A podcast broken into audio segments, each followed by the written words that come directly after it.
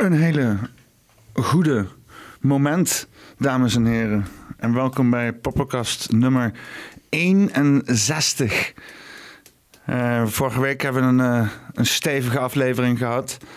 En uh, eigenlijk al heel snel van alle ja, claims die er zijn gedaan, kwam er toch wel eentje naar voren waarvan ja, wij het er ondertussen ook over gaan hebben.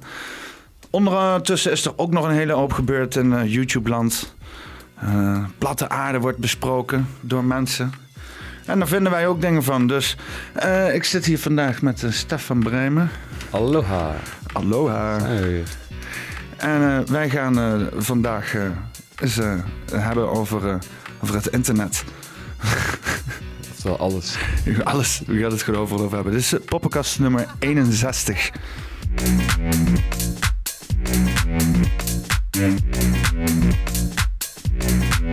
Zo,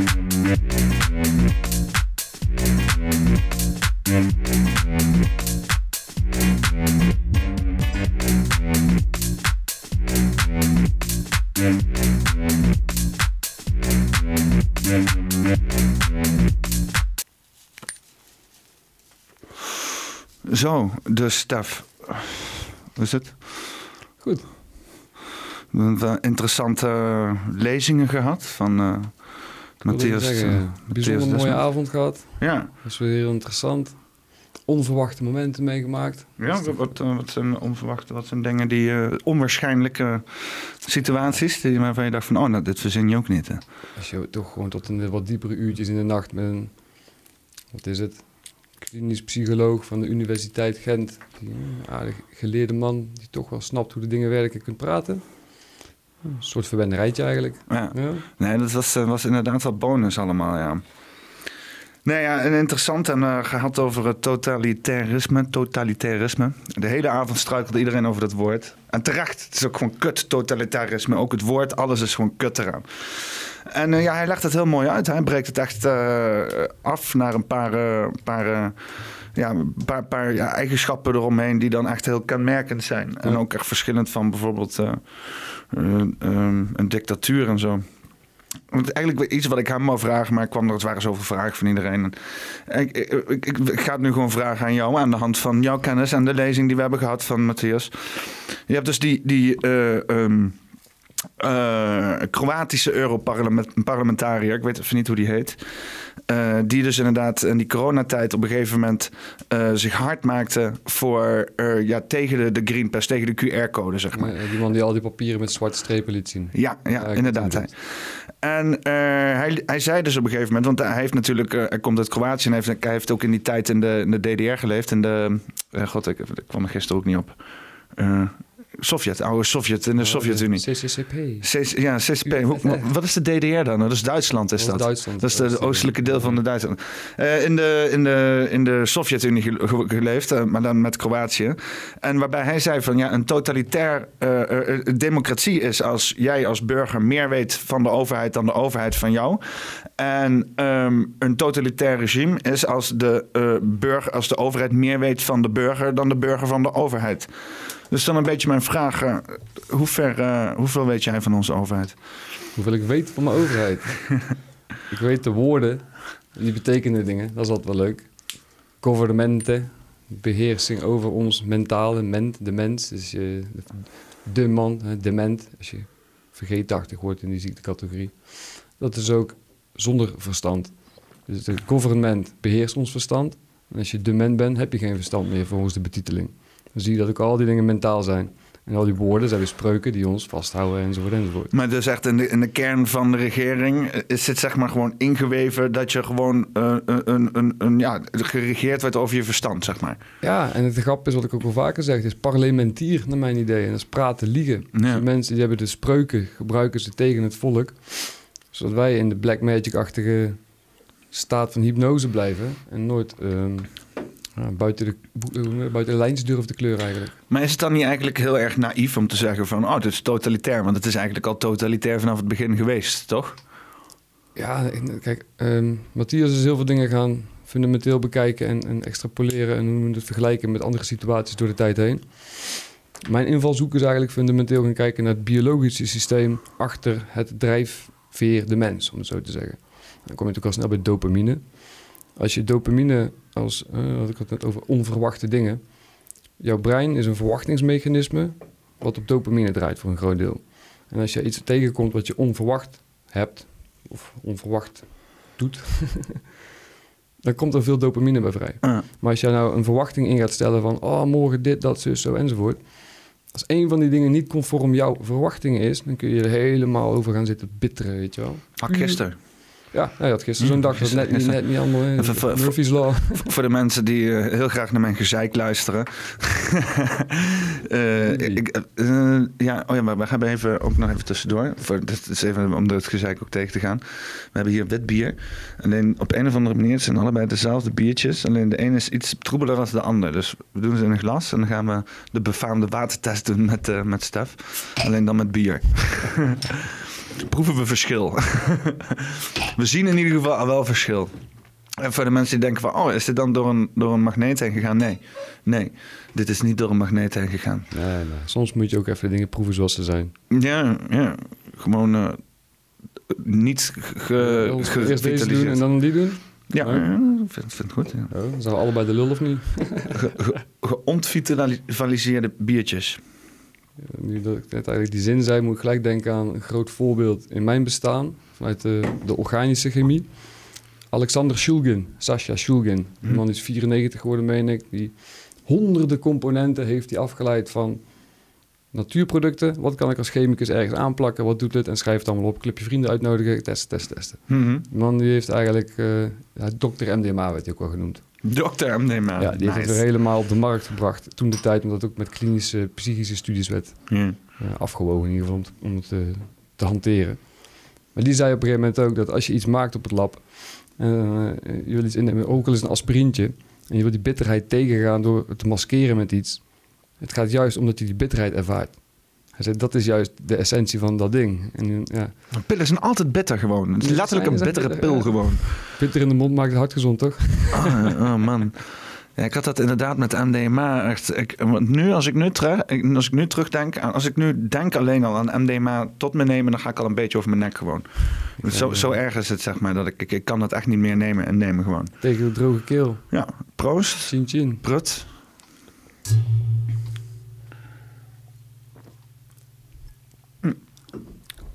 Smaakt lekker eigenlijk wel. Was dit het troebelste? Het meest troebele? Deze is dus donkerder, maar, Maar die andere- wel helderder lijkt het. Hè? Het is, Is het de troebele? Nou, oké. Even kijken. Wat, eh, De troubadour. beetje een floating bierresidu en zo. Ja, de gerstenpap, hoe noem je dat? De gersten natte brood. dit, dit bier is geen bier, dit is pap. ja, ik zat dus te denken, want je hebt dus inderdaad eh, ja, al, die, eh, al dat gezeik over Oekraïne. En eh, natuurlijk eh, al dat graan wat er schijnbaar staat. Schijnbaar haalt, haalt iedereen zijn graan uit Oekraïne. Dat is dan ook weer, zo leer je ook weer wat, hè? Ja, de graanschuur van Europa. Ja, ja. Grappig, een maat van mij die zei dat meteen. Die zei dat echt gewoon meteen. Dat was echt toen eh, die eerste dag dat Poetin binnenviel. Toen had hij het meteen over van ja, dat is natuurlijk de graanschuur van Europa. Twee weken later komt het nieuws erachter. Ik denk nou, hè, journalisten, godverdomme man. Maar eh, eh, wat ik wil zeggen is, eh, wanneer komt het bier aan de beurt? Wat ik dus vooral zo interessant vind is... als olie straks omhoog gaat, gaan medicijnen ook omhoog. Dus dat is dan niet zozeer de kant van bier. Bier kun je altijd nog op kleinere schaal zelf proberen hè, maken. In Nederland verbouwt ook nog wel wat graan en alles. Ja, misschien wordt het dan een strijd om het graan. Dat is ook maar net wat je gewend bent. Zelf ben ik brood steeds minder aan het eten, dus voor mij eh, is geen... eh, Zou je een graan verticaal kunnen ehm, ehm, ehm, doen? Eh, hoe, hoe noemen we dat nou? Eh, cultiveren? Ik denk het wel, maar dan kun je het niet meer met z'n allen tegelijk maaien. dat wordt een ander verhaal. Dus het is natuurlijk allemaal als rijtjes. Ja, ja, ja, maar dan heb je, dan, misschien kan je dan gewoon een mechanisme maken, nou, een hendeltje en dan flikkert gewoon al die graan zo van de muur of zo. zo. Innovativiteit is nu het moment. Ja, inderdaad. Een soort van graan. Ik zit nog altijd te denken aan mijn vleestoren. Een grote gebouw, grote flatgebouw, die eh, heel veel glas, heel veel licht, eh, ook verschillende ruimtes. Dus dat je zeg maar een soort van binnenkoker hebt en een soort van buiten, semi-buiten binnenruimte. Ja. eh, die er dan omheen zit. Waar dus echt gewoon een soort van platteland is. Gewoon een soort van spiraalvormig grasmat die omhoog loopt. Die dan gewoon ook per secties kan onderhouden worden en zo. En daar dan gewoon dieren laat rondstruinen. Daar is dan tegen zo'n flatgebouw aan zit of zo'n toren zit aan te kijken van eh, 200 meter hoog. Zie, zie je een koe lopen zo, weet je wel. En als hij helemaal bovenaan is, dan wordt hij geslacht. Dat is de prijs. Oh, jee, jee. Dat je eigenlijk gelijk zo in de molen valt. ja, dat wordt meteen verwerkt tot een hamburger. Zo, als je de top bereikt. Dat is echt, oh, dat is wel echt, eh, hoe heet zo'n, is film toch? Zo, de, de- Is dat niet eh, zo'n spel ook? Maar je hebt toch zo'n film, The Island of zo? En dat dan de mensen kunnen dan daar weg. En dan daarna worden ze, weet ik veel, voedsel voor de mensen die daar, eh, die daar zitten op dat eiland of zo. Ik heb hem ooit gezien. Ik weet wel dat er weer een grote plot twist was enzovoort. En, maar het is me helemaal bijgebleven. Ik weet ook niet meer. Dat gekke sci-fi movies. Ja, wat ik dus even wil zeggen, want eh, we begonnen dus met, met, met Matthias en eh, eh, totalitaire regimes. En wat natuurlijk een beetje een, eh, een mooie, wat, wat- zoals ik het zie, zeg maar, is een tegenhanger van dus die massavorming waar Matthias het vaak over heeft. eh, is dus het, het regelmatig en ook structureel exploreren van gekke ideeën. Van dingen waar je nog nooit van hebt gehoord. Dingen die ook helemaal tegenstrijdig zijn. Dingen die ja, misschien in eerste opzicht helemaal nergens op slaan. Weet je wel? En, je- en, en je daarvoor wijken of dat zelfs verbieden. Is, is, is heel schadelijk. En dat creëert automatisch al een soort van massavorming. Dus ik heb hier dus gisteren, of vorige week met Jos gezeten. Eh, en eh, die, heeft heel enthousiast verteld over alle dingen die hij op internet heeft gevonden en zo. Super interessant. Maar een van die dingen. ja, in, in, in, waar, ik het, waar ik het eerst over wil hebben, is dus inderdaad gewoon flat earth. Hè? Dus heel veel mensen die, die zijn daar fan van. En ik vind het goed dat mensen ook gewoon inderdaad die vrijheid nemen om een hele andere realiteit te exploreren. Hè? Alleen wat, dan, wat me opvalt, is dat dan deze mensen ehm, moeite hebben met. Of ja, laat ik het zo zeggen. Ik, ja, ik wil het niet, ik wil niemand aanvallen, maar dat dan de mensen die ik er nu zo bij ga halen. eh, niet het hele gebeuren vanuit een natuurwetenschappelijk principe bekijken, zeg maar. Maar een soort van.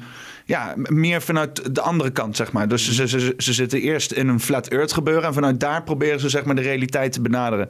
In plaats van dat ze eh, eerst dan zeg maar gewoon wetenschap of, of ja, dat is vooral eh, wiskunde en misschien desbetreffende beschrijvingen van realiteit tot zich nemen en dan da- vanuit daar zeg maar bepaalde experimenten doen en dan proberen die realiteit te breken en dan, dan dat te Eh, linken aan flat earth. Proberen ze al meteen vanaf flat earth, vanaf een overtuiging dat dat de realiteit is, eh, eh, eh, eh, deze realiteit eh, eh, te ontkrachten, zeg maar. Maar maken in het proces volgens mij best wel, best wel veel misvattingen en zo. Ik, ik wou even een stukje erbij pakken, want ik vind het, ik vind het, ik vind het wel even leuk. Ik drop gewoon, ik heb niet super veel voorbereid. Ik heb alleen gewoon het filmpje opgezocht. Dus. Maar ik, ik drop er dan gewoon even ergens in. En dan kijken, eh, of, we- ja, dan even kijken wat we ervan vinden, zeg maar. Is dat goed? Vind je dat, eh, vind dat een prima idee? Prima, prima. Dat, eh, Oké, Ik heb nice. ook nog wel wat filmideetjes. Dus, eh, net als die Einsteins Hollow Mask. Dat is ook wel een leuke zo meteen voor perceptie uit te leggen en zo. Oké, nou, eerst even kijken of we wat, eh, wat, wat, wat misvattingen zeg maar, eh, een beetje eruit kunnen spotten. En dan doen we met behulp van, van filmpjes van jou dus ook wel even wat, eh, wat leuke aanvullingen geven en zo. Ik ben toen in, in 2000... Weet, weet je, ik, ik wil gewoon, gewoon helpen in de flat earth discussie, weet je wel. Want als we op een platte aarde weten, leven, dan moeten we de godverdomme bewijzen, weet je wel. Dat is, 2015 en 2016 heb ik me eigen ook laten dopen. Doop, heel doop. Ja, ja. en dat is van een godhater naar iemand die dus eh, nu eh, het, eh, tot realisatie is gekomen dat er een hoger, hoger iets moet zijn. Want anders dan had dit allemaal hier niet kunnen zijn. En dat, kijk, ik ben er een- met een, met een wetenschappelijke achtergrond ben ik er ook ingestapt. En ehm, het feit dat wat mij zeg maar ehm, over de streep heeft getrokken van dat er een schepper is, is Excuses, ik ben iets te ver naar voren gegaan. Want in het begin proberen ze inderdaad de, te bewijzen precies hoe het doet. En dan later gaan ze inderdaad in op de persoon eh, zelf. Het is super, super interessant maar nu gewoon niet relevant. bij mijn voet aan wal komt. En daarna naar beneden bijgesteld, zodat hij recht in de camera scheen. En dat, eh, dat is gelukt. En vervolgens hebben we hem eh, verplaatst naar een locatie die was nog zes kilometer verder. Ja, ze hebben het dus hier over een laser, een hele sterke laser die ze hebben gekocht. En dan hebben ze dus over een, eh, eh, hoe heet dat, meer in Hongarije. Eh, grote... Ook daar is hij geweest, maar ik denk dat dit meer bij hem thuis was. Wat die eerste Ja? Oh. bij hem thuis ergens in de buurt, dat een paar kilometer. De Hongarije was te groot toen, was het slecht weer en zo. Ik Ja, ja, ja. kijken. Ja, want het was, dat was, hoe heet dat meer? Balatonmeer of zo? Zoiets. Ik, ben daar geweest op vakantie. Was trouwens, eh, eh, Maar één dingetje wat wel gelijk interessant is met alle wetenschap die geclaimd wordt vanuit eh, zijn kant, of de wetenschap. Mhm. Het is niet algemeen bekend dat licht ook om objecten heen kan buigen. En als je kwantummechanica begrijpt, dan snap je dat het zeker mogelijk is. Maar ni- niet algemeen bekend? Nee, het is niet algemeen. De meeste wordt, eh, het gaat van A naar B. Ja. En dat is een laser, is een rechte streep. Nee, het is een verstoring in het etherveld. wat wij als licht interpreteren. Ja, want zoals ik het begrijp, want ik zat hier naar te kijken en hun zitten dus dan die testen te doen. Uh, zie kunnen daar staan, weet je wel. En hun doen dus dan inderdaad die lasertest. Mm. En ehm, mm, uh, uh, ze schijnen dan die laser in, in, het beste scenario over een hele lange afstand. En waar ze dan over waar ze dan wat ze dan ondervinden, is dat dus op de kant waar ze die laser meten, dat die niet die zou dus eigenlijk 20 meter hoog moeten zijn. Hè? Want de, de, de, aarde die, die buigt na elke, wat is het, kilometer, 7 centimeter af of zo. Dus in hun beredenatie zeggen ze van oké, die laser zou naar rechtdoor moeten gaan. Dus dan verderop zou die laser een stuk hoger moeten zitten. Ja. En ik dacht ook al van, ja luister, maar je hebt hier een fenomeen zitten. Waar, ik het heb begrepen, is hoe Einstein aan zijn relativiteitstheorie heeft bewezen, zeg maar. Waarbij hij zei van oké, okay, uh, zwaartekracht is dus niet massa waar iets naartoe gedragen wordt. Maar je hebt een, uh, een dip in het tijd-ruimte-continuum zitten, een kuil, zeg maar. Hè, als je dat dan visueel bedenkt, want het is natuurlijk niks. Dus de, dus, balletje op een veld, of zo'n doek spannen met een zware bal in het midden en dan er iets omheen laten Ja. rollen, die eh, visualisaties. Maar, maar je hebt dus inderdaad een, een, een object in dat tijd-ruimte-continuum zitten, die zorgt voor een, voor, een, voor een verbuiging daarin. En dat zorgt dus voor zwaartekracht, zegt Einstein dan. Hè? Eh, eh, maar eh, door dat te bewijzen, zei hij dus van: oké, dat zou dus betekenen dat licht ook daarmee moet, zou in moeten buigen in die tijdruimtecontinuum. Dus toen heeft hij bij een zonsverduistering, maansverduistering iets gekeken, iets schoof ervoor. En ja, inderdaad, je kon dus inderdaad meten dat het licht wat erachter scheen ook rondom die eh, ehm, eh, verduistering ging, waardoor hij dus zei van hier zie je wel, licht kan dus afbuigen. Ja. En als je dat dus meeneemt hierin, dan zou je dus zeggen dat een laser die over de aarde heen schiet, meebuigt in dat tijd-ruimtecontinuum. Ja. Wat dus ook inderdaad eh, meebuigt met de buiging van de aarde. Weliswaar, ik bedoel, we hebben het echt over inderdaad gebied dat ook nog hobbelig is. En weet je wat, er zijn zoveel factoren waarbij je eigenlijk, het is best wel lastig om gewoon even een laser of zo eh, te gaan zitten meten over eh, eh, 30, 40 kilometer land of zo. Ja, maar het is ook weer leuk, want dat is ook weer vaak de verhalen van als een vliegtuig dan niet steeds zijn neus bijstuurt enzovoort, dan gaat hij toch in. Ja, die vond ik wel echt heel bizar hoor. Nee, dat ik echt nee, dacht van, krijgt een, een bepaalde hè, thrust. De vliegtuig geeft zoveel pk, zullen we maar zeggen. Afgesteld op de atmosfeer krijgt hij een laag waar hij precies in blijft hangen. Waardoor hij niet genoeg lift krijgt om hoger te gaan. En, en ook niet genoeg, geen lift om erin te vallen. Snap je? Dat is de cruising altitude. Daar hebben ze het ook altijd over. En je, je hebt toch ook, want Dus je blijft in dezelfde hoogte met dat, eh, die hoeveelheid gas. ja, maar in principe kwam Newton daar al mee, toch? Met die print, print, print, die fles. Steeds die fles. Newton die zei toch al van als je dus een kanon hebt en je schiet en je schiet harder en je schiet nog harder, dan zou je iets zeg maar op een gegeven moment in de buiging van de aarde kunnen schieten. Ja. Zeg maar. En, zijn, en, en dus, dus wat je doet met een vliegtuig is constant te voorkomen dat je naar beneden valt. Dus je bent niet recht aan het vliegen, waarbij je als je niks doet dan in één keer de aarde verlaat. Want het is juist heel moeilijk om de aarde te verlaten, omdat die Het wordt constant... steeds moeilijker, omdat de lucht ook steeds dunner wordt. En dat is het grote probleem. Maar oh ja, want zwaartekracht wordt niet sterker natuurlijk naarmate je hoger zet. Nee, op een gegeven moment ben je luchtledig, hè? Of je zit in een zwembad. Zit het gewoon helemaal verkeerd te doen? Zit het vet moeilijk tegen lucht af te zetten en zo? Maar ons model is ook verkeerd. Dat is de hele klote grap. Ja. We gaan uit van vaste materie in plaats van elektromagnetisch gecondenseerde materie, als je het zo moet noemen. En dan krijg je E is mc kwadraat. Energie is massa. Het is hetzelfde. Het is niet het een of het ander. Het gaat van de ene naar de andere staat. Ja. En dat is dan weer druk afhankelijk. En dan wat je zei, als je een dip in het ruimte-tijdcontinuum hebt, dat geeft druk. Dat geeft, net als als je een steentje in het water gooit, dan begint het zo op en neer te bobbelen. Nou, vanaf dat moment heb je een frequentie. En die breidt zich in de breedte uit. Dat is ook waarom heel veel, eh, ehm, als je ruimte-energie, en een ster supernova gaat, die explosie begint in een soort plenaire, uh, knalt natuurlijk alle kanten op, maar energie komt dan samen en dan krijg je dat plenaire. Je krijgt een platachtig fenomeen. Maar zodra dat het dan van E naar mc kwadraat weer de massa begint te vormen, het vormt andere zware elementen, gaat het dus weer naar zichzelf toe trekken. En dan vormt het uiteindelijk altijd een bol. Alles is sferisch. Ja, jij gebruikt druppel als voorbeeld, toch? Druppelwater is altijd bolvormig. Ja. Maar op de tafel van druppelwater, je zult zien, het vormt die bol. Want het wil naar zichzelf toe trekken. Want hoe compacter jij bent, hoe energetisch favorieter dat je staat is. Want als zo'n druppel zou vallen en die zou gewoon plat blijven. Dat zou heel opmerkelijk zijn. Maar dat zou wel verwijzen naar het feit dat dingen misschien plat zijn als ze een vrije. Ja, Ja, maar dat is niet zo. nou, vaak wordt een groter stuk water aangenomen, net als dit glas met bier. Dat vormt altijd een rechte lijn, als ik het maar eventjes stil hou. Maar aan de rand zit een curve. Soms omhoog, soms omlaag. Dat is weer waterafhankelijk. Maar je hebt, je hebt er ook, want ook de maan en zo, die trekt ook het hele water omhoog en zo. Dus er zit er altijd een soort van bolling in het water en dergelijke. Het is toch nooit helemaal plat als het groot genoeg oppervlakte is. Helemaal als je het hebt over de zee, dat is trouwens helemaal niks plats aan. Nee, alles is natuurlijk altijd... eh, ook het kleinste wat we hebben bekeken. Alles gaat in hoeken. Niks gaat in rechte lijnen. Dus je kunt niet zozeer iets plat maken. En als het lang in die hoek zichzelf uit zou eh, trekken... Op een gegeven moment implodeert het onze eigen kracht. En dan krijg je weer dat het zelf die bol gaat vormen. Of nou een rare meteoriet is die een beetje aardappelachtig is... maar het probeert altijd naar het midden toe te trekken.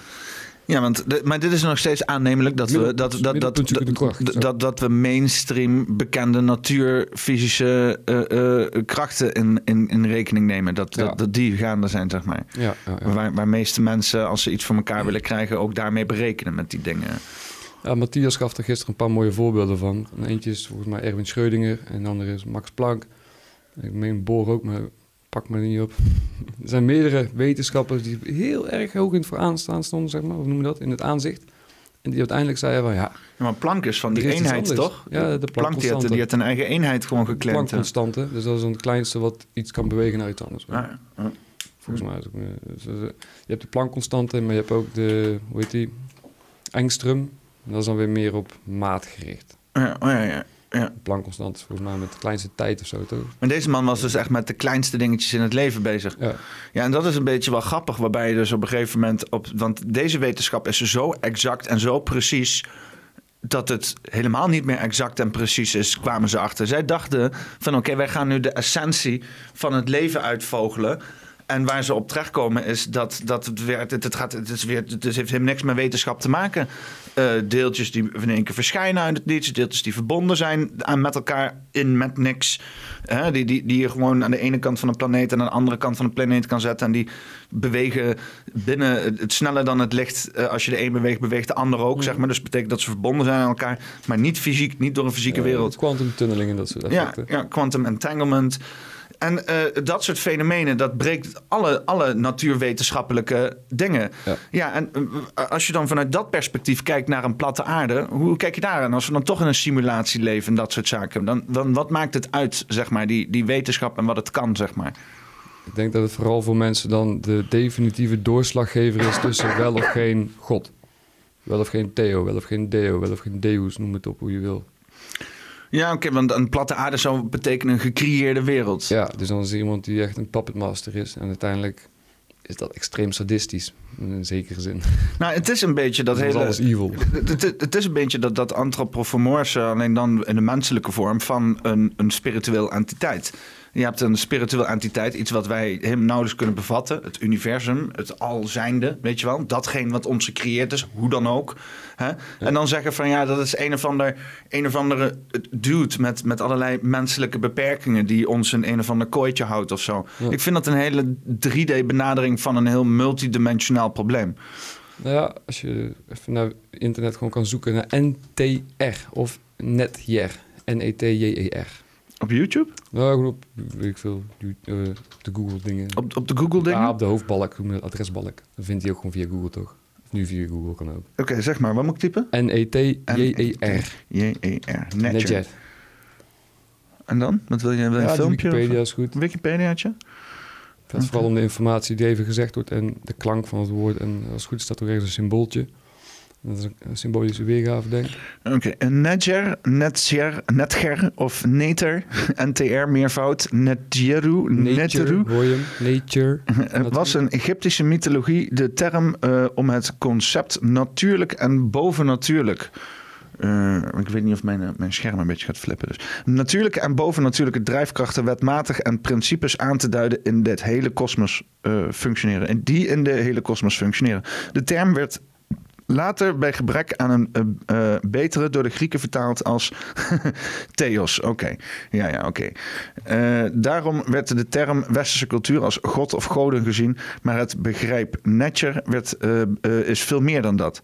Ja, dus even kijken. Hè? Dus de natuurlijke en bovennatuurlijke drijfkrachten, wetmatigheden en principes. Dat is eigenlijk wel alles. Ja, ja maar, maar dat is dus inderdaad ook in mijn ogen de god waar mensen het over hebben. Maar dan vind ik het zo apart dan, eh, eh, dat dan mensen dan zitten te claimen van... Weet je wel, ze zitten heel veel tijd te, te steken in het overtuigen van... hoe zij, zeg maar, die eh, alwetende drijfkracht, zeg maar, vorm hebben gegeven. Beste frictie tussen mensen onderling. Snap je? Met twee honden vechten om één been. De derde mee heen. Nou, hou mensen bezig en je kunt zeggen... Oh, ja, ja. Ik was net bij mijn neefje en die vertelde dat hij... Wat was het? El- Eelde, Elde? Nee, hoe heet het nou daar vlak in de buurt bij Wageningen? Ede? Ede. Heeft in Ede gewerkt. En toen kwam er één per zoveel tijd de pastor langs voor nieuwe schoenen. Cash. 1800 euro voor nieuwe schoenen. Oh, bam. Want ja, de kerk voorziet. Het is bizar hoor. Maar met geld kun je corromperen. En als je eenmaal gecorrumpeerd bent, kom je bij die dopamine. Meer, meer, meer. En ja, als je dat niet weet te remmen, als je nooit een keer die... Stop. En dat is vast bijvoorbeeld heel goed voor. Even letterlijk niks. Je lichaam komt daar zoveel sterker uit, jongen. Less is more in heel veel gevallen. En met geld moet je dat, want geld corrompeert gewoon, klaar. De, Ja. de shit normaliseert na een tijdje. En als je nooit, zeg maar, onder een bepaalde maatstaf hebt geleefd... dan zul je daar ook geen begrip voor hebben. Sterker nog, je zal eerder afgunst hebben voor mensen... die dan niet dat geld kunnen cu- cumuleren. En dat zie je heel vaak. Geld corrompeert de mens. Ja, ja, ja. Laat ons door dat geld, eh, ik zeg, die dopamine drijf die erachter zit, is een van de grootste verslavingen die je kan hebben. Suiker is ook zo eentje. Dat zit in ons systeem ingebakken, maar generaties. Behalve het feit dat wij dus al vatbaar zijn voor het hele concept geld. Hè? Eh, eh, bling, bling, is, oeh. is, is vervolgens onze ma- maatschappij ook helemaal gefocust op obsessief om het cumuleren van geld. En het, het, het jezelf. Ja, maar ook je, jezelf status verlenen aan geld, zeg maar. Je bent iemand als je geld hebt. En eh, dat, dat drijft in drie kanten, drijft dat gewoon volgens mij iedereen tot waanzin. En het, ook, dat, het is helemaal niet efficiënt. Weet je wel, de, de, hele bedrijven worden uitgehoerd omdat het winstmaximalisatie gaande is. Uiteindelijk ver- verkopen ze crappy producten. En dan, weet je wat de VND is gebeurd? Dat is ultieme kapitalisme. Hè? Dat is inderdaad zo'n eh, Sun, eh, eh, Sun Capital eh, uit Amerika. Die koopt dan de VND, op. Eh, alle panden die de VND door de 100 jaar dat ze bestaan hebben opgekocht en gebouwd, zelfs op sommige vlakken, hebben ze verkocht. Hè? Dus daar hebben ze geld voor gepakt en toen huurden ze. De, de, hun plek. Nou ging de VND helemaal kapot aan. Toen hebben ze de VND gewoon failliet laten gaan. En eh zij Sun Capital ervoor voor, vandoor gaan met alle winst van alle, alle vastgoed die ze verkocht hebben van de VND. En nu hebben wij geen VND meer. Weet je wel? Dat is geld. Weet je wel? Meer geld creëren. Meer, meer, meer. En, en dat heeft niks te maken met iets waardevols bijdragen. Nee, daarom zie je ook wel steeds meer het ambacht terugkomen. En daar ben ik wel blij mee. De kleinste dingen. Of er nou een bakkertje is bij ons in Breda in de buurt die dan gewoon een paar broden bakt. Hij hoeft er niet duizend euro's op te verdienen. Hij wil daar zijn huurplekje kunnen betalen en that's it. Weet je, Het is meer hobbymatig. Dat zijn mensen met de passie erin. En Paul was hier toen hier met zijn koffie. Die draait op zijn passie wat dat betreft. Nou, als dat een beetje terug weet te komen, dan kom je in heel eind. Maar het probleem is, wat ik al zei, het zit er generaties in. Eh, ik heb een mooi voorbeeld in onze eigen familie. Dat is ook een beetje waarom ik niet echt heel erg politiek gevriend ben. Mijn opa en oma die hadden op een gegeven moment een schandaal. Het kalveren, eh, volgens mij het voedsel wat ze kregen, dat was helemaal vergiftigd met kwik. Helemaal vol met rotzooi. Vlees, mo zo, bleh, vlees. Vlees mocht, Niet meer, Vlees. het vlees mocht niet meer op de markt. Nou, wat komt de overheid? Hier teken even, een paar gulden toen natuurlijk nog tijd. Afgekocht. Maar als die boeren van elkaar wisten en een, samen iets konden beginnen, nou, dan sta je sterker. Maar zo, door de tijd is overal alles maar gewoon afgekocht, afgekocht, afgekocht. Want ja, mensen kunnen altijd iets met geld. En Het zit zo diep in ons van, we weten als je geld krijgt kun je iets. Maar eigenlijk, je kunt het al, maar je bent bijna, eh, wat is het, verplicht om dus het geld te genereren om pas iets te mogen doen. Dat is ons aangeleerd. En Ja, we, we, hebben- diep. we hebben hier een soort van eh geldramadan nodig Nederland. Gewoon eh, inderdaad een periode waarbij we allemaal eh, eh, alleen maar geld geven en geen geld cumuleren. Niks om, nee, alleen maar gratis doen. Alles gratis doen of zo voor elkaar op een of andere manier. Weet je wel? Een gratis dag. Ja, je zou inderdaad, je zou het inderdaad misschien een keer met een dag moeten beginnen of zo. Gewoon ook experimenteel. Zo van hoe ver komen we? Wat gebeurt er? Weet je wel? Waar liggen de, de, zwakte? week van gratitude. Ja, ja. Gratitude. Vind ik altijd wel een mooie. Dan ben je dankbaar in ieder geval. Pak, en, eh, pak wat je pakken kan week. oh, shit. Maar dat is toch ook hilarisch als je kijkt naar... Op een gegeven moment was het alleen maar huilen dat alles te goedkoop was qua vlees. Want ja, dat kan toch allemaal niet. Nou, nu wordt het duurder puur door inflatie. Dus het is niet dat het beter is voor de dieren. Je hoort niemand blij zijn dat het nu duurder is dan voorheen. Straks als in één keer iedereen beseft, of veel mensen beseffen... Oh, ik praat te veel hoog, man. Als veel mensen beseffen van... Hè, je bent je eigen staart naar het najagen geweest. Ja. Ik hoop dat het in ieder geval genoeg mensen... eh, genoeg rust in zichzelf al hebben om het aan te kunnen. Mm. Want weet je, ik heb ook heel lang geld nagejaagd. Maar uiteindelijk heeft me dat een hardkastje gekocht, gekost. Dat ik niks anders dan stress ervoer. Mm. Iedere dag was, oh, hoe, waar, waar kan ik een gat graven om dit gat mee te dichten? Oh shit, grote gat. Maandenlang geen indigestie, dus allemaal buikpijn. Dan krijg je irritable bowel syndrome. Vandaar krijg je koppijn, krijg je migraine, clusterhoofdpijn. En als je clusterhoofdpijn hebt meegemaakt, dan wil je gewoon dood. Dat is niet meer leuk. Nou, stress, stress, stress. Op een gegeven moment ook weer dat biologische proces, weet je. Daar ben ik uit gaan pluizen om, wat je net zei, die kennis is de macht. En als je snapt hoe het systeem werkt, dan, dan ja, kun je veel meer hebben. Dan ben je veel meer, wat ik net al zei, van, kun je die klappen hebben van, oh shit, dat had ik niet verwacht. En dat is die onverwachtheid van het brein, wat dus heel veel dopamine weer. En te veel dopamine is ook niet goed, hè? Als je te veel dopamine in je systeem hebt, dan uh, noem je dat, word je manisch. Maar ja, ja, het Ja, constant helemaal... Ja! Poppenkast, Jack! Zoiets, zoiets dergelijks. Ja, ja, maar als je dat 24-7 aan het doen bent, dat is niet goed. Stocks, buy that stocks. Ja, want eigenlijk is, is fucking, als je die beelden ziet van wat, eh, nu is het inderdaad allemaal digitaal, maar als je ziet wat ze eh, in de jaren tachtig deden inderdaad in de beurs, dat was mani. Dat was pure mani. Ja, jongen, zonder Ja, wapper allemaal daar. Ah, Sell, sell, buy. Shit is helemaal lijp daar. Dat is eigenlijk is dat een bijna een soort van massahysterie die ze daar gewoon. eh, dus ze waren geld aan het verdienen met massahysterie. Ja, ja, en dan krijgt de volgende generatie het hele prentplaatje van... oh, als ik daar terecht kan komen, krijg ik geld. Oh, dat is alles wat ik wil. De American Dream, weet je wel. Oeh, dat is alleen maar op geld gebaseerd, toch? Ken, ken je die gozer die, eh, die inderdaad, die, eh, die, op, die, die, doet altijd van die nieuws, die stoks, zo'n kale gozer. En die zegt, ja, en dan pakt hij zo'n hamer zo, poeh, en dan drukt hij zo'n knop in, wee, weet je wel. Zeg maar zo niks. Oh, fuck, ik weet niet hoe dat heet. eh. Eens even kijken. De, de stock market guy. Kijken of, of het internet van me houdt vandaag. Eh, mm, nieuws. Eh, eh, ja, ja, ja, ja, deze man, Jim Cramer. Jim Cramer. Jim Cramer. Ja, ik weet niet waarom ik, waarom ik stocks. eh, hier, dit, dit soort shit. If you put Brainerd's comments together with what we recently heard from Gary Friedman, the CEO of RH, for the former Restoration Harbor, you might want to think about trimming something from all of your holdings. And that's what we've been doing for my Ja, dit is niet, eh, dit is niet. Mad Money inderdaad, ja. M- Mad Money. Ik moet gewoon even... Best. Eh, eh, sowieso, sowieso gek. Ja, dat is niet... Dat is niet. Normaal staat hij altijd met een hamer en zo. En ja, hier, dit ziet er wel hysterisch uit. Right, it's not the Christmas cow, but it's the Kenyan. It's the best of times for the wealthy, whether we're talking companies or individuals. And it's the worst of time for small business and people living paycheck to paycheck or with no paychecks at all. Is that good for America? Of course not. We don't want to live in a Dickens novel. But my job is to help you try to make money in the stock market. And this setup, strangely, bizarrely, is absolutely perfect for the market. I don't think that makes you a profiteer like Cal and East of Eden. You're simply taking advantage of the Great Divide.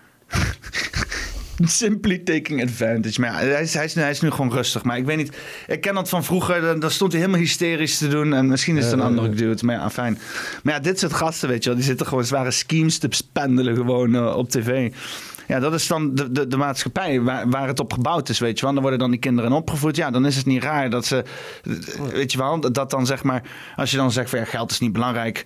Weet je wel, ik zeg, ik, ik ben, ik, als ik dan nu zeg maar die hysterie online zie van mensen met geld die niet weten wat ze moeten doen, omdat alles instort. En oh man, die mensen zijn zo angstig als wat dat ze hun geld kwijtraken. Dan denk ik van nou, ik ben blij dat ik geen geld heb, joh. Fuck die shit. Dat is het. Laat de economie maar instorten. Ik heb alleen maar schulden, bitch. Hoe meer geld je hebt, hoe meer je ook gaat moeten beschermen. Ja. Als je op een gegeven moment duizend kilo goud hebt, waar ga je het plaatsen? En mensen moeten het niet zien, want dan komen ze ervoor. En als ze er helemaal lucht van hebben, moeten we beter verbergen. En, en, en, zo begint je geld voor geld om geld te... Ja, je- het is eindeloos. Je moet gewoon eigenlijk, als je veel goud hebt, het, een zo'n gigantisch groot blok smelten dat mensen het gewoon niet mee kunnen nemen omdat het te zwaar is. en dan gewoon in je voortuin zetten. Fuck you people, you can handle this much gold. Ja, je hoeft gewoon een beetje grijs verven als kinderkopjes gebruiken. En wanneer het nodig is, dan trek je er eentje uit je, Nee, ik, denk daar niet lang een, een straat voor je, te- voor je huis hebt liggen. Nee. Eh, ja, eh, over alternatieve realiteiten gesproken. Ik weet niet waar we zijn behoorlijk afgedwaald van eh, Flat Earth naar de, de, de, de, de stock market. Eh, wat dat betreft, evenveel, even rare werelden in mijn optiek. Hè? Ik vind de stockmarket, vind ik, en die wereld, die beursmarket, vind, vind ik is net zo abstract en raar als fucking mensen die in flat earth geloven, weet je wel. Alleen het een creëert daadwerkelijk geld en het ander creëert, nou moet ik eerlijk zeggen, bij een hele hoop mensen best wel goede gevoelens. Het is een community, weet je. Maar tijdelijk. Zeer tijdelijk. Geld is altijd tijdelijk. Ja, oké, nee, maar platte aarde Oh, creëert wow, goede gevoelens. Nee, nee, nee. Geld creëert geen Geld creëert nare bende. Eh, eh, je kan een hoop shit kopen, maar spullen doen het hem ook niet. Dan kan je mensen kopen, maar dat zijn geen echte vrienden. Dus dat doen het hem ook niet. Dus ja, dan voor je het weet, dan eh, sta je in een of andere dure hotelkamer in je bal geschopt te worden door een of andere dure hoer eh, op aanraden van vrienden, omdat eh, dat het enige is waar je nog wat van voelt. En dan vraag je je af van, hm, misschien had ik gewoon eh, mijn geld, mijn mijn leven moeten besteden aan iets interessants in plaats van de hele dag fucking naar cijfertjes en geld zitten kijken, weet je, dat, dat soort shit. Ja, omdat er ook die stressor in zit. En adrenaline, cortisol is ook wel lekker. Want dan voel je je eventjes levend. Weet Ja, je wel? ja. Ja, nee, ik moet heel eerlijk zeggen, als je dan toch inderdaad dan die gokkant op gaat, weet je, want in principe is het hetzelfde als gewoon de hele dag naar zo'n naar zo'n eh, slotmachine zitten kijken. Eh, maar daar gaat voornamelijk geld in. Eh, en eh, die, ja, nou ja, het is eigenlijk hetzelfde. Het is eigenlijk exact hetzelfde. Het is gelegitimeerd gokken. Ja, je, je kan met de beurs kan je wel enigszins als je ja, je, dat is vals spelen dan, want Ja. je moet dan eh, inside knowledge hebben, maar het gebeurt constant. En je kan niet inside knowledge van een slotmachine hebben, denk ik. Je kunt kaarten gaan tellen. En je hebt nog altijd een trucje bij roulette. Als je met 1 euro begint en dan steeds verdubbelt. Iedere keer met je inzet wanneer je verliest. Dan krijg je altijd weer 1 euro winst terug. Dan kun je weer beginnen met 1. Maar dan moet je wel eindeloos geld hebben om te beginnen. Want als het een tijdje fout gaat, gaat het verdubbelen snel. Maar, maar, maar- maar wacht even. Als je 1 euro inzet en je wint, krijg je 2 euro. Ja? Als je 1 euro inzet en je verliest, heb je 0. Zet je 2 euro in, kun je 4 euro winnen. Nou, en als je van die 4 euro weer 1 euro pakt, ga je weer hetzelfde principe doen. Zo bouw je er net zo lang op dat je altijd een Maar dat een cyclus is van vier dan? Of? Niet per se. Zodra jij, zodra jij wint, heb je die euro winst. Maar als je dus 20 keer achter elkaar verliest met verdubbelen, dan moet je wel een goede dikke portemonnee hebben. Ja, maar, dat, dat, dat- ja, maar dan, oké, maar dan heb je dus een strategie, maar uiteindelijk moet je alsnog gewoon, je moet gewoon, je kan, Het valt op binnen vijf rondjes en dan word je eruit geflikkerd. de kunst is als je dat doet met vijf, nee, maar de kunst is als je dat doet met een euro.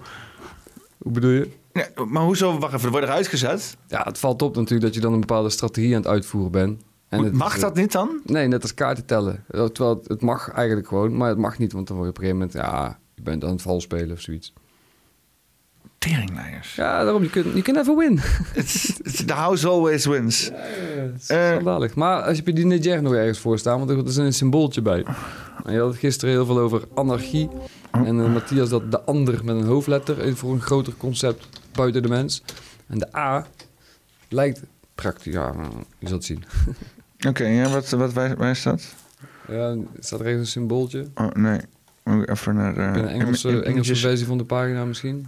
Hier, eh, zie je hier iets staan? Ja, dat is een vlaggetje. eh. Deze? Ja. Oké. Maar je hebt hem ook wel eens met dat hij naar boven, terug en dan er doorheen. Dat is net als een vier. Dan krijg je ook zo'n vlaggenmasje. En dat komt al richting de A. Dus dan zie je dat symboliek heel ver terug gaat. Maar wat is, wat is, waar zitten we nu naar te kijken? En voor de mensen die luisteren, dus inderdaad dan ja, een soort van... sorry. Een rechthoek, staand, portretstand... met een, eh, een, eh, een wit vlak en een zwart vlak... met eh witte randje eromheen. En in dat witte vlak zit dan een soort van vlaggetje. Je hebt er wat betere afbeeldingen van. En dan lijkt het meer op een 1 zonder het streepje eronder. Dus heb je echt de lange streep en het dakje. Maar jij zegt, oké, maar normaal hoort hij bij de Wikipedia-pagina te staan. Ik dacht zeg dat maar. hij er wel gewoon bij stond. Ja, Misschien bij de Engelse versie, ja, als die er is. Maar dat is, dat is hem ook wel, dat dingetje. Oh, deze. wat fuck is dit dan? Afbeelding. als je dan dat streepje zo een beetje... Het lijkt al een A, zie je? Het is Ja, dit is- een beetje de A aan het worden met een hele lange staart. Eh, waarom is dit zo moeilijk? Nou ja, in ieder geval, ja, we kunnen wel even kunnen we hierop inzoomen zo. Komt hij voorbij? Ah, daar is hij. Hier. En dan zie je dus NTR, netter, netter, netter. Het is, moeilijk uitspreken omdat het gewoon drie letters zijn eigenlijk. T, eh, ja, ja, nou ik weet niet precies hoe ik dit zie. er, Netter, NTR, neter, Peter de neter, je god. Oké. Dus, eh, heel veel woorden zijn daar dus ook weer van afgeleid. En dat gaat helemaal terug naar het oude Egypte. En oude Egypte gaat weer terug naar het alchemie, alchem Egypte. En dan kom je bij de chemie, zo afgeleid van alchemie. Is, is dit de tweede badge? Ja. Is dit, eh, oké, okay, Iets... Hopelijk dat we deze ook overleven. Iets troebeliger. Ja, deze is inderdaad troebeler als die andere, ja. inderdaad,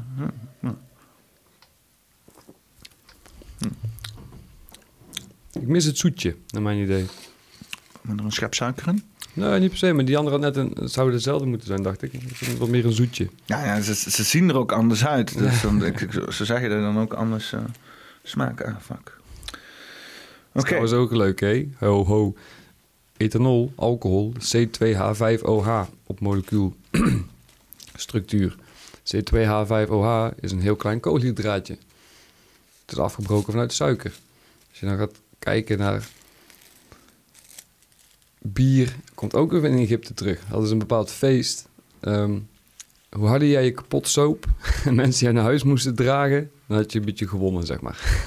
dat was een heel raar feest ja, je, spirits, alcohol, wat je net al zei, het grote geheel, grote spirit, inspiratus is het inademen van de geest. Spirit, spiritus.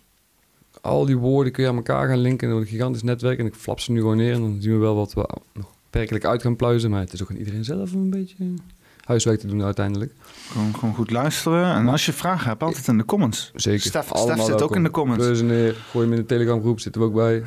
en er zijn ook nog watergroepjes hier en daar. Ach, zo. Als je, als je hard genoeg roept op het internet, dan komt Stef er zelf ergens op gedoken.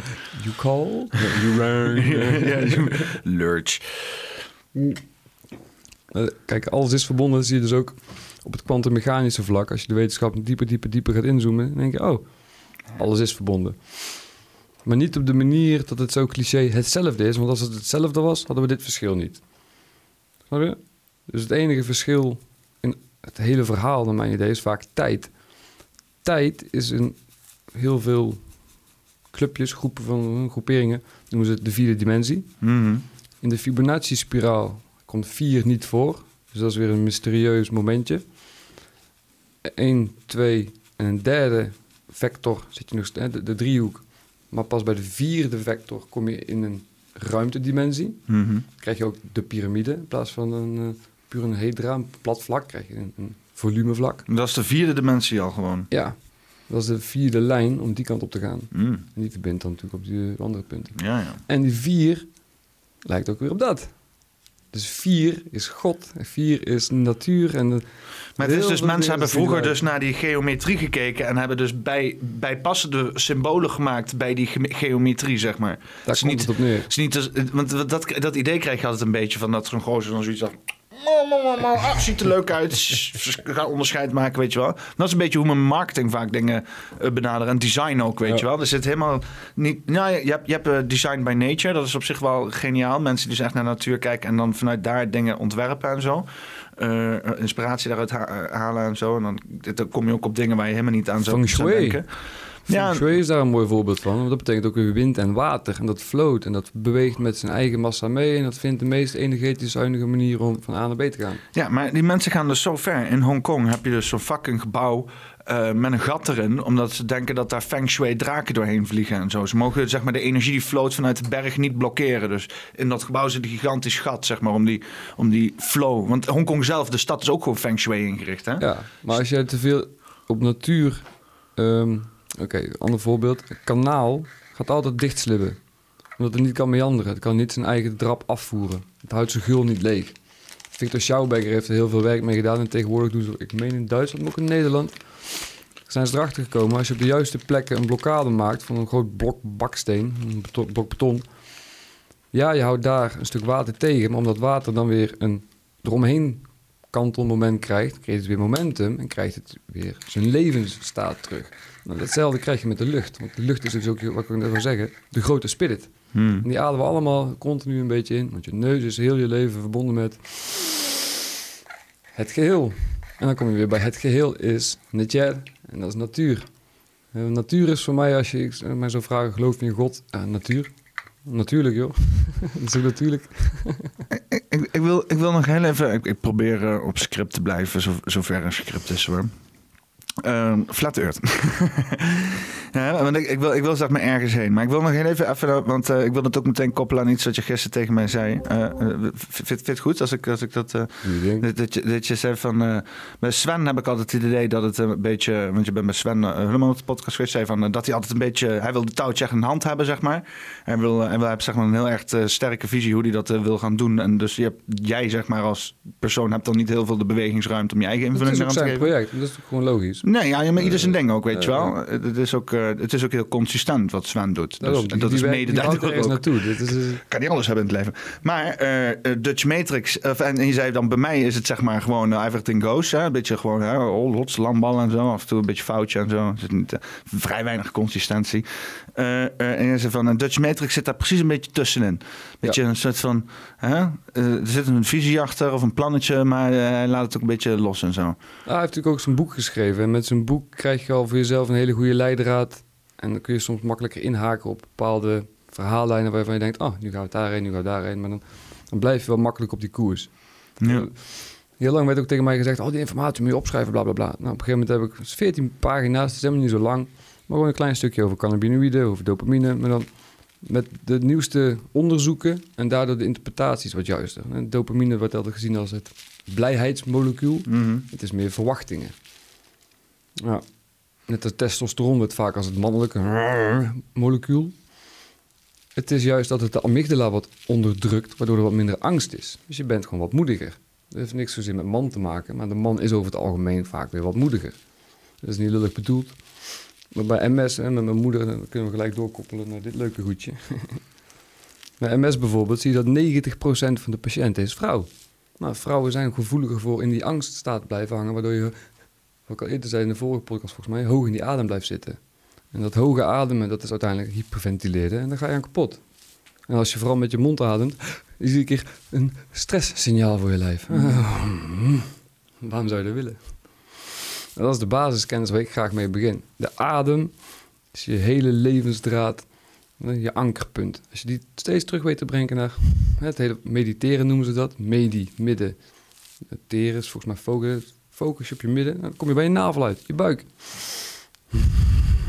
Je grote ademmachine.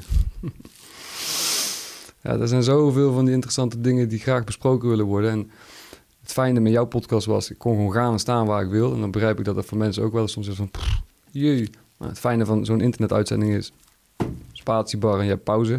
Dus je kunt even iets opzoeken als iets niet duidelijk is. En wat je zei, stel een vraag, kan allemaal geregeld worden.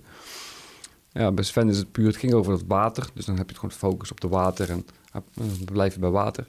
Bij Matrix gaat het toch wel wat meer om eh, het afbreken van de aangeleden bullshit, de Matrix.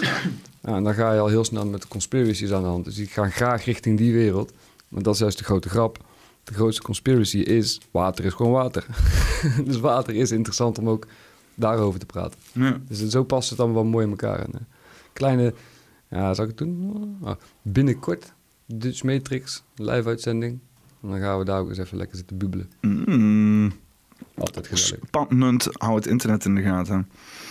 Ja, dus, dus eh, ik zat de Dutch Matrix kijken, ging ook over eh, Flat Earth. Ging, ook- was ook vorige week, zeg maar. Dus we zeggen een Flat Earth weekje was dat. Drop hem even erin. Eh, met Simon en Robert. Ik ken ze allebei niet. Dus, of Simon en Robin, sorry.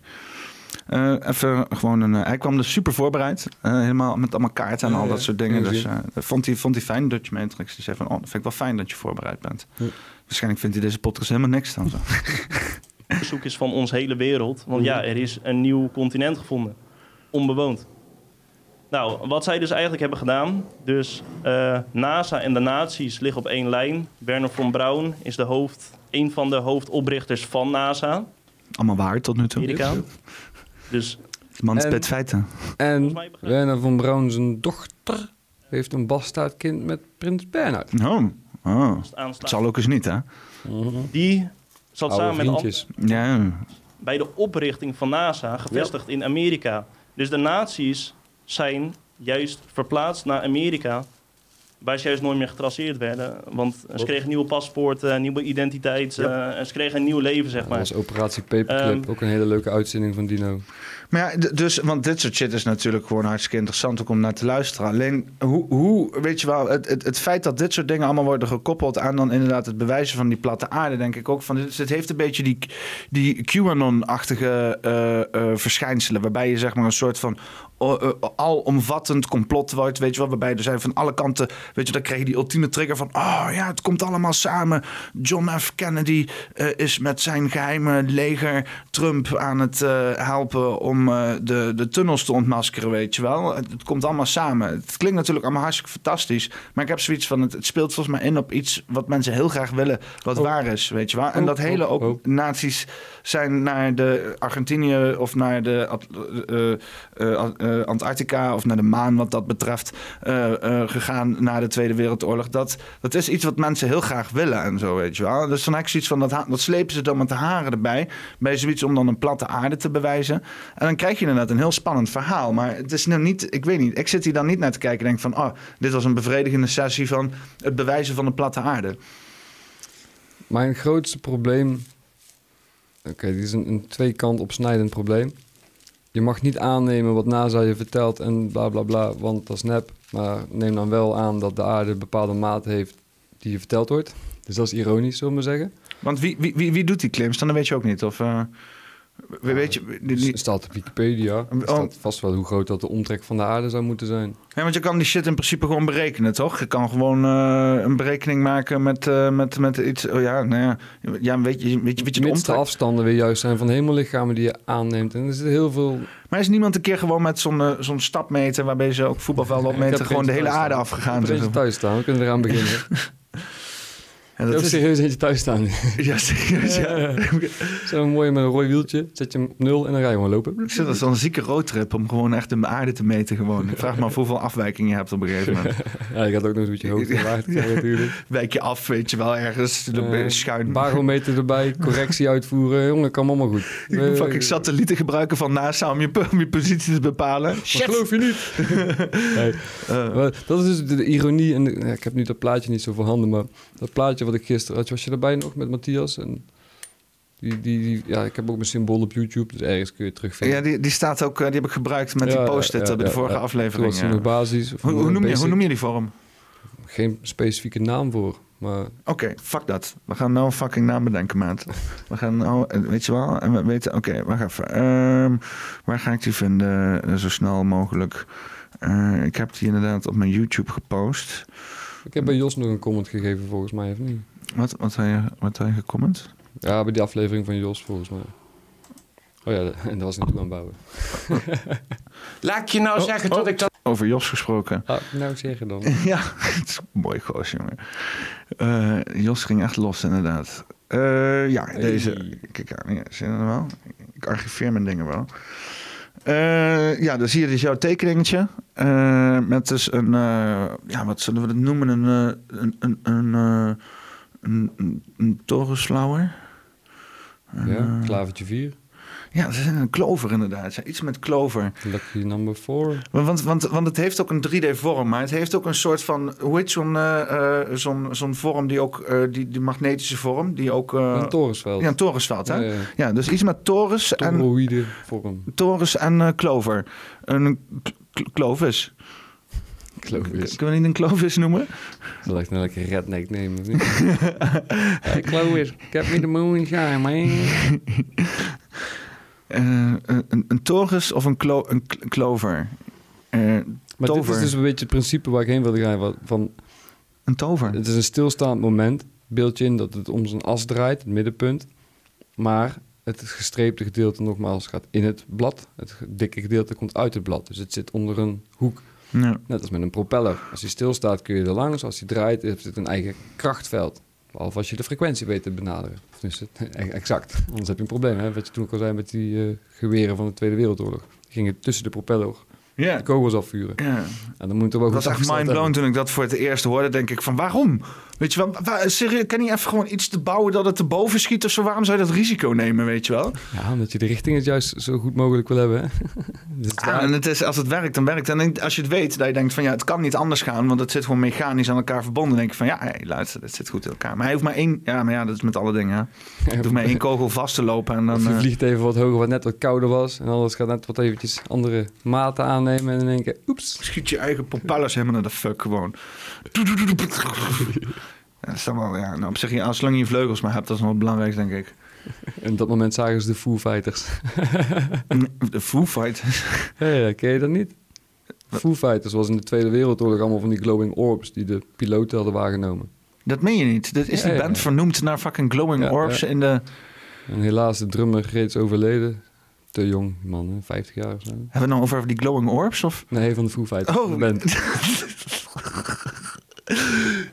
Die, er is één Nou, glowing orb Mick en is, is overleden. wat- Hij was een drummer. Mick Jagger heeft een heel interessant nummer gemaakt met Dave Grohl samen. De titel is Easy Sleazy volgens mij. Er hebben ze een interessant coupletje bij zitten, maar laat ik dat alleen maar zeggen. Kijk vooral zelf.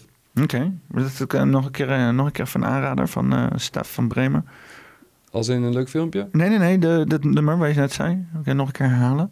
Ja, is- Of nou voor jou specifiek. zijn, wat zijn nou Rolling Stones? Nee, eh, Mick Jagger samen met Dave Grohl. Easy Sleazy. Mick Jagger samen met Dave Grohl. Dave Grohl. Dave Dave, Grohl. Dave Grohl. De drummer van Nirvana of de gitarist-zanger van Foo Fighters. Ah, Dat meen je fucking niet. Ja, ik ben altijd punkrocker geweest, jongen. Ik heb nou mijn blink niet aan, maar... Oh. Dat is niet nauwelijks punk Avans Hogeschool. Representing wetenschap, jongen. Oh ja, zeker. Nou, over wetenschap gesproken en alternatieve realiteit. Ik wil even af van het flat earth gebeuren. Want eh, het flat earth bashen is, is, is natuurlijk niet... eh, Ja, dat is het probleem. Het basje is niet zozeer, want het is wel een, Het moet de discussie een beetje gaande houden. Hè? vlakkerig iets. Die, die, flat earthers moeten ook niet in een fucking cocon komen van zelfbevestiging, vind ik. Weet je, die moeten ook een beetje openstaan. En als je dan na alles wat je gezien krijgt altijd nog kas- eh, beslist van fuck it, ik geloof alsnog een flat earth, prima, weet je wel. Maar je moet in ieder geval toch wel ook de realiteit van anderen Ja, ja. willen Nou, eh, erkennen, toch? Laat ik mijn eigen realiteit een beetje afbrokkelen dan met het Einstein-masker. Dan, dan zie je dat perceptie. Oh man, oh, ik, zie, ik wist dat ik iets vergeten was in lezen. Mijn piramide hangt nog aan het plafond. Oh, fuck. Zou is nog prima. draaien, denk je? Iedere keer een ander kantje op en dan weer een beetje niet. En dan weer een beetje wel en dan weer verder. En dan... Hij bleef draaien, hij hing nooit echt stil, zeg maar. We zaten een keer met z'n vier aan de andere kant van de zaal. Je hebt gezien, dat is een meter of tien. Zoiets. Maar ja, een kleine tien meter toch wel. Hè? En keer begon het een beetje te wobbelen. Dat was s'avonds. Ja, als de zon niet meer op de aardkant schijnt, dan koelt de aardkant af. Krijg ik ook weer fluctuaties in elektromagnetische velden. Alles is op dat elektromagnetische... Zou, zou, het ook iets doen voor de energieflow, zo'n eh, zo'n piramide, als je die aan het plafond hangt? Dat is de vraag. Als je er misschien wat meer gewicht aan kan hangen, waardoor die een, een, een echte pool creëert. En dan is weer de vraag, hoeveel kracht heeft hij van zichzelf? Ja, er kijken, zijn want, eh, zoveel vragen wat dat betreft. Maar... Jij bent eh, wel van de magneten. We hebben hier ook, eh, voor de mensen die luisteren, we hebben hier twee magneetjes. Je kan dit allemaal niet te dicht bij mijn apparatuur houden. Ook niet bij mijn microfoon en niet bij mijn camera's. Want alles gaat naar de kloten. Maar die magneten zijn moeilijk sterk. God onder je. Daar kom, ik krijg je niet zomaar van elkaar af.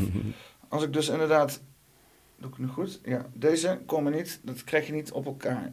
Zeg maar. Dat is, ik probeer het op camera te doen. Krijg je nooit veel leven. Krijg, oh, fuck. Oh, ik doe het helemaal verkeerd. Ik moet zo die andere omdraaien. deze De omdraaien? ijzeren ring moet namelijk in het midden. Doe, jij eens even demonstreren. Je bent veel beter in die shit. Oké, we zitten hier. Oh, daar ging het al bijna. Ja. Eh. En los. Die hangt los en hij wil niet vallen. Ja, dus we zien de magneet die neemt daar ruime 10 centimeter afstand van, zeg maar. Dat zijn flinke, flinke, sterke magneten. En dan toch kun je eraan klikken. Oeh. Maar ja, dus deze, deze magneten, die doe je dan, eh, eh, daar laat je water doorheen stromen. En het idee is, is dat zeg maar, de informatie die in dat water zit, die het eh, water oppakt zo gaandeweg. En moet eerlijk zeggen dat de informatie die, die water oppakt in alle buizen waarschijnlijk niet zo heel fantastisch is.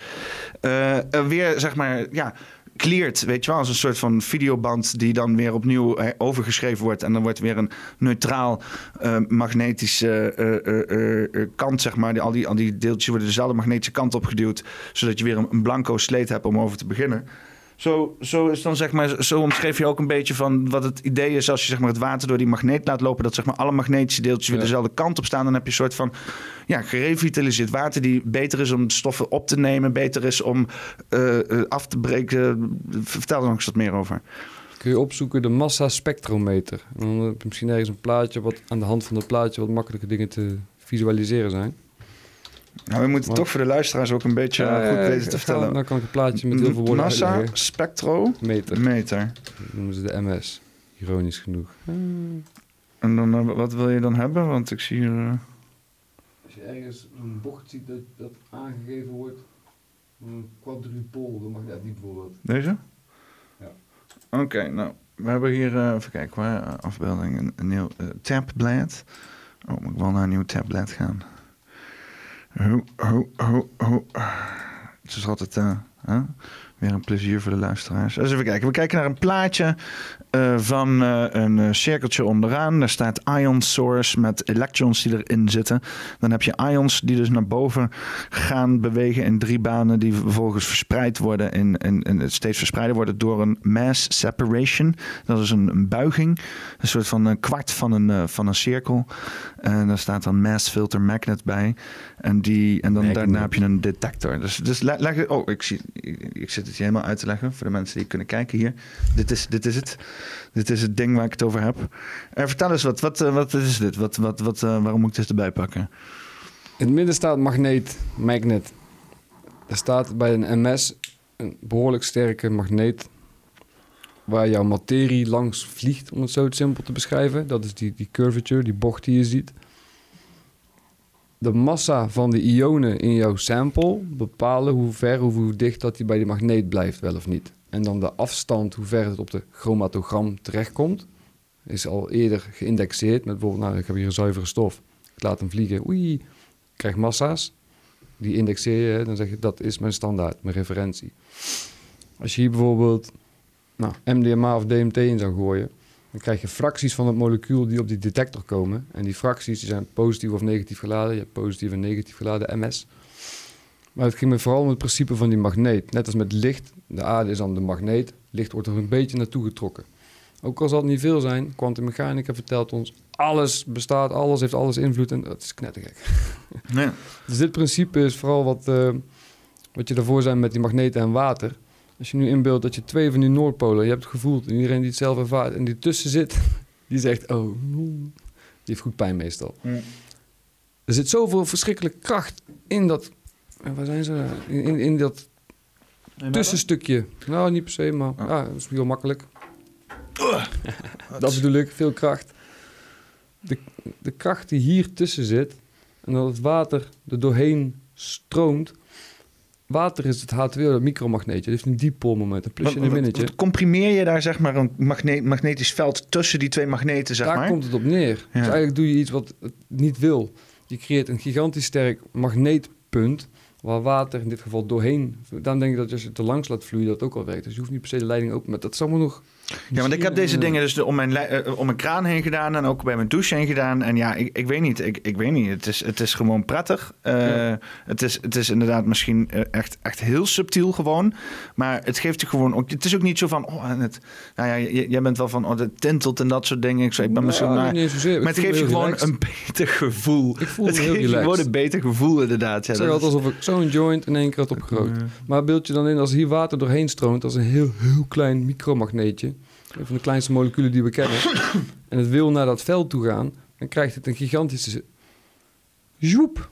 Dat, dat principe, zeg maar. Uit de bocht vliegmoment. Het krijgt weer energie, om het even zo te zeggen. Dat is net als die blokken... Als ze met mijn buren leuk vinden. eh, Je hoort het hoorde door de hele flat heen, dat ding. Hey, die, die blokken beton die in een kanaal zijn neergezet. Het water krijgt weer even een pick-me-up. Hm. Het heeft er eventjes... Ja, even wat je ook al eerder zei. In het begin klink ik knettergek. En dan heb ik de trui aan van... ja, mijn achtergrond is wetenschap. Ik heb mijn wetenschap eventjes los moeten laten... om water echt te kunnen gaan begrijpen. Ja, dat is ook wel een...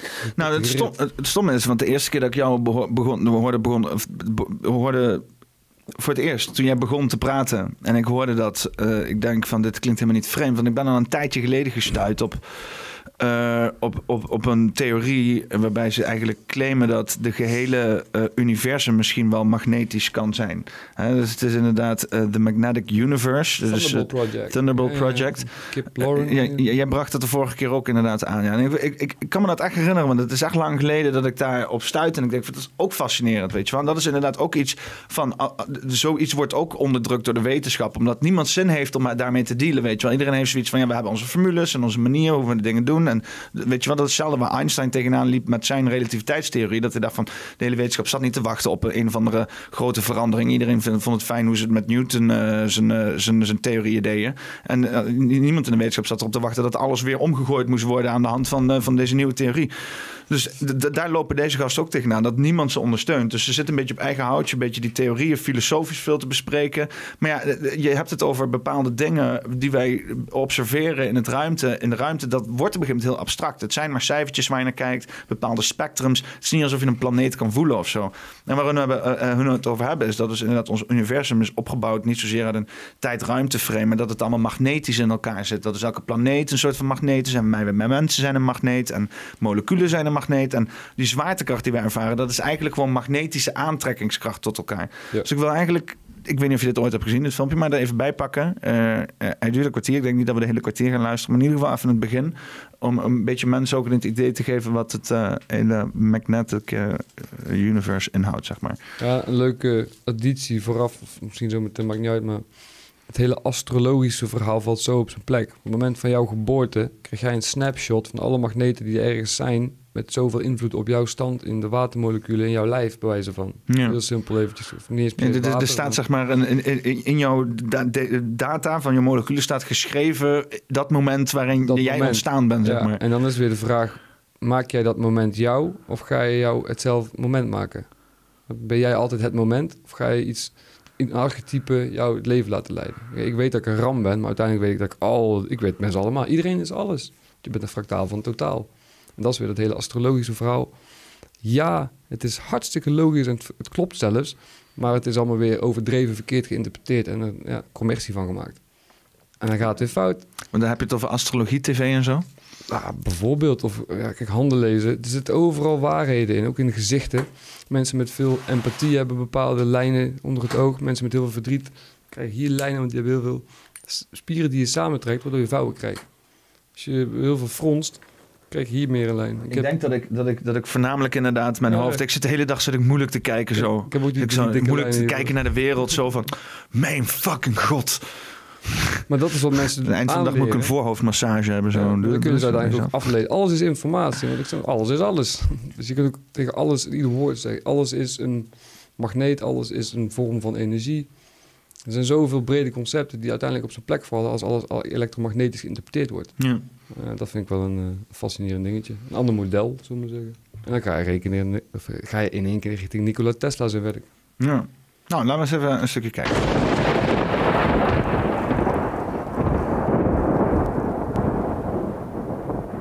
Welcome to Space News from the Electric Universe, brought to you by the Thunderbolts Project at thunderbolts.info.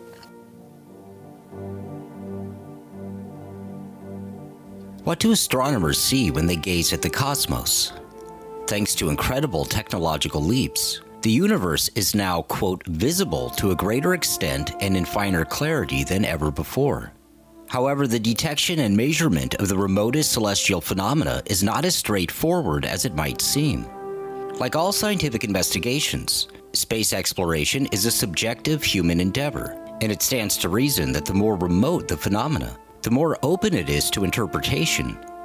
The evidence for the theoretical mechanisms that are thought to cause the largest scale cosmological phenomena, including unfathomable emissions of electromagnetic energy, are gleaned through inference by necessity.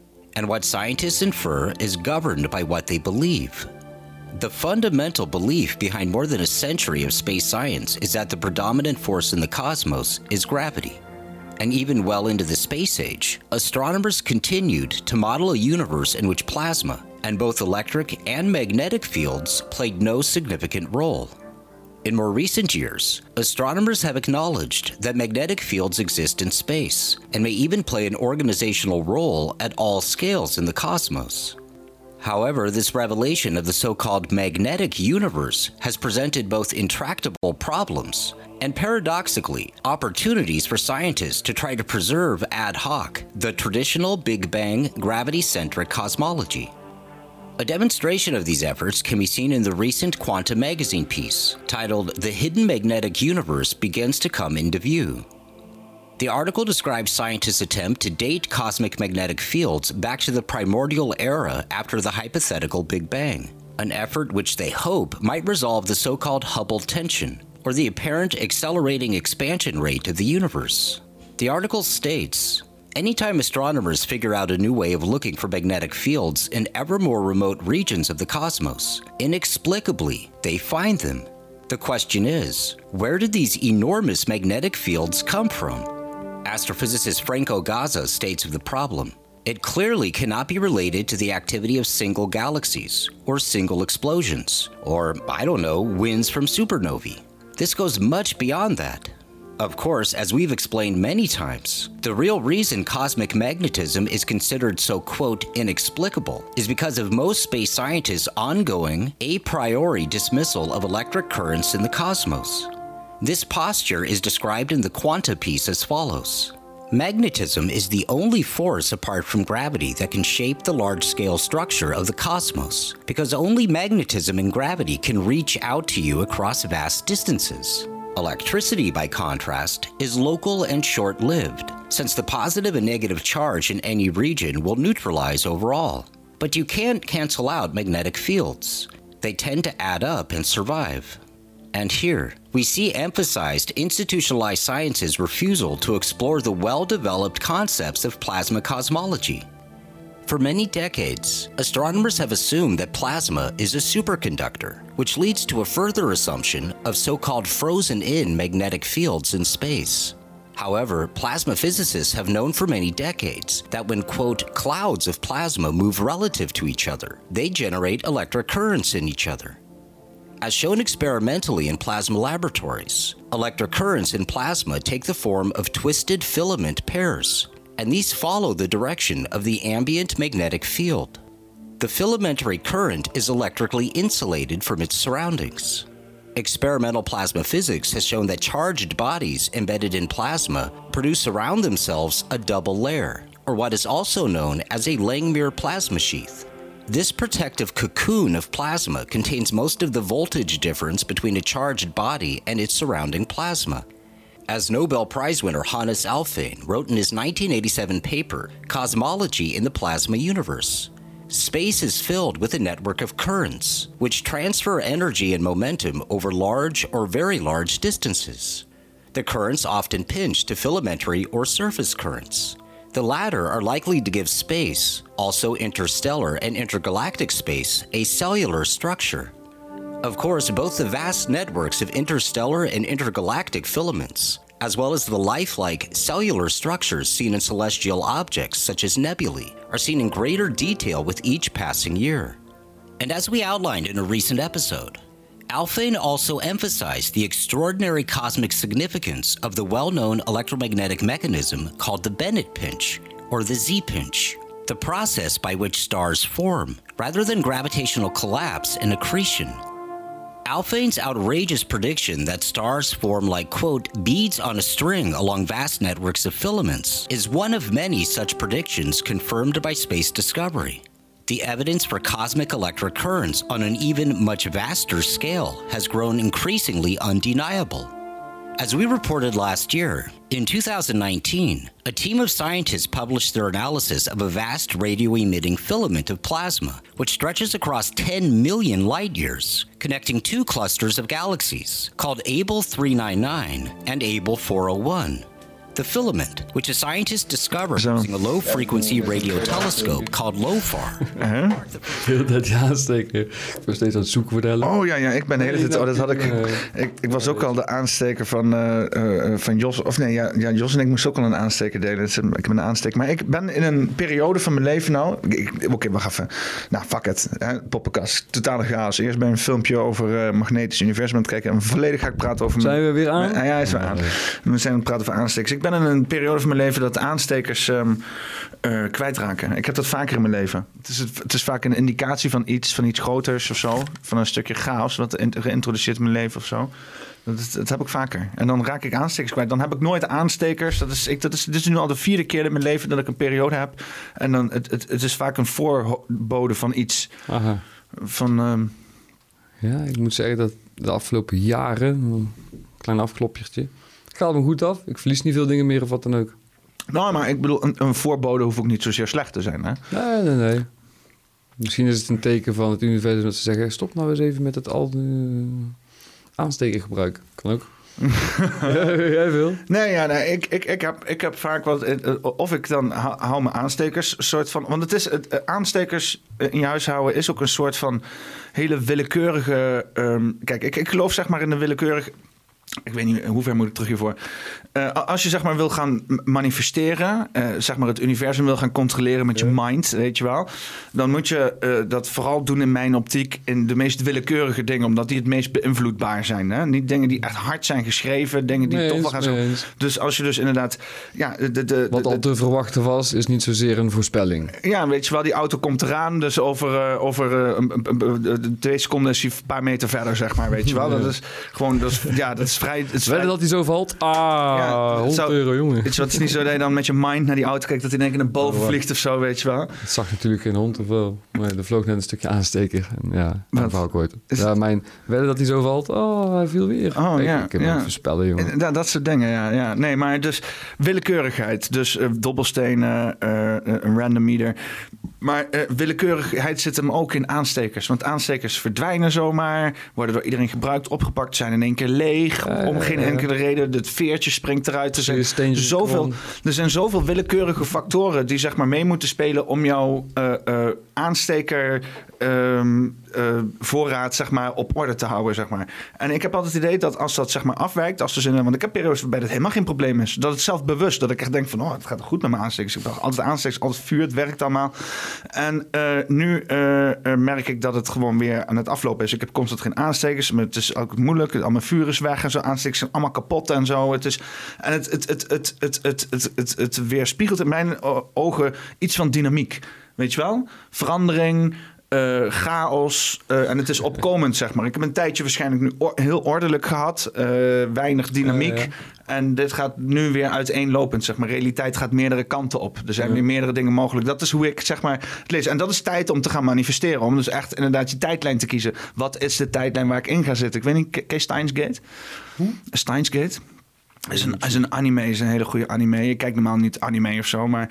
Dan, wordt- nee, nee. ja, er, is gewoon, er is gewoon shit in anime. De Japanners, jongen. Want ook de Matrix is gebaseerd op een anime. Inception is ja, gebaseerd op een anime. Al die vette thriller shit die echt diep gaan, dat is gebaseerd op anime. De Japanners, jongen. De Japanners die hebben sowieso een of andere tijdreismachine. Multidimensionaal gate portal naar een of andere andere dimensie of zo. Ik weet het niet. Maar deze mensen zijn super diep. En die Steins Gate gaat dus over een gozer. En die, die, die, die, die, die, die, laat elke keer opnieuw het verleden gebeuren. En elke keer komt hij in een nieuwe tijdlijn. En hij probeert iemands leven te redden. Maar die, Day After Tomorrow, kinda, die film.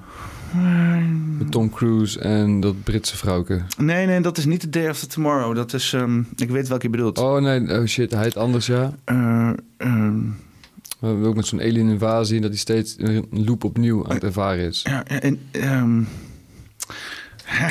Dat, dat vond ik wel een straffe film wat dat betreft. Dus, ja, dat was inderdaad een concept. film. En zo heb ik het ook al... Oké, mijn zwaarste psychose, als ik het zo mag noemen volgens de specialisten, was op een gegeven moment... Edge of Tomorrow. Edge of Tomorrow. Edge of Tomorrow, Oh, the edge of my tongue. Eh, een ervaring met cannabis dat tijd niet meer de tijd is die je aangeleerd bent. Ook weer zo'n verwachtingsmechanisme. Omdat je op een gegeven moment in de gedachte, ik zeg maar wat, ik maak een zin van tien woorden. En je bent zo in manisch, oh, ik heb zoveel ideeën. Dat is ook zo'n stukje manisch. Waardoor je ook bad kunt gaan. Dat is het hele ding met cannabis. Omdat je, als je dat laat, komt zo misschien. Tien woorden en dan denk je op een gegeven moment, oh, wat dacht ik net? En dan kom je maar tot negen woorden. Oh, wat dacht ik nou net? Kom je maar tot acht woorden. En het wordt steeds korter. Dus je hebt een sprong gemaakt, maar je valt terug. Maar de grap is dat het brein ook zo werkt. En er zijn live filmpjes van gemaakt, hoe de neuronen op een gegeven moment een connectie slaan. En Ja, want je hebt zo'n oorspronkelijke puls die echt heel wijd is en breed. En Ja. dan op een gegeven moment weer reduceert naar... en dan krijg je de sterke baan, de dan, dan hazenpaden. probeer je te redeneren. Hè? Dan ben je te hard aan het denken. En dan krijg je Ja. dunnere, geschriktere kanaaltjes in plaats van een grote vlek. En dat is dus de grap. Op een gegeven moment als je leert van laat los. En een hele leuke is het hele, hele, hele, hele, hele. Hele ik aan het zeggen ben. Mm. Oké. Heilige Antonius, mijn beste vriend, zorg Heilige- dat ik me wat dan ook vind. Heilige Ant- Antonie. Nee, heilige. Heilige hele. Hele Dat is heilige. van mijn moeder. En dat is ook weer zo'n... Als je iets kwijt bent, over dingen kwijt zijn gesproken. Als je actief gaat zoeken, ga je het vaak niet vinden. Wat je met je muts had, wat je gisteren vertelde. Ja, ja. Maar als je dan Heilige Antonius uitspreekt, of wat dan ook, als je een mantraatje hebt ge- aangesproken voor jezelf en je leert daarbij, hé, hey, het is nu niet meer mijn probleem, het is nu van die heilige. En in één keer kom je iets tegen. Omdat je niet meer in dat denkpatroon zit van wat juist niet gaat lukken, want stress. En die stressor beperkt je frontale cortex. En dat is juist die menselijk beredeneren. Ja. Je zit alleen maar van, ah, oh, oké, dat logische dingen. En dat kom je maar niet zo ver in dat diepgaande brein. Dan zit je heel beperkt in dat reptiele brein. Ja, want eh, heel veel als ik met mensen praat over manifesteren, dan zeggen ze tegen mij van, ach, doe toch niet zo gek, joh, weet je wel. Want het klinkt allemaal heel magisch, maar zoals ik het zie, eh, echt in mijn meest praktische zin, is gewoon openstaan voor alle mogelijkheden. Want in mijn idee is het leven is boordevol mogelijkheden. Worden de hele dag worden, worden we overspoeld door mogelijkheden. Echt, de mogelijkheden worden naar je hoofd fucking gegooid. Alleen 9, 90% van de dag ben je alleen maar bezig met je eigen kleine bullshit leventje, weet je wel. Met je dikke oogklippen op en je, en je gezeik van de dag, weet je wel. En de nieuws, want dit loopt er ook nog een keer bovenop de gezeik. En het gezeik van mensen om je heen, weet je wel. Praat je, hoe, hoe, is het, hoe is het vandaag? Ja, nou, daar wil ik eigenlijk niet over nadenken, weet je wel. Hoi Peter, alles goed? Ja, ja. Alles, werkelijk? Een goede vraag. Sowieso weet je, niet, weet je wat mijn baas zegt? Eh, eh, die, die antwoordt altijd met als ik er niet aan denk. Altijd. Dus ook tot het moment dat ik nog denk van waarom vraag ik het eigenlijk nog, weet je wel. Hé, hey, alles goed? Ja, als ik er niet aan denk. Godverdomme. Meestal, ja, net iets meer goed dan slecht, dus prima. Nou, ik probeer het dus. Ik heb voor mezelf voorgenomen van ik ga het eerlijk beantwoorden nu. Ik ga niet meer doen alsof het, weet je wel. Ik ga gewoon zeggen soms van ja, goed. Of nou, prima. Of whatever precies. kan. Of eh, ja, gewoon kut. Weet je wel. Soms gaat het ook gewoon kut. Zo kwam je gisteren ook binnen. Ja, vandaag gewoon kut. Murphy's Law, Murphy's. Law. Ja, ja, maar dat moet ook gewoon. Ja, ik, ik vind dat eh, eigenlijk moet dat. eh, ja, ik, moet dat, ik, ik doe het al zo van mezelf. eh, ik ben niet zo'n opkropper, maar ik moet het ook echt doen. Want als ik het ga opkroppen, dan word ik echt een lopende bom, jongen. Dat is echt niet normaal. Binnen dan dat maat. En toen had ik dus mijn buikpijn en mijn hartkastje. En oi, oi, oi, alles had hier binnen te borrelen en te bruisen. Van ik moet nog iets fixen, want anders heb ik een probleem. Want ik moet geld creëren om dat geld en huur en dit. En ik, ik och, man. Ja, maar het, is een, het is een val waar, je, waar je constant in kan vallen, zeg maar. Het is niet zo van, oh, ik, ik, ik, ik, ik, ontsnap nu aan de maatschappij en dan, is die, dan ben je vrij voor altijd. Nee, die val ligt er altijd. Die hele maatschappij, dat, om dan terug te vallen in dat hele cyclusje van, van, van, van ik moet, ik moet, ik moet en ik moet maar... Want, het wordt ook steeds moeilijker om zeg maar, je hoofd boven het water te houden. En ik wil en ik wil en ik wil, dat hoort daar ook heel erg bij, hè. Eh, En wil hebben is goed, iets willen is gefalikant fout. ja. Het gaat Ja, altijd en- tegenvallen. En mensen willen zoveel, weet je Dan wel. heb je weer een verwachting geprojecteerd. Dan zit je geïnvesteerd in dat. Ik wil een rode aansteker. En stel, niemand heeft een aansteker. Oh, hij heeft een blauwe. Dat zou je bijna racistisch kunnen noemen. Nee, die hoef ik niet, want die is blauw.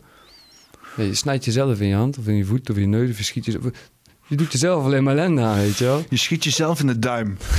ja, nou, duimen zijn toch... Opposable thumbs zijn echt ideaal, Moet hoor. je je voorstellen dat je jezelf in een duim schiet met dezelfde hand waar je het pistool in vasthoudt. Dat is fucking kunstig. Ik heb wel mensen gezien met een handheld dart-achtige... Hoe noem je dat? Die, die drie pootjes. Een, eh, Oh, eh, zo'n- Zo, katapult. Een katapult? Ja, Nee, katapult, je- waar je kleine dachjes Nee, op nee, kunt nee. aanhaken. Nee, nee, nee, wacht dan kun je even. ze schieten in je, je bedoelt een, je bedoelt een kruisboog. Nee, nee, een katapult. Een katapult? Een katapult. Een katapult is dit zo. Hoe heet het dan? Zo. Ja, een kruisboog. Nee, nee, die voor kindertjes met steentjes. Katapult toch? Oh, oh, eh... Het is een...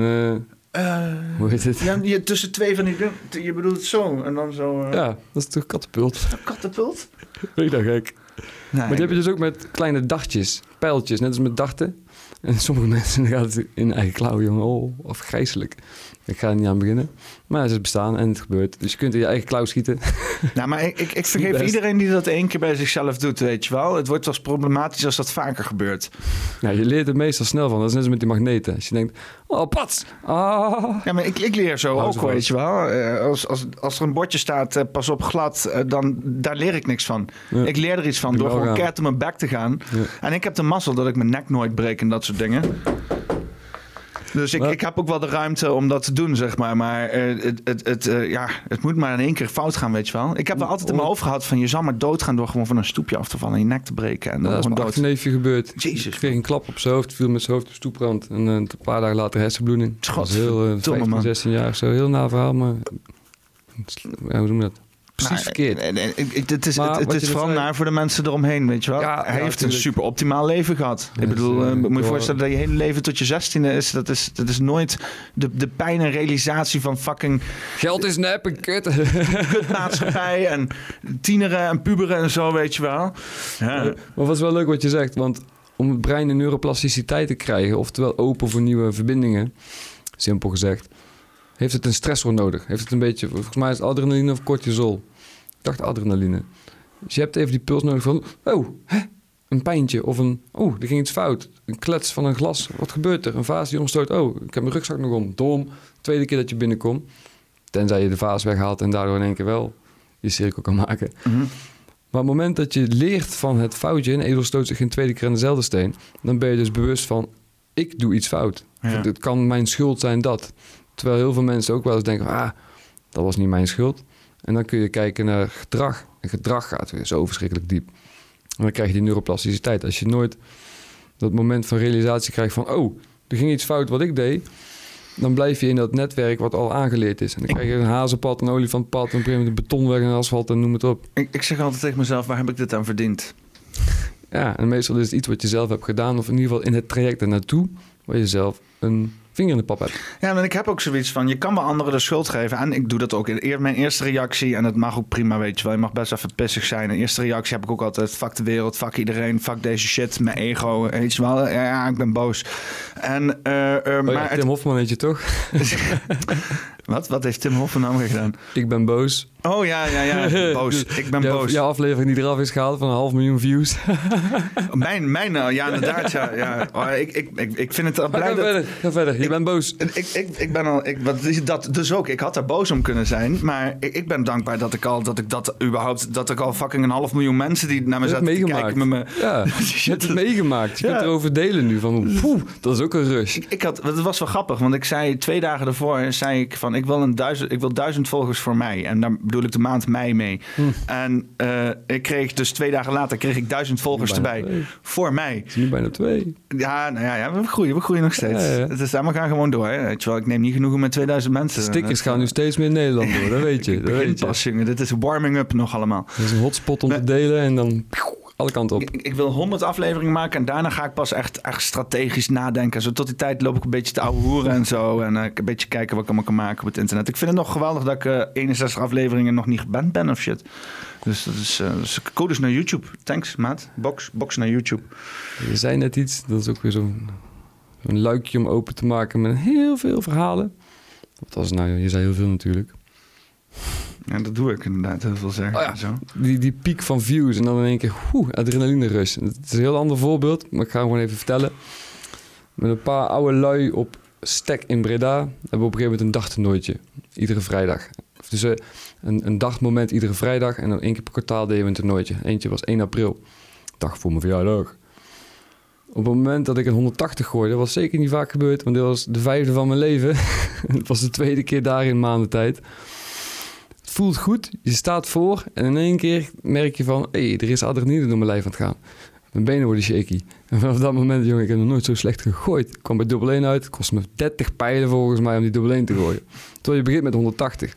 Maar puur dat onverwachte en dan in één keer, wow, gierende, ja, hoe je het noemen? Die motor staat eventjes flink aan.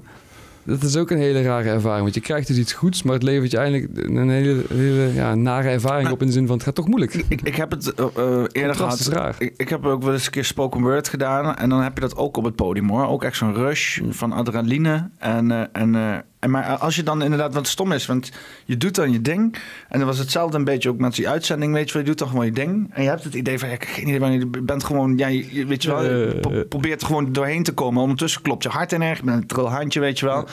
En, eh, en, en dan, en dan, dat moment dat je weggaat, denk je altijd van, oh man, dat was zo het was zo eh, in- intens of iets van heel kwetsbaar, weet je wel. En ik, ja, weet je wel, als je nog nooit.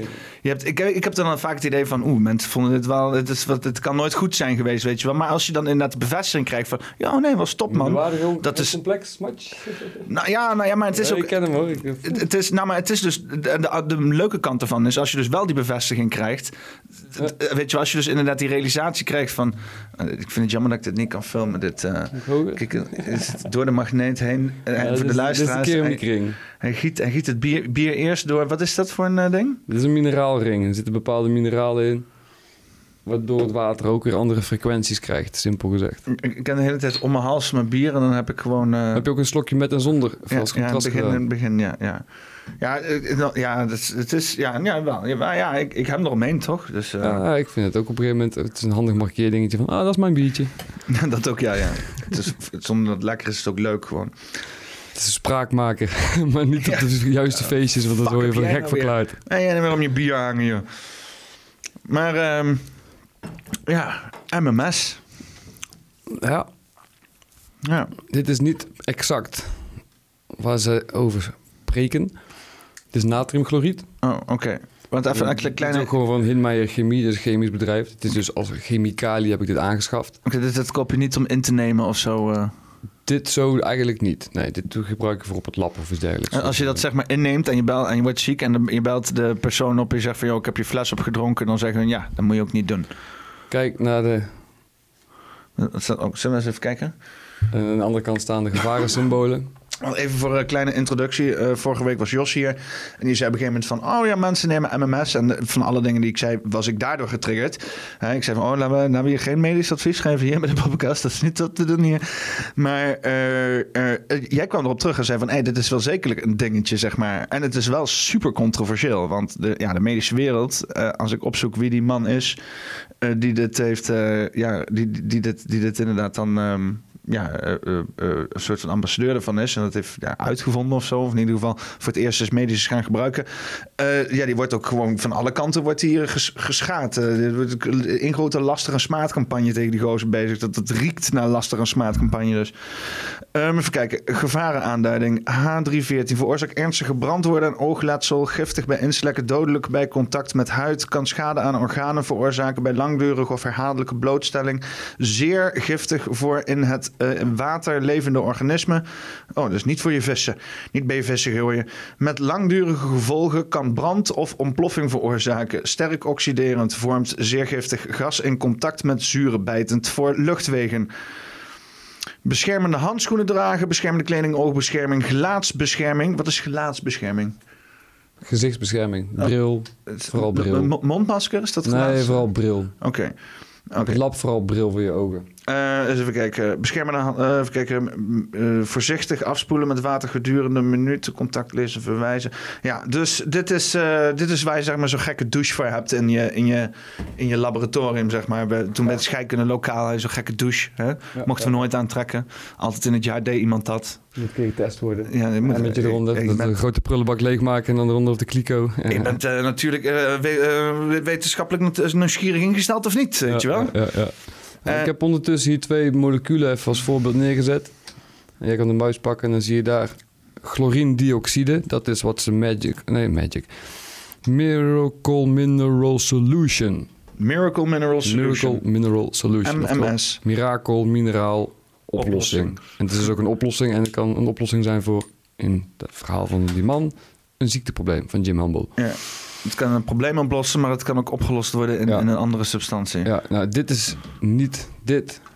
Is niet dit molecuul. Maar dit molecuul wordt het wanneer dit in aanraking komt met een zuur. Oké. Als je dan het andere molecuul erbij pakt, dan zul je ook zien, bijvoorbeeld met HCl, je zoutzuur in je maag, dan krijg je natriumchloride als zout. Maar als ik er dan bijvoorbeeld uh, de citroenzuur bij gooien, Ook. Dan krijg je ook dat het, maar gaat het dan borrelen en zo? ja, dan gaat het met je bruisen. Komt Kun- er kun- gasvrij. kun- kunnen we dat hier, hier doen? Je kunt best wel wat gaan proberen hoor. Hier leef je uit. Dus ik even, eh, even een wetenschappelijk experimentje. Ja, ja, ja. Eh, ik- ik wil Het eerst... eind zijn dan eh, gewoon nog aan voor de gein. Ik, ik, ik wil, ik wil eerst afleiding. ik- voor, voor de, noem je dat, de rode draad. Ja, hoeveel rook komt er vanaf? Nou, want ik, ik heb... Terug naar af. Nee, niet, wel- het, gaat een beetje bruisen waarschijnlijk. Geen roken of zo, geen Oh, gassen. Oké. Hooguit wat chloorgas, nee.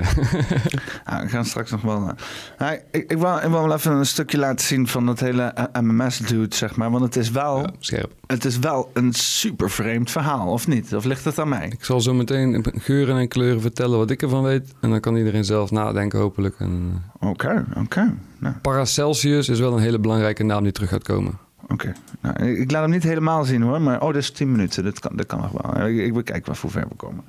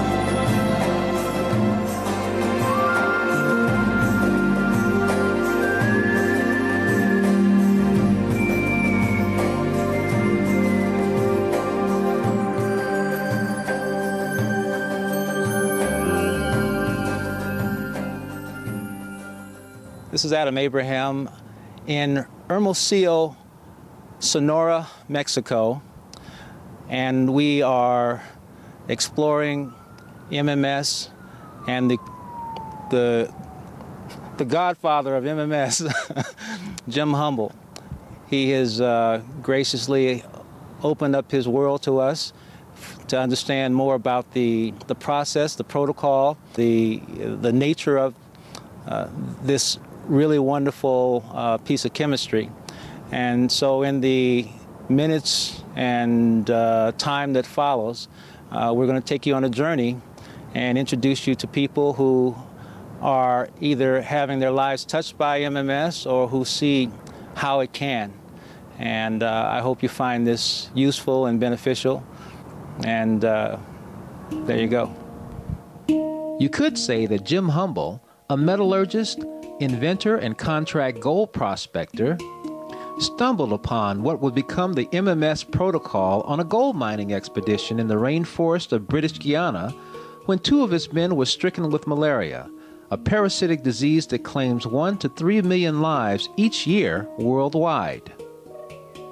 Chronicled in his book, The Miracle Mineral Supplement of the 21st Century, one success at saving a life that weighed precariously in the balance was quickly followed by another and then another. Not satisfied with chance results, he immersed himself in understanding the cause behind the results.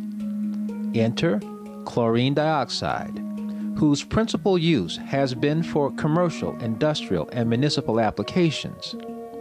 As he refined the vastly scaled down concentrations for a human biological ecosystem, the successes, particularly with malaria, swelled. However, he also found that people with a wide range of other disease conditions were also responding well, curing such a wide range of pathologies that it indeed appeared miraculous.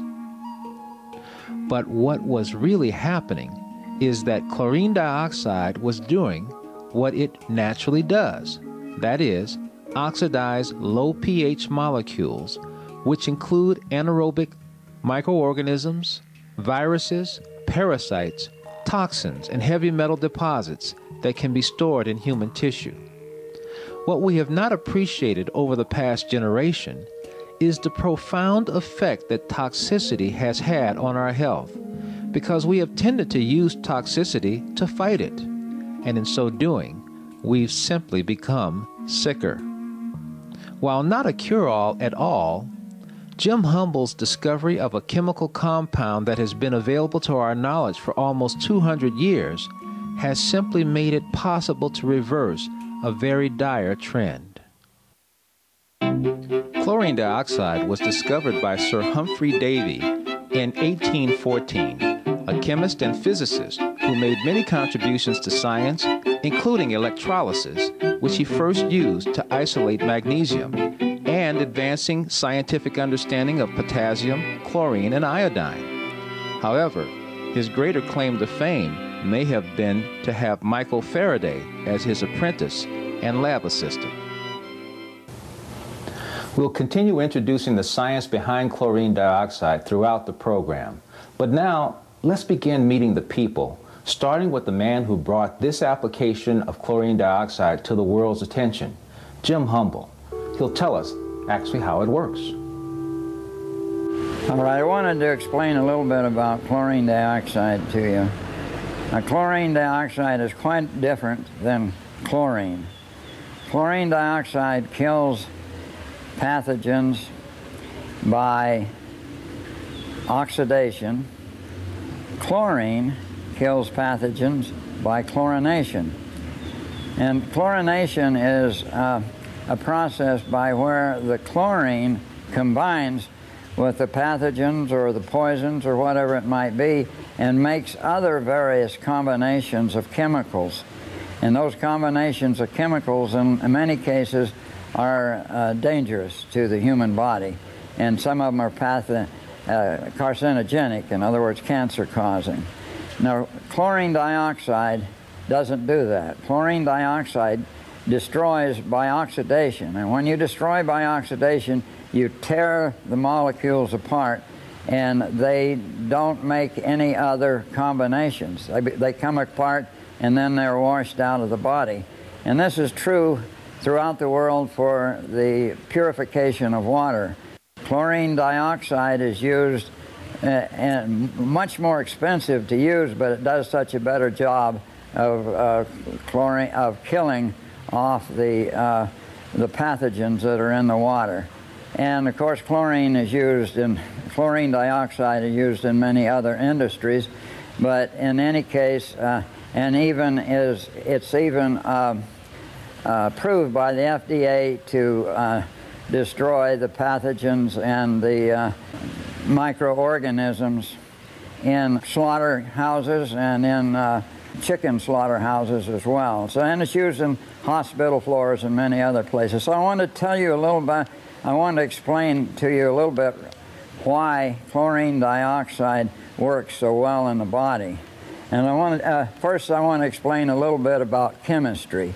Uh, first thing you need to know in, chemistry is that the thing that holds um, uh, molecules and atoms together are the electrons. The electrons are what hold. So, and on a chlorine dioxide, uh, Zo, Dus, dus deze man is wel eh, het is Spaans.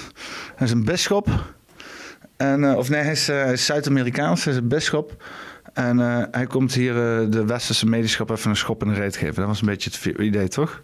Ik weet niet of hij Zuid-Amerikaans is, maar hij was daar volgens mij op missie. En toen met malaria-patiënten of ook weer een, een breed uitslaande ziekte daar. Waarschijnlijk door armoede of slecht milieu, dus slechte hygiëne. Het was extreem slecht, want een beetje is goed voor je immuunsysteem. Je moet niet iedere dag in stront leven. Dat kan gewoon stom. Stom.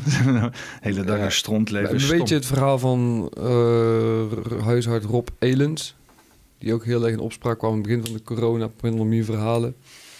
Die is als arts met malaria-patiënten bezig geweest, waardoor hij veel van ivermectine wist. Waardoor hij die kennis toe ging passen op andere patiënten en het werkt. Zo is deze man volgens mij op zichzelf begonnen. Dat heeft hij dat waarschijnlijk ook verteld in het filmpje. En ja, eigen ervaring was in één keer fascinerend. Waardoor die andere mensen, over zijn kinderen en zijn vrouw of iets dergelijks. Het begint met een persoonlijke situatie. Hé, hey, het werkt. En dat zie je met heel veel mensen die in één keer een rare ziekte hebben. En denken, oh, waar komt het vandaan? En ze gaan zelf die zoektocht aan naar andere informatie. Komen ze vaak bij voeding. En in één keer zie je ook wel eens die omslag ontstaan. Want is in het verleden vaak medische doorbraken ook niet eh, gebeurd vanuit een drang, vanuit zelf? Omdat er zelf iemand ergens last van had in de omgeving en omdat ze zelf iets wouden genezen in hun omgeving? Ja, voor mezelf is het natuurlijk dat mijn moeder die MS kreeg. En op een gegeven moment ben ik die, die drang om het ziektebeeld uit te pluizen, of in ieder geval zodanig te begrijpen wat men weet, was voor mij belangrijker dan voor school goede cijfers halen. Dus het grootste deel van de tijd hield ik andere sites bij of andere kanalen over MS en uitpluizen en zelf dingen, en mijn, mijn onderzoek intern uitbreiden buiten de chemie. Omdat ja, ik heb ook heel veel biologie, want ik wil wat bioloog worden. Mijn biologieboekje, zo'n dik boek. Campbell volgens mij, Biology, 1300 pagina's. Hm. Super interessant. Ja. Dat hele triggermoment van... hé, hey, mijn moeder heeft die ziekte, wat kan ik uiteindelijk misschien... en zelfs als organisch chemicus ging ik denken... ah, misschien vind je wel een keer een medicijn, je weet het nooit. Hè? Opties zijn eindeloos. Maar het heeft me wel altijd in die loop gehouden van... de informatie die ehm omtrent gezondheid interessant genoeg was...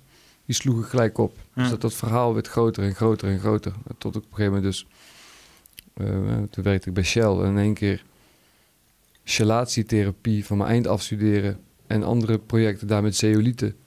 Ja, leef je uit. Dat, dat bracht een, een, een biologisch verhaal op een plek dat ik de mens als chemische fabriek kon begrijpen. Op celniveau, dus op molecuulniveau in cellen. En daarom heb ik ook die moleculen zo meteen als voorbeeld. En wat hij net zei is ook weer goed aansluitend met het, eh, het elektronenverhaal. Ga- Gaan we zo, laten we dat nog wel even zien als Ja, jij ja. straks de tossies eruit gaat Ja, pakken. ja, ja, komt goed. Zeg jij maar wanneer. Ehm, die magneten, volgens de theorie die ik er een keer over las... de Noordpool doneert of geeft of creëert, hoe je het ook noemen wil... meer elektronen in het water. En de Zuidpool onttrekt. Nou, als je dan meer elektronen in je water hebt, waardoor jij dus meer voeding krijgt, Mhm. stroom wederom, Ja. dat is gezonder. Heel simpel gezegd. Op chemisch gezondheidsvlak. Dus dan zit je in een level nog onder biologie. Ja. En Je hebt de biochemie en biologie met macrochemie, hele grote moleculen, proteïnen, noem het op. Dan heb je organische chemie, dat is alles met koolstof, stikstof, waterstof en CHON. Silicon. Mis ik? Nee, koolstof, stikstof, waterstof en zuurstof. Ah, zuurstof. Ja, nog. Ik bijvoorbeeld NOCH. En dat is nitrogen. Nog, nog. Ja, nog, nog, nog. ik zit bij die microfoon op te vreten. oh ja, Tosti. Ik ga de Tosti doen, dan kun je even daar kijken. En dan, eh, Nu even het laatste stukje van de film. Ja, ik denk dat de tosti nog niet klaar is. Ik kan hem misschien wel omdraaien. uh, oxygen molecules. Now, these are all uh, atoms, and now you have the thing that holds them together is the electrons that flow around the, the three atoms, and those electrons is what hold that, that molecule together. And so, uh, uh, in, in uh, in the destruction of pathogens. Let's look at a pathogen. Here's a pathogen of some kind here, and it's being held together by electrons. Maar dus hij heeft het, want we hebben het dus net gehad over die magnetic eh, universe. Eh, dit is dus eigenlijk ook zo'n klein magnetic universe. Gewoon helemaal magnetisch zit dat in elkaar. op above, so below. Hoe Ja. doe je die? Ja, want is het misschien dat wetenschappers toen, eh, weet je wel, toen ze helemaal gingen inzoomen, verwachten dat de boel daar ook met zwaartekracht aan elkaar zat. En toen ze toen op magnetisme sto- stoten, dat ze er ook zoiets hadden van? Het model van hier werd verwacht daar. Dat is logischerwijs. Want anders dan kun je het niet aan elkaar koppelen. En dan vervallen heel veel nou, formules of wetten in het niets. Dat zwaartekracht, wat eerder even over. Sorry, eerder even. Eerder even hebben over gehad. Middelpunt zoekende kracht. Centrifugale en centripudale. Centripetal, hoe noemen we dat? Altijd naar binnen toe willen vallen. Want daar is minder spanning. Is, is dat een andere, is dat de, omgekeerde van centrifugaal? Ja, centrifugal centru- centrifugal en centripetal. Pedal, centropedaal? Volgens mij wel. Centropedaal. Centro... Ja, best eens eventjes opzoeken voor de zekerheid. Middelpunt zoekende kracht.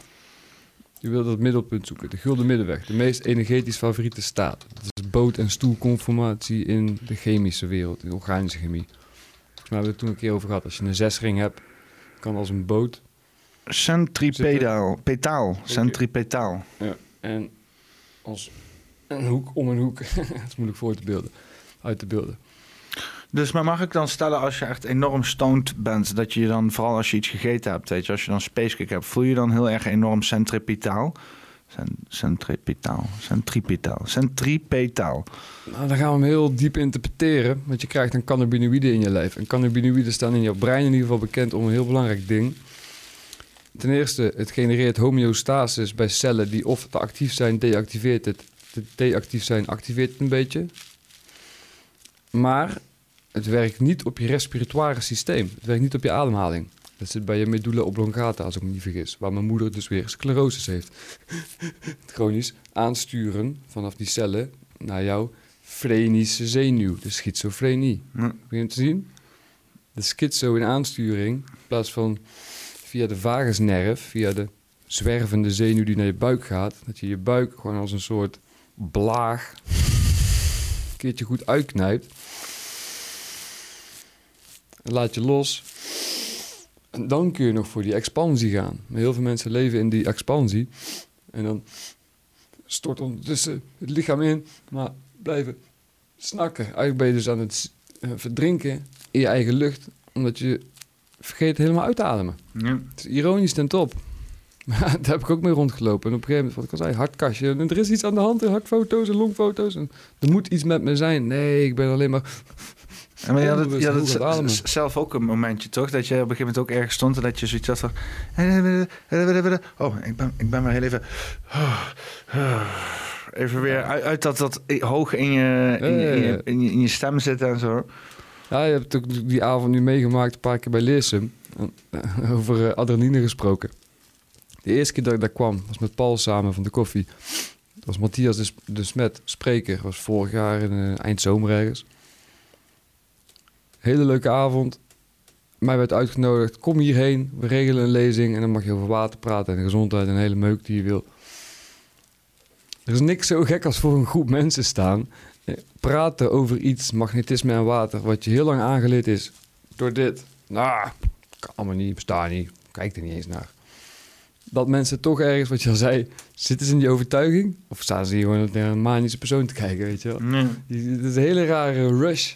Van ja, ah, dat is eigenlijk wel heel leuk om te doen. Maar vooral het delen van informatie, omdat mensen ermee naar huis gaan. Net als jij, hè, je neemt die magneten mee. Nou, die is overtuigd, die vindt het interessant. Maar het, is, het, het is ook dat bij een stukje loslaten over wat, hoe anderen jou waarnemen, weet je wel. En dat gewoon, eh, los, gewoon helemaal loslaten. Want ten eerste, je hebt daar nul controle over. Hè? Ten tweede, je hebt het ook altijd fout, weet je wel. Sommige mensen die, die je denkt te, te, te kennen lezen, die, denken, die zitten heel anders in hun hoofd en zo. Dus wat dat betreft is dat toch al een verloren zaak. Wat je enige wat je kan doen is gewoon staan voor waar je staat. En als je erachter staat wat je doet, dan maakt het allemaal niet uit wat mensen ervan vinden, weet je wel. Als één iemand in de hele zaal al zoiets heeft van... Ja, nice, ik voel je. Dat zou, al, dat zou meer dan voldoende moeten zijn, weet je wel. Om het in ieder geval te doen. Dus moet ik me voorstellen als je je hele leven lang optreedt voor één persoon... dan, dan dat het op een gegeven moment enigszins deprimerend wordt. Maar, dat, Ja, dat is maar net wat je verwacht. Dat is weer de ironie. Als je jezelf kunt aanpraten van, ah, het maakt niet uit. Tenzij die ene persoon heel machtig is. Weet je wel? Exact. Of een persoon waar jij verliefd op bent, waarvoor je denkt, oh, ik moet dit blijven doen, want dat is de persoon die het leuk vindt, maar ik durf niet uit. Ik verzin mij stoms, maar... Maar ik zat te denken- de gekste dingen aanpraten als mensen. Ik zat, ook, ik eh, zat te denken aan zo'n soort van bloedzuiger die aan dan bijvoorbeeld, weet je, Mark Rutte zit, weet je wel. Dat er een soort van persoon rondom Mark Rutte zweeft, die we nooit keer te zien krijgen. Die zijn hele leven heeft gewijd aan hem in een soort van waan houden, weet je wel. Met een van de gekke acteersessie die hij heeft gaande heeft. Hij of zij, whatever, waar de fuck, eh, voor gehad, eh, doet hij iets met schildpadden of zo. Ik weet het niet. Deze man is zo mysterieus. Het is echt eh, vreselijk. het, het zou niet mogen. Maar snap je wat ik bedoel? Ik bedoel te zeggen van als je acteren voor één persoon. het heeft niet zozeer. Het, het heeft ni- niet niks met, maar met kwantiteit te maken, weet je wel. Het gaat er ook een beetje om voor wie je het doet. Ja, heb dan van het weekend mijn verjaardag gevierd. En het was heel intiem. Voor mijn moeder vooral worden voor haar broers en zussen over de vloer. Schoonfamilie. Het was gezellig. Heeft ze weer een leuke dag. Maar we zaten uiteindelijk met denk ik zes, zeven, misschien acht mensen achter bij me in de tuin. Bij het vuur. Eh, Ik hoef geen gigantische estafette partij van feesten en nog wat te hebben. Nee, het gaat om de, de kwaliteit van dat moment. En dat moment pakken ze niet meer af. Liever vijf geweldige mensen dan twintig matige mensen. Exact, exact. Net als Ja. mensen dan zeggen, ah, wat moet ik voor je meenemen? Ja, ik veel, neem wat eten, drinken mee, iets wat we allemaal kunnen consumeren. Zodat iedereen ervan geniet. Want ja, de rest is ook maar voor... Heroïne. Ja, hoep die Is om te delen. Hoezo? Wat het probleem? Het is gewoon voor iedereen. Ik kan niet in mijn eentje zitten spuiten. Hier komt ze. Maar eh we even naar Tosti kijken, of niet? Ja, gaan we doen. Oh, nice. Dan ga ik wel even, even deze, deze, deze shit gaande houden. En ik, ga dan ook even uitleggen van waarom, eh, wa- waarom ja, Stef dan nu even weg is. Want we hebben twee tosties gemaakt. Eh Stef heeft een kaastosti eh met peper. Ik heb een hamkaastosti. Eh ik consumeer dit met uh, saus. Dus eh, ja, we gaan gewoon lekker eten op de podca- podcast. Kunnen jullie eh, eh, voor de kijkers daar naar kijken. Dat is helemaal de shit tegenwoordig op het internet. Hè? Mensen die eten en zo. Weet ik veel wat, maar voor ons niet. En voor de Einsteins masker op de achtergrond. Einstein-masker? Hollow mask, holle holle masker van Einstein. Die ik je oh, laatst stuurde. oh, nou, ik wil mensen eigenlijk niet ontzien van een goede ASMR-sessie, weet je wel. Ik bedoel, luister deze, dit- luister deze tosti ASMR. Dan stop ik even iets anders in mijn mond dan die microfoon.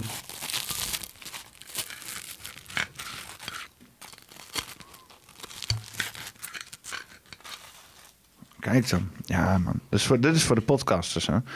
ASMR is een multimiljoenen business. Oh, de gekste dingen.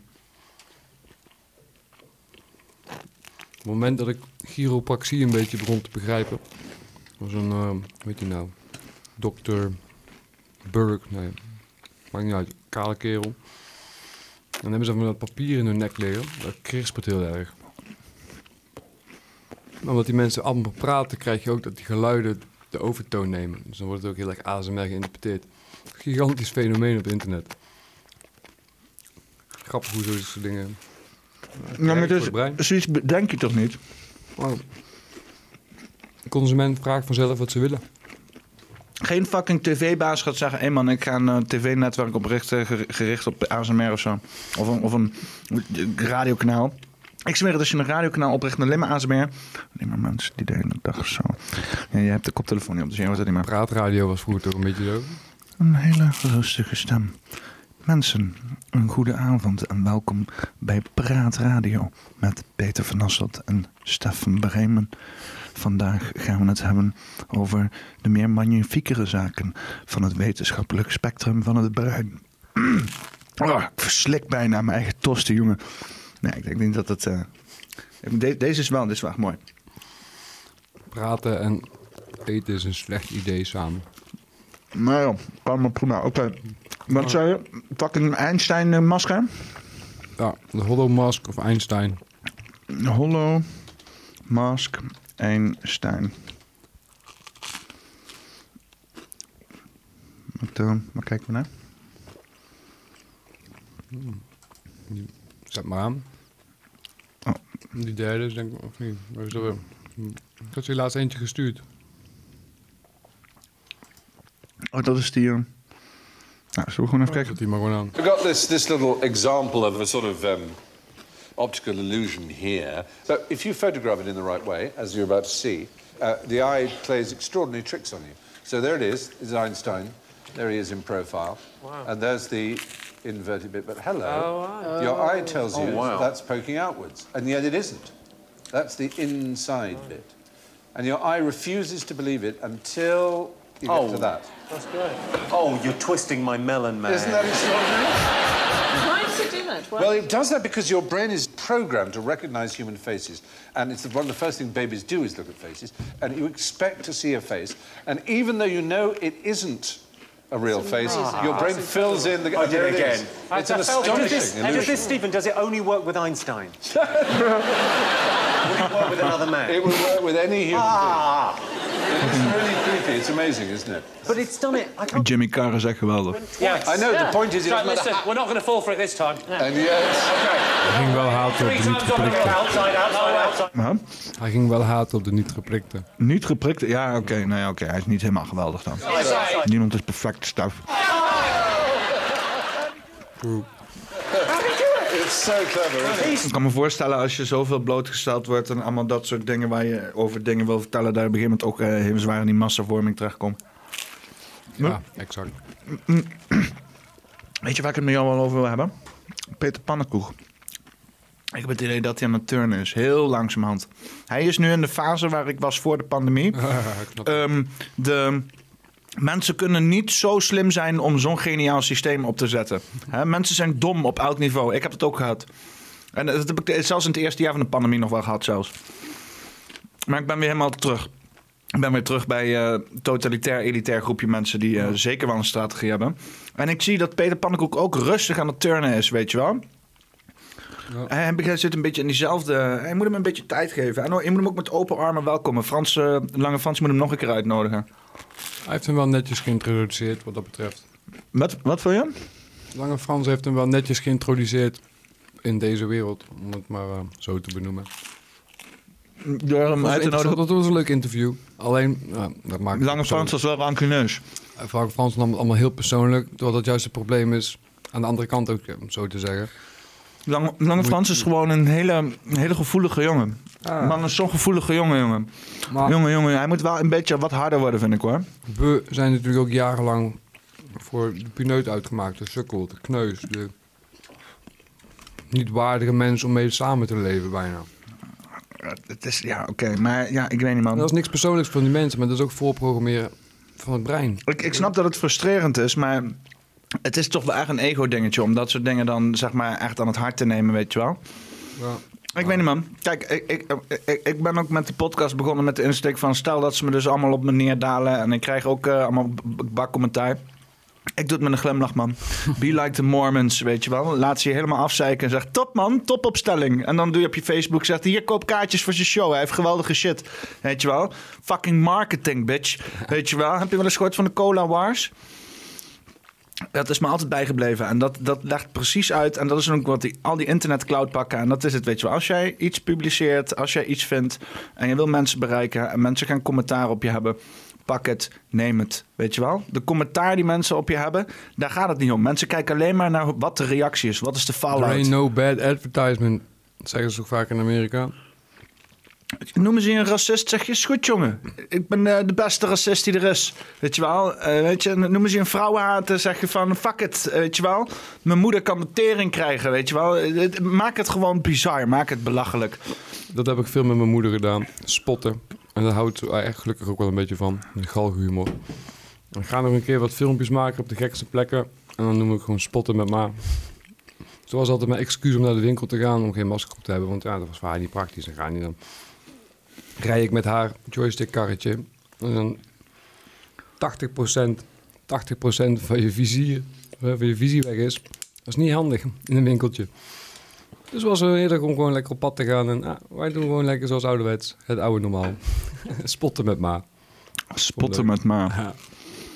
Ja, het is wel gewoon echt een goede manier om te dealen met shit. Want je maakt Humor. spotjes, snap je? Aha. Ja, maar weet je, weet je wat het ook is met, met, met, met een beetje, beetje humor? En inderdaad, het, weet je wel, je neemt het gewoon, je laat gewoon zien dat het, het hoeft allemaal niet zo fucking serieus te zijn de hele tijd. Weet je wel, er is tijd om shit serieus te nemen, absoluut. Hè? Als je aan het werk bent met z'n allen of je moet even focussen, zeker, even serieus, goed.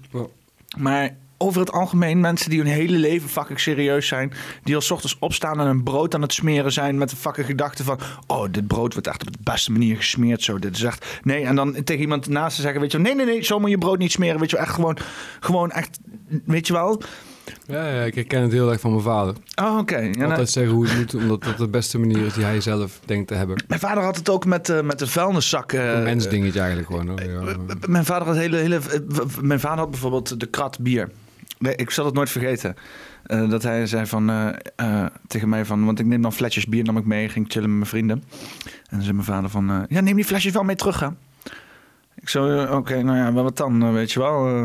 kan je er ook 10 cent voor geven of zo, weet je? Want, dus ik de hele avond met die fucking flesjes te slepen. Ja, nee, ik wil gewoon die flesje in de krat hebben. Ik zei, waarom dan?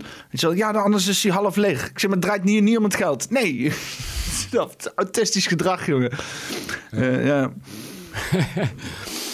Ja, ja. Dat, eh, ik weet niet wanneer jouw vader geboren is. Die van mij in 1950. 1950. Ja, boomers. Precies. Alles bewaren. Alles kan nog nut hebben. En er zit ook zeker heel veel logica in. Maar dan kom je weer bij... Alles is ook in contrast. Even de focus. En daarna heb je reden om eh, feest te hebben of wat dan ook. Hè. Je mag het vieren. Daarom vind ik vasten wederom zo leuk. Een week even niks doen. En daarna kun je weer een heel jaar... Of in ieder geval 51 weken en een dag of wat dan ook. Gek doen, vreet wat je wil. Kijk hoe ver dat je nog het Ja, het, het is zeg maar die defragmentatie van het brein gewoon, weet je wel. Alles, juist, alle, al die dingen die je hebt aangeleerd. Want ik, zie, ik, ik kijk dingen altijd een beetje in computerdingen. Want op zich is computerdingen best wel menselijk op een of andere manier. Ja, dat is heel breinerig hoor. Ja, d- ja, het is systeemdenken, weet je wel. We zijn nou eenmaal een systeem, heel complex, maar we zijn een systeem. Maar dan met, met, met defragmenteren, dan heb je dus al die tijd doe je bestanden schrijven, schrijven, schrijven. En daartussen dan haal je dingetjes weg. En zo op een gegeven moment heb je overal gaten zitten in, in het hele database. En met defragmenteren ga je al die gaten weer opvullen, alles weer efficiënt naast elkaar zetten. Zodat dus inderdaad er meer ruimte vrijkomt om ja, te denken en whatever te voelen en dat soort dingen. Weet je wel, zo zie ik dat dan in de computerkant. Maar Ik noem het ook vaak defragmenteren als ik mensen van onze leeftijd spreek. Mijn moeder heb ik het ook vaak gezegd van, eh, dat ze ook wel met veel met computers gemaakt heeft er werk. Er zijn genoeg mensen van onze leeftijd die geen zak met computers te maken hebben. Alles is via het telefoontje, nou, er hoeft niks gedefra- defragmenteerd te worden. Nee, oké, dat is ook een computer, maar ik bedoel ouderwets. Computer, informatica, dat hebben wij op school nog een beetje gehad, denk ik, of niet? Ja, oké. ja. Net een paar ik, jaar ik, voor ik, mij. dus. Ik, ik, ik heb ook eh, ik heb met mensen in de klas gezeten die inderdaad samen met mij ook, eh, weet ik veel, een of ander raar MS-DOS spelletje hebben gespeeld, weet je wel, met de eerste computer die er was. Maar die mensen hebben daarna niks meer met computers gedaan. Of eh, sommige mensen, Nee, nee, weet je wel. Hoeft ook niet, maar vaak als je dan in die Windows-fase net hebt meegemaakt, dan heb je een keer gedefragmenteerd thuis. Of in ieder geval meegemaakt dat het ding misschien erop staat. Of het woord komt vaker. Ik gebruik hem ook al vaker, daar kwam het op neer. Niks Nice. bijzonders. We hebben, die, eh, we hebben die computertermen in onze zak, jongen. Maar in ieder geval dat Einstein-masker, dat was dus vanwege perceptie. Ja, perceptie is bitch. Want onze ogen zijn ook bijvoorbeeld bol. Dus wanneer kun jij zeggen dat jij werkelijk iets rechts ziet? Ja. Als je het in een bolling binnenkrijgt. Want jouw lijf houdt ook van, net zoals wat je net over had met natuurlijke vormen en feng shui en al dat gebeuren. Nature knows curves. Bomen gaan bijna altijd om hun eigen as. Er zit ergens een torsie in. Het toroidale moment, om het zo te noemen. Het is ook hetzelfde als deze shit, zeg maar. Oh ja, nou, ehm, oh, hoe heet het man? Waar ik met mijn vader dus vroeger altijd heen ging, ergens in Groesbeek in de buurt. En in de bos heb je een stenen gebouwtje, de helft van deze kamer. De vloer is scheef, de muur is een andere hoek. Het- ah, je wordt er knettergek in als je binnenstapt. Ah, ja. Dan stap je buiten en dan denk ik, wow. Net was ik even zeeziek. het is het meest lijp. Ja, ik ken dat ook, ja. Dat het hele perspectief, eh, dat het gewoon fysiek in is gebouwd. Terwijl Als als je er naar kijkt... en dan voel je alsof alles aan het schudden en schommelen is. Het, het is heel eigenaardig. Nou ja, want we- we- zoals wij eh, het hebben geleerd met, eh, met, met ontwerpen, is dat we zeg maar, de wereld op drie manieren zien. Dat is inderdaad door diepteperceptie. Of we zien diepteperceptie op drie verschillende manieren, namelijk door schaduwen, door dus licht-donkerverschil. Eh, eh, door eh, eh, grootte, hè, dus iets wat kleiner wordt, staat verder weg. Eh, en door diepteperceptie met twee ogen. Door dus inderdaad een inschatting te maken met een V. Ja, trianguleren. Ja, ja, ja inderdaad. En da- daardoor krijg je dus scherpte en diepte eigenlijk, zeg maar. Dus als je dan iets voor je hoofd houdt, is, het, is dit scherp en dan is de rest onscherp. En als je dat dan uitzoomt, dan wordt de achtergrond ook scherp. Dus, dus zo werkt in principe een cameralens ook. Alleen dan monochroom met één lens, maar tenzij je in 3D filmt, en dan doe je het met twee lenzen. En dan moet je ook die lenzen moet je dan meebewegen, zo.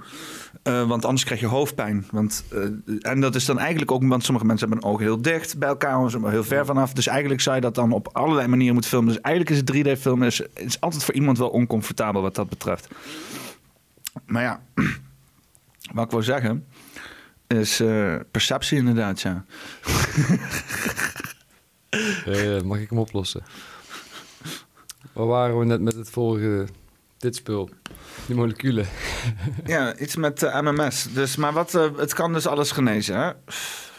Het kan niet alles genezen, maar als je chemisch gaat benaderen, wanneer jouw lijf te veel zuren produceert, en dat zien we wel als H+, protonen, en je kan elektronen als tegenhanger van protonen zien, dan kun je dus dis-ease, te veel metaboliet door activiteit van jouw cellen, cellulaire stress om het zo te noemen, met cellulaire respiratie, oftewel oxide die je inademt, oftewel een stof die hoog in elektronenconcentratie is, dan kom je bij die chloordioxine. Want als je het molecuul zo meteen bekijkt, zul je zien wat die man ook vertelde, Jim Humble, over elektronen. Die zuurstof hebben van die strepen ernaast staan. Ja, dat moest een keer gebeuren. Liever op de grond dan op de tafel. er is bier gemorst, dames en Oh heren. no, it's a spill. It has come to this point. Ik weet niet of ik dit moet wegknippen, maar het kan zijn dat ik hem toch eens een keer moet gaan knippen in de podcast. Ik hou mijn balans wel eventjes.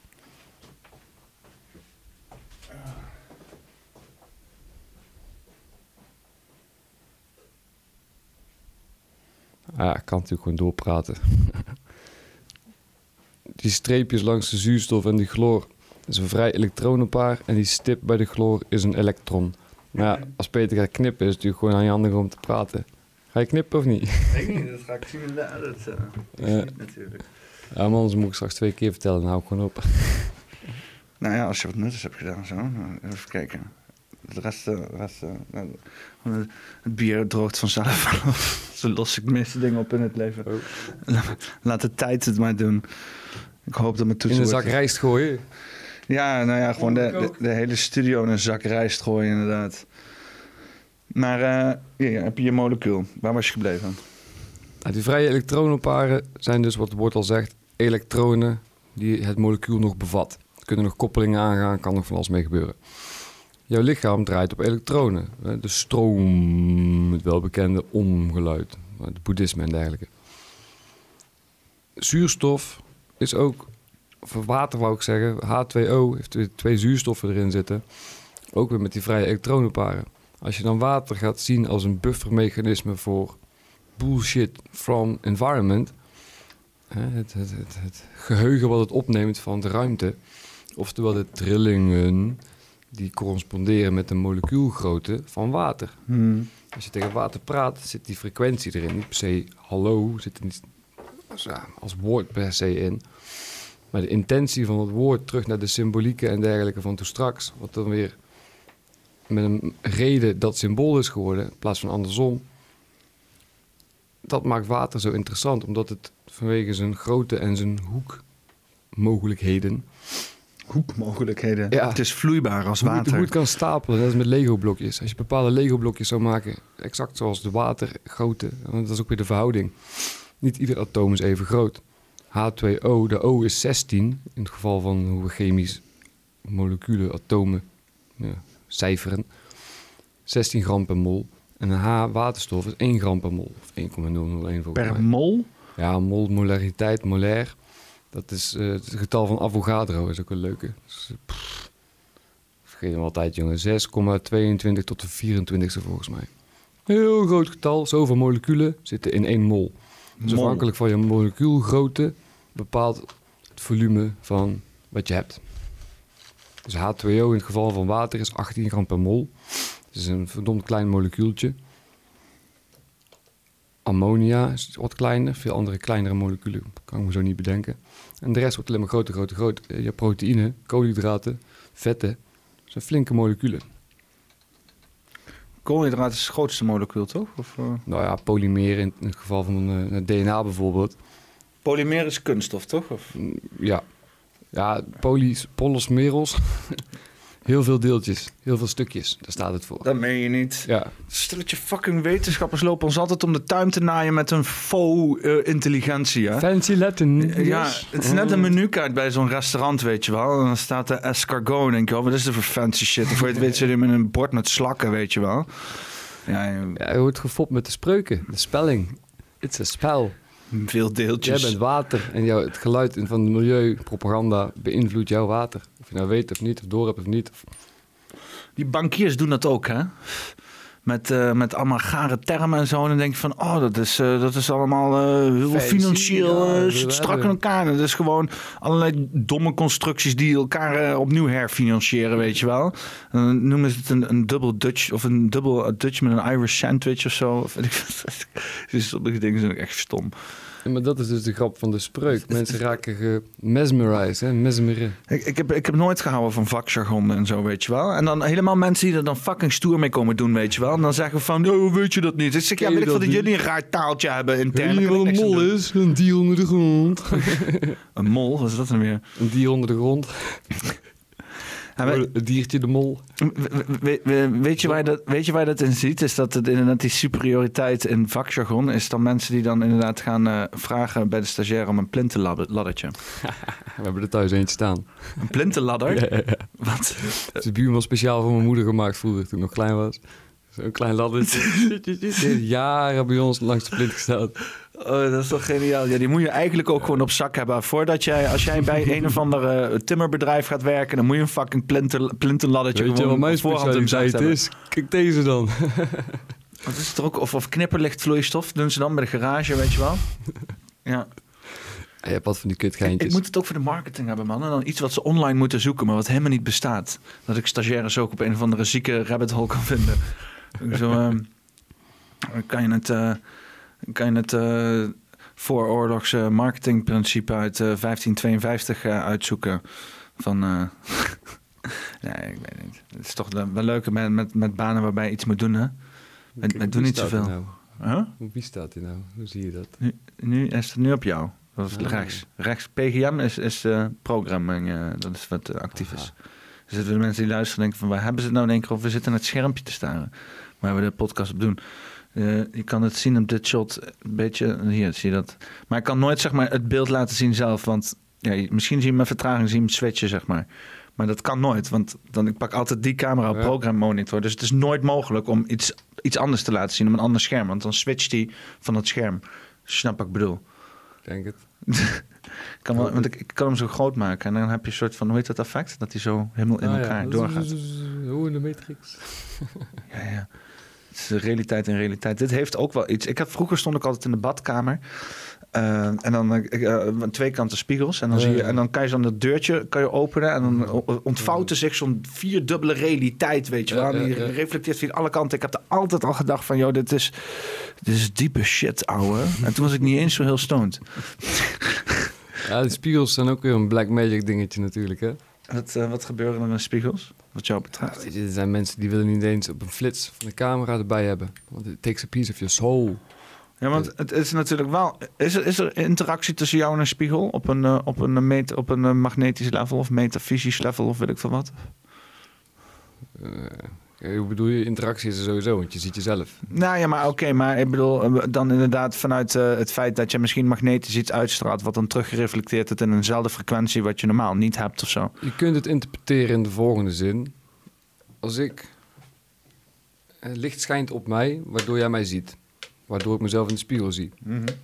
Ik ben een lichtwezen, een energetisch wezen. Je bent alles, lalalala. Let's get spiritual. Ja. Maar op het moment... eh, je hebt ook als DNA een bepaalde fase zit van eh mitose. Meiose. Oei oei, lang geleden. Een van de twee. Dan, dan komt er een stukje UV-licht vrij. Dat staat ook op camera ergens op YouTube, is vast wat te vinden. Ons lichaam draait dus ook op, eh, op stroom, fotonen, wat dan weer elektronen kunnen zijn. Het is allemaal interpretatietechnisch ergens hetzelfde. Het is energie.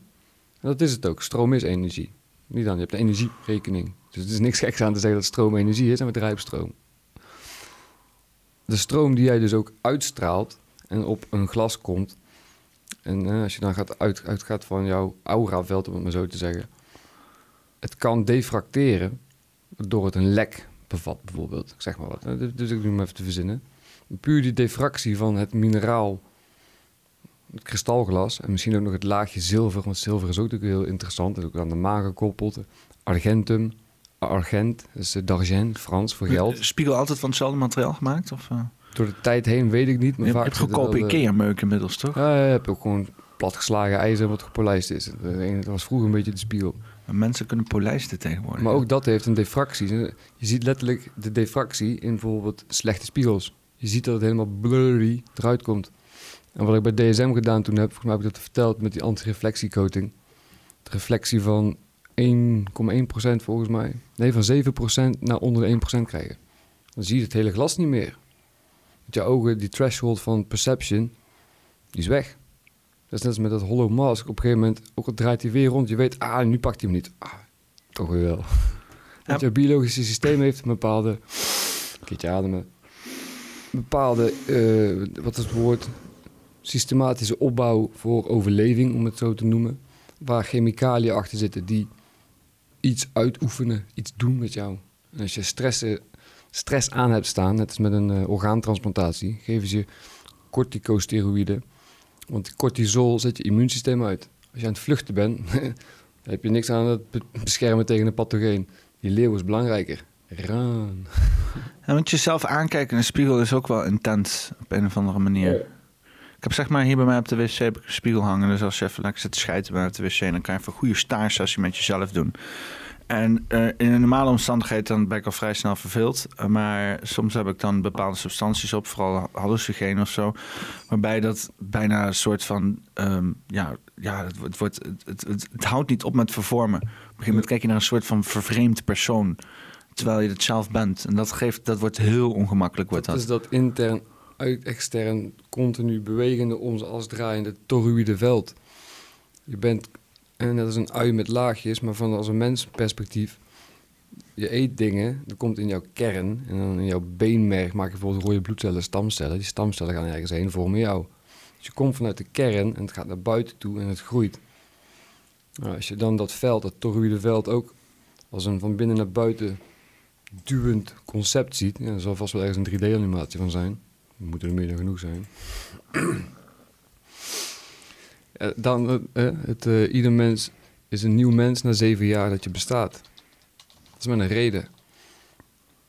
De cellen van ons bestaan, die worden per zoveel jaar allemaal een keer vervangen. Er zijn nogal discussies over, ja, dat niet, dat wel. Uiteindelijk, alles wordt een keer vervangen. Mits je genoeg en goede rust hebt en da, da, da, da, weet je wel. Er zijn heel veel parameters die daarin meespelen. Maar dit dus. En dat is ook... Dat, dat plaatje van mij is een 2D, een, een snapshot, een schijfje. Het is met een MRI, een plakje uit het geheel. Een soort doorsnede, om het maar simpel te zeggen. Van dat veld. En dit is in principe ook waar, waar, waar ze het over hebben met, met al die chakras en zo, toch? Dat ze zeggen van, vanuit je bovenkant gaat er iets uit. Dat zweeft dan om je heen. En dat gaat via je basischakra Ja, weer dat terug je je aura van alles. Ze wordt terug je anus ingeschoten, mensen. Hè? De basischakra zit in je anus. Ja, maar ik ben zelf meer voorstander van, je hebt dan zo wat zeven chakras, dacht ik. Voor mij is dan de vierde, je hart, is eigenlijk de, het nulpunt. En je kunt die kant op, het nulpunt hier. En je kunt die kant op en je kunt die kant op. Dat is met een pH. Je hebt een nulpunt en je kunt twee kanten op fluctueren. In de materiële wereld. En in de etherische wereld, dus de, de, de ja, gassen misschien ook wel. Want dan, eh, als je een goede rookpluim hebt, dan zie je ook allerlei vortexen in die pluim. En uiteindelijk zie je, het tuimelt eerst om zichzelf heen en dan vormt het een buis. Het rekt zichzelf uit. Is er een goede te zien? Oh, hier gaat... Geen goede. Ja, hè? Het vormt een tunnel en het rekt zichzelf uit. En een regenboog is uiteindelijk ook een, een tube, een, een buis. Wat, wat ik altijd leuk vind om te doen, even kijken, voor de, even kijken, voor de mensen die luisteren, die hebben helemaal geen zak aan, maar dat is altijd... Ja, ik krijg toch wat. Als je net uit, zou je net zien. Dat is altijd zo hetzelfde. Goed geprobeerd.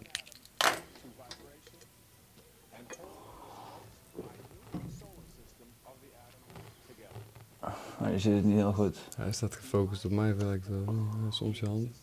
Ja, nu gaat hij goed. Ja, dat is te veel. Maar in ieder geval, die rook gaat dan over je hand heen. En voor de mensen die luisteren, denken van waar de fuck zit ik net te luisteren. Ik zit rook eh, vanuit mijn tip die ik net heb eh eh, gehijst. Zit ik op, wil ik op een oppervlakte naar beneden laten, laten gaan, weet je wel. Dat was ook, ook altijd zo'n trucje met een sigaret en zo. Dus rook is wat dat betreft echt fascinerend. Hè? Je ziet daar wel echt dingen, bewegingen mee die je normaal ja, niet waarneemt, weet je. Ja, dat is thermodynamica op zijn best. Als je dat ziet en interpreteert, dan hoef je helemaal niet naar school. Ik, ik, ik doe vaak tocht detecteren met een vlammetje. Wat wil je met een vlammetje? Tocht detecteren. Dat deed je? Dat, dat doe ik. Oké. Ja, dat werkt natuurlijk. Net als dat als iemand bewusteloos is, ademchecken met een spiegeltje of met een, eh, iets metaal. Dan zie je de condens. Ja, want ik ben sowieso heel bewust bezig met luchtstromingen. van het geheel. Ik, ik ben heel bezig met luchtstromingen in mijn huis en zo. Ja, dat is die feng shui shit, man. Dat is echt interessant, hoor, feng shui. Ja, ik- ik- ik- nogmaals, ik- de ik doe- Japanners, hoi, hoi, hoi. Ik, ik, ik gebruik het voornamelijk om bepaalde aroma's en temperaturen te verplaatsen. Hmm. Ja. Er is vaak veel meer mogelijk dan je denkt. Dat is wel grappig in ieder geval op zoveel vlakken. Je hoeft je niet te vervelen in dit leven. Nou, ik, ik, ik zeg vaak van, het is niet feng shui. Ik heb geen idee wat feng shui is, maar ik heb voor mijn gevoel het goed wel... voelt. Ja, en dat, zo doe ik het ook behandelen. Voelt goed, weet je wel, een bepaalde openheid, een bepaalde stand. Ik heb wel iets, en dat heb ik misschien van mijn ouders meegekregen, is een winter- en een zomerstand in huis. Ken je dat? Bepaalde planten verplaatsen of iets dergelijks. Nou, vooral de bank vaak voor de verwarming weghalen en zo. Maar omdat die anders midden in de woonkamer staat, zijn het misschien kleine huisproblemen. Maar eh, normaal eh, heb je je bank aan een open vorm. Weet je, als je een hoekbank hebt in een open vorm naar de woonkamer staan, maar dan staat hij vaak voor de radiator. Ja. Dus dan in de winter dan eh, haal je hem voor de radiator weg en dan wordt je woonkamer iets wat kleiner, omdat er Ah. vaak een bank midden in je woonkamer staat. Maar ja, dat neem je maar genoeg mee, want dan is je huis wel lekker warm, zonder je helemaal kapot te stoken. Dus tegenwoordig is het helemaal. Dus fucking millennials out there winteropstelling. Radiator vrijmaken. Als je dat niet van je ouders hebt meegekregen, kijk de poppenkast. Volg me op Instagram. En dan heb je ook nog discussie over met je hoofd naar het noorden, naar het oosten, naar het zuiden, naar het westen liggen. De Egyptenaren hadden schijnbaar een dingetje met de voeten iets verhoogd hebben in plaats van je hoofd. Dus een hoofdkussen is niet eens per se goed voor je. Want dan gaat er juist meer bloed die kant op. Daar, daar, daar lekker zijn ding kan doen. Ja, alle transporten goed kan regelen. Cellulaire respiratie. Het doorpompen van alle sappen door je cellen. Ik lig nu wel eh, de andere kant op als dat ik normaal altijd lag thuis. Als ik mijn huis even vanaf hier eh, positioneer, bekijk. Die staat dan zo. En dan, ik lag dan altijd deze kant op. Dus ik lig nu eigenlijk een kwartslag gedraaid. Ten opzichte van hoe ik opgegroeid ben. Ja, ja. Het verhaal van de boeren vroeger met een koeienkudde. Ze lieten de eerste nacht als ze ergens op een nieuw terrein gingen, de- de boerderij bouwen en dergelijke, stallen, dieren gewoon los. Waar zij gingen slapen die nacht, daar werd uiteindelijk de stal gebouwd. Want daar trokken de dieren naartoe. Dat was hun, ah, hier voelt me goed. Nou, als je dan gaat kijken naar Victor Schouwberg, is een mooie one-liner. Natuur kapieren en kopiëren. Is natuur begrijpen en interpreteren. Natuur geeft alle antwoorden. De informatie is overal.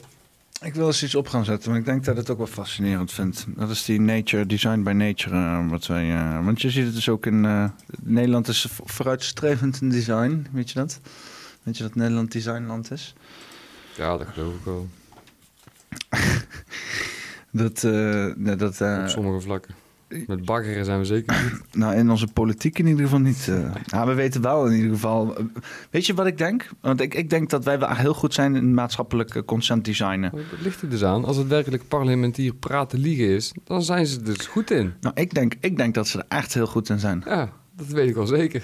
Maar ik denk dat Ma- Mark Rutte die liegt, dat dat zelfs een, een, een afleidertje is. Van check deze liegende gozer. Voor iedereen die daar allemaal aan het liegen is, dat ze barsten, weet je wel. En dan als er gelogen wordt, kunnen ze allemaal zeggen, oh Mark Rutte. Maar uiteindelijk zitten ze allemaal zitten ze uit hun nek te lullen, jongen. Daar ben ik niet akelig van. Ik heb er maar weinig mee. Met politiek. Ja. Het- het- Zou het anders kunnen? Is politiek niet onvermijdelijk?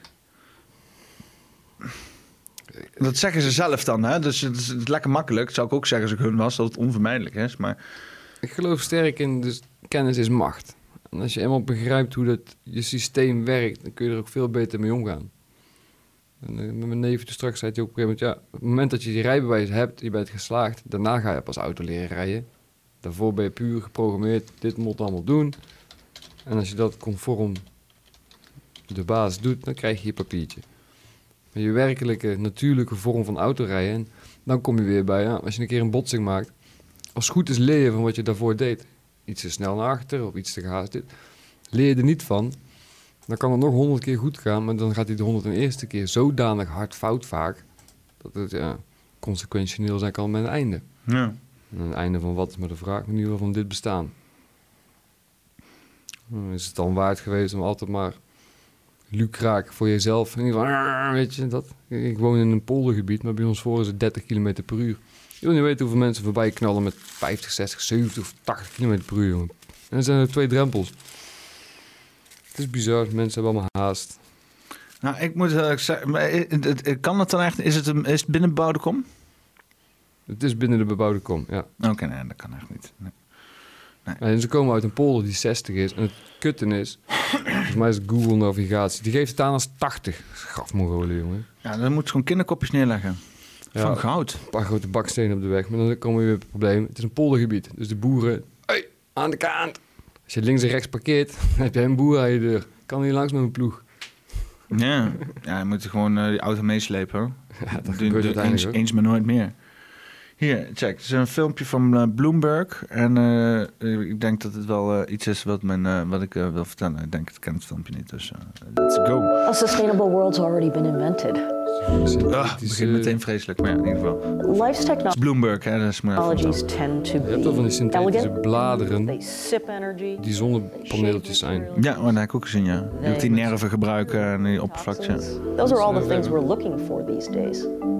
It's as if you were tapping into an R&D lab that you could never afford and that has been going on for 3.8 billion years.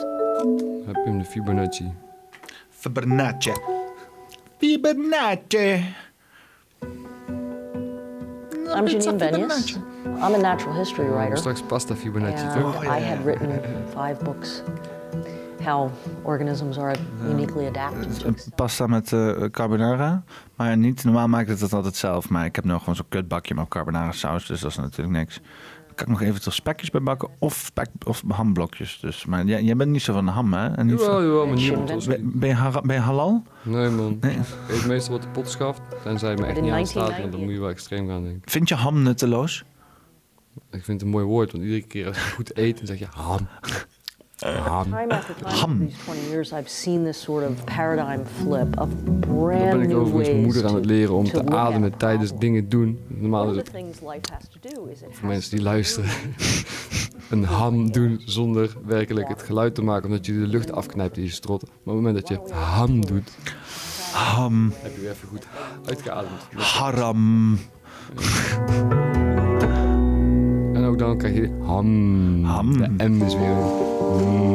So one of the advantages of using energy-efficient design like biomimicry is we can engineer a product that's far smaller than competitive products. Now that means we use less material, it means our motors use less power, The same design principles that nature's been using for billions of years are the design principles that we distilled into the lily impeller.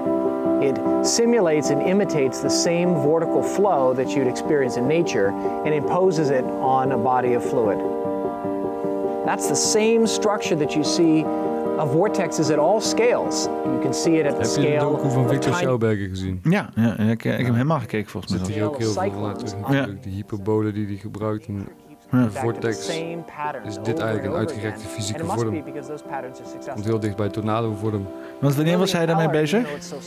Eind, nou, hij was geboren ergens in eind 1830 denk ik of zo. Oh, jezus. 1840. Dus dat is echt eh, al ver voordat eh, ja, die hele industriële gebeuren, dat heeft alles echt eh, plastic gemaakt en zo. Ja, allemaal olie. En nu komen we toch weer terug op van, nou, we moeten misschien toch iets met dat natuurgebeuren Het is doen. allemaal explosie-energie. En wat ze daar doen is implosie-energie.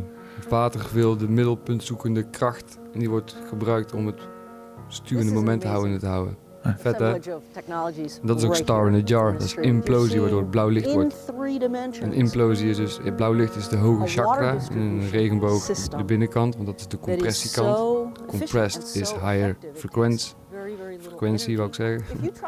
En minder druk, de buitenring, is dus rood, omdat het, dat is met het Doppler effect.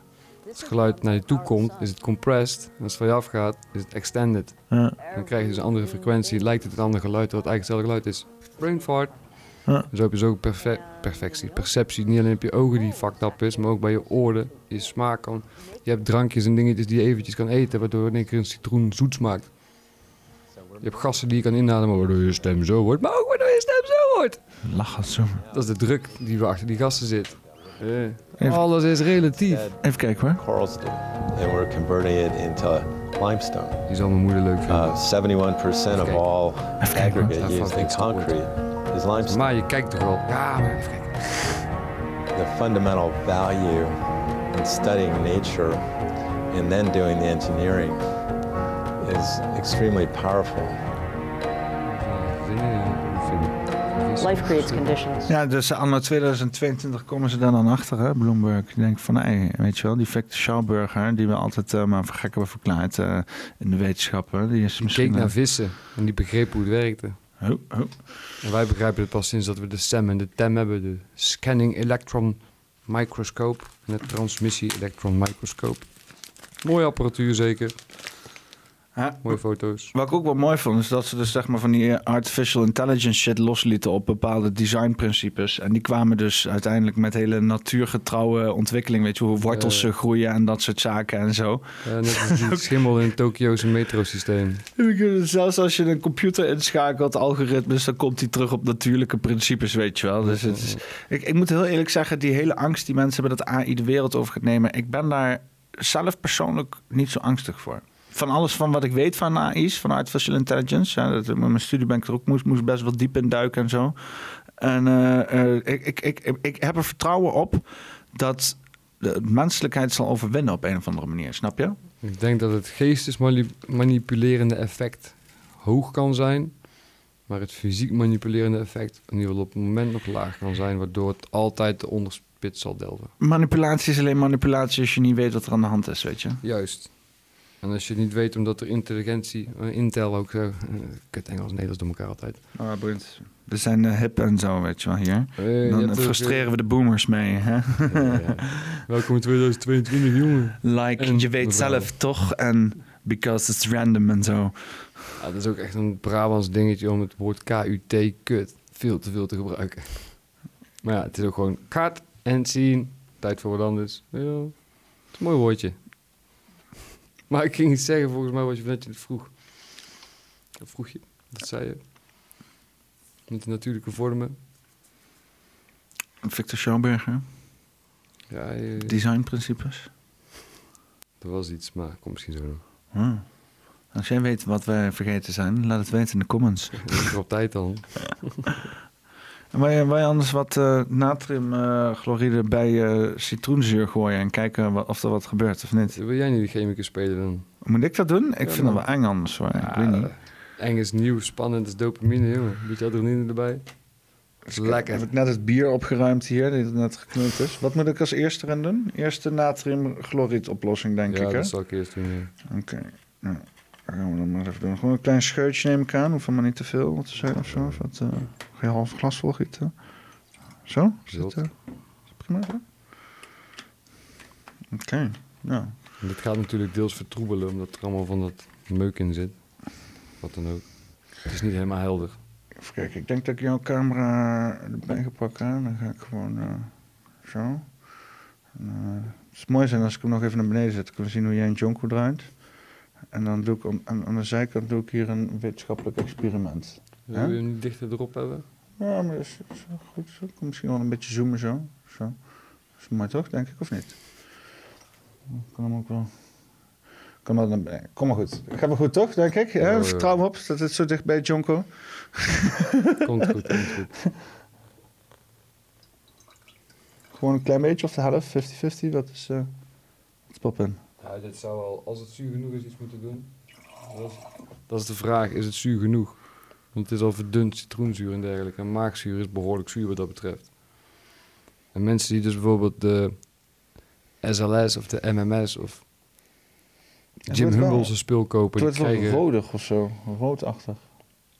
Maar misschien is dat soms... Nou, er gebeurt niks bijzonders, dames en heren. Nee, geen explosies of wat dan ook. Maar dus, eh, ja, je hebt hier dus MMS dan. En eh, dat spoelt dan je lichaam eh, door of zo? Of wat, eh wat, wat is poppend met die shit? Er zijn verschillende interpretaties mogelijk. Je kunt het dus zien als het geeft extra elektronen aan je lijf, waardoor je lijf weer meer stroom heeft om op te draaien en kan functioneren. Er zijn ook heel veel parasieten en bacillen in ons, virussen, wat dan ook, die niet goed kunnen tegen bepaalde oxidatiegradatie. Dus het oxideren effect van eh, antioxidanten bijvoorbeeld. is ook zo'n stof die we graag toenemen om rotzooi op te ruimen. Dus dan heb je al drie opties. Hè? Tegen pathogenen, stroom voor je eigen of anti-radicalen, dus antimetabolieten, simpel te zeggen. Ja, in mijn optiek is het vooral het, het stroomgedeelte. Dat is met het water. Puur het water veranderen op magnetische staat. Als ik het zo mag benoemen dan weer. Het is altijd een moeilijke woordkeuze, maar ik moest ook gewoon flappen zoals ik ze flap. Het, het is zo simpel en zo over het hoofd gezien. Waardoor het ook... Het scheermes van handel nog ergens opgezocht. Scheermes van handel. Heel veel dingen gebeuren door onze stupiditeiten. En zo heb je ook het scheermes van Ockham. En Ockham zegt dan weer... Wat de meest logische beredenering is, is vaak ook de waarheid. En dan kom je terug bij natuur begrijpen. En als je natuur gaat toepassen in je begrip, in je kennis. Occam's razor.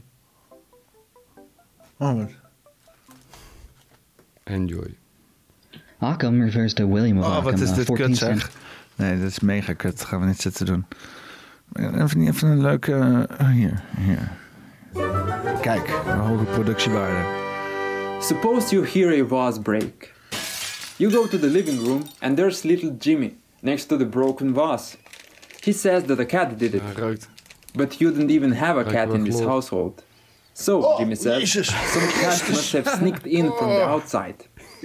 You remember closing all the doors and windows. jongen. Chemisch ruiken so, altijd says, zo. it must have entered the house oh. before you closed them. Next, you oh note that Jimmy is allergic to cats. Maar dat is deze niet. You don't see him sneezing. So, he says, it was a Sphinx cat, which has no in ieder geval. fur. You go look for the cat, but you can't find it. Ja, dat is dus chloor wat Jimmy says it already ran away by now. This conversation, in principle, could go on je forever. Ja, oké, dit filmpje is vet kut. Leg eens even Occam's Razor uit. Want even e- eerlijk zeggen, als je kennis goed beheert... dan moet je het ook goed simpel kunnen uitleggen. In, in complexe discussies. Ik heb echt veel chloor in geademd. Oh man, ik ga hier dood, jongen.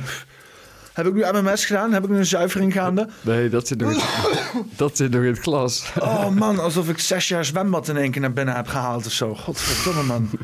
Oh, Jezus Christus. Als ik vanavond lig weg te teren in mijn bed en mijn brein die, die lost op naar een of andere vloeibare stof, dan weet ik dat ik nooit bang, meer niet te, bang, niet te bang voor chloor, jongen. Al onze cellen, vooral de zenuwcellen, draaien ook allemaal met chloorpoortjes, chloorkanaaltjes. Chloor is Cl-min. Dat is dus weer de bepaalde factor om een lading, potentiaal aan de kant van de membraan op te laden. Dat doen ze met natrium, cesium, of cesium, calcium en eh, die andere. Hydroxychloroquine. Ja, dat is ook een, eh, een basismolecuul volgens mij. Kinon. Oh man. Maar het leuke van dit verhaal komt terug ook in het verhaal van ivermectine. Nee, wacht even. Occam's Razor. Oh, scheermes van Occam.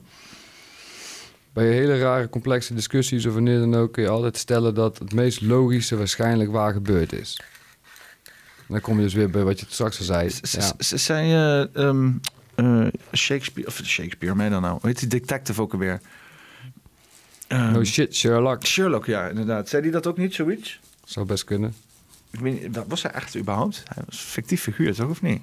Ja, dat is vaak ook weer berust op verhalen van vroeger en zo, weet je. Net als met Game of Thrones. Dat zijn allemaal ouderwetse verhalen van de geschiedenis. Aan elkaar geplakt met een leuk fictief leidraadje en zo.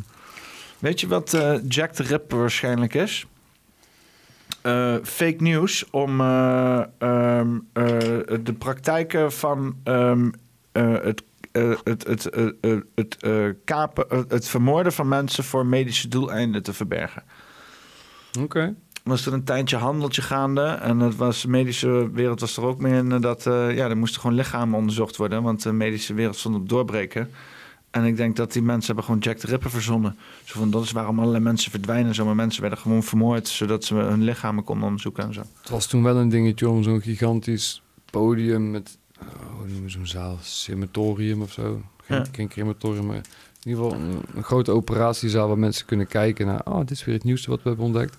Tijden van de Grieken was het verboden volgens mij om mensen open te snijden. En dat werd allemaal onder de grond gedaan. Waardoor ook heel veel van die fysieke kenmerken occult zijn. Die, die mensen kregen gewoon 12 pence en 11 shilling voor een fucking lichaam. Moet je je voorstellen. Ben je tegenwoordig waard? Halve ton? Nee, dat is weet ik veel. Pabarki in de tegenwoordige tijd. Ja, orgaanwijs ben je al snel wat eh, een half miljoen waard volgens mij. Ja, die- Tenzij je ongezond leeft. Dus eh laat het aan de communistische partij van China over om eh, daar wel geld in te weten te vinden. Falun Gong doen op het Heilige Plein, of hoe heet dat plein? En dan word je opgeruimd. Dat was in 1992. Nou ja, eh, tegenwoordig als je social credit score te laag is, dan, word je denk ik ook wel, eh, dan ben je ook niet veel meer waard als burger, zeg maar. Ja. Je zei dat gisteren zo mooi. Oh, Stef, je breekt ook, je doorbreekt alle sociale wetten. Eh, toen je in Jonko zat te draaien daar, of... Ja, midden in het publiek. Nou, niet midden in het publiek, maar gewoon...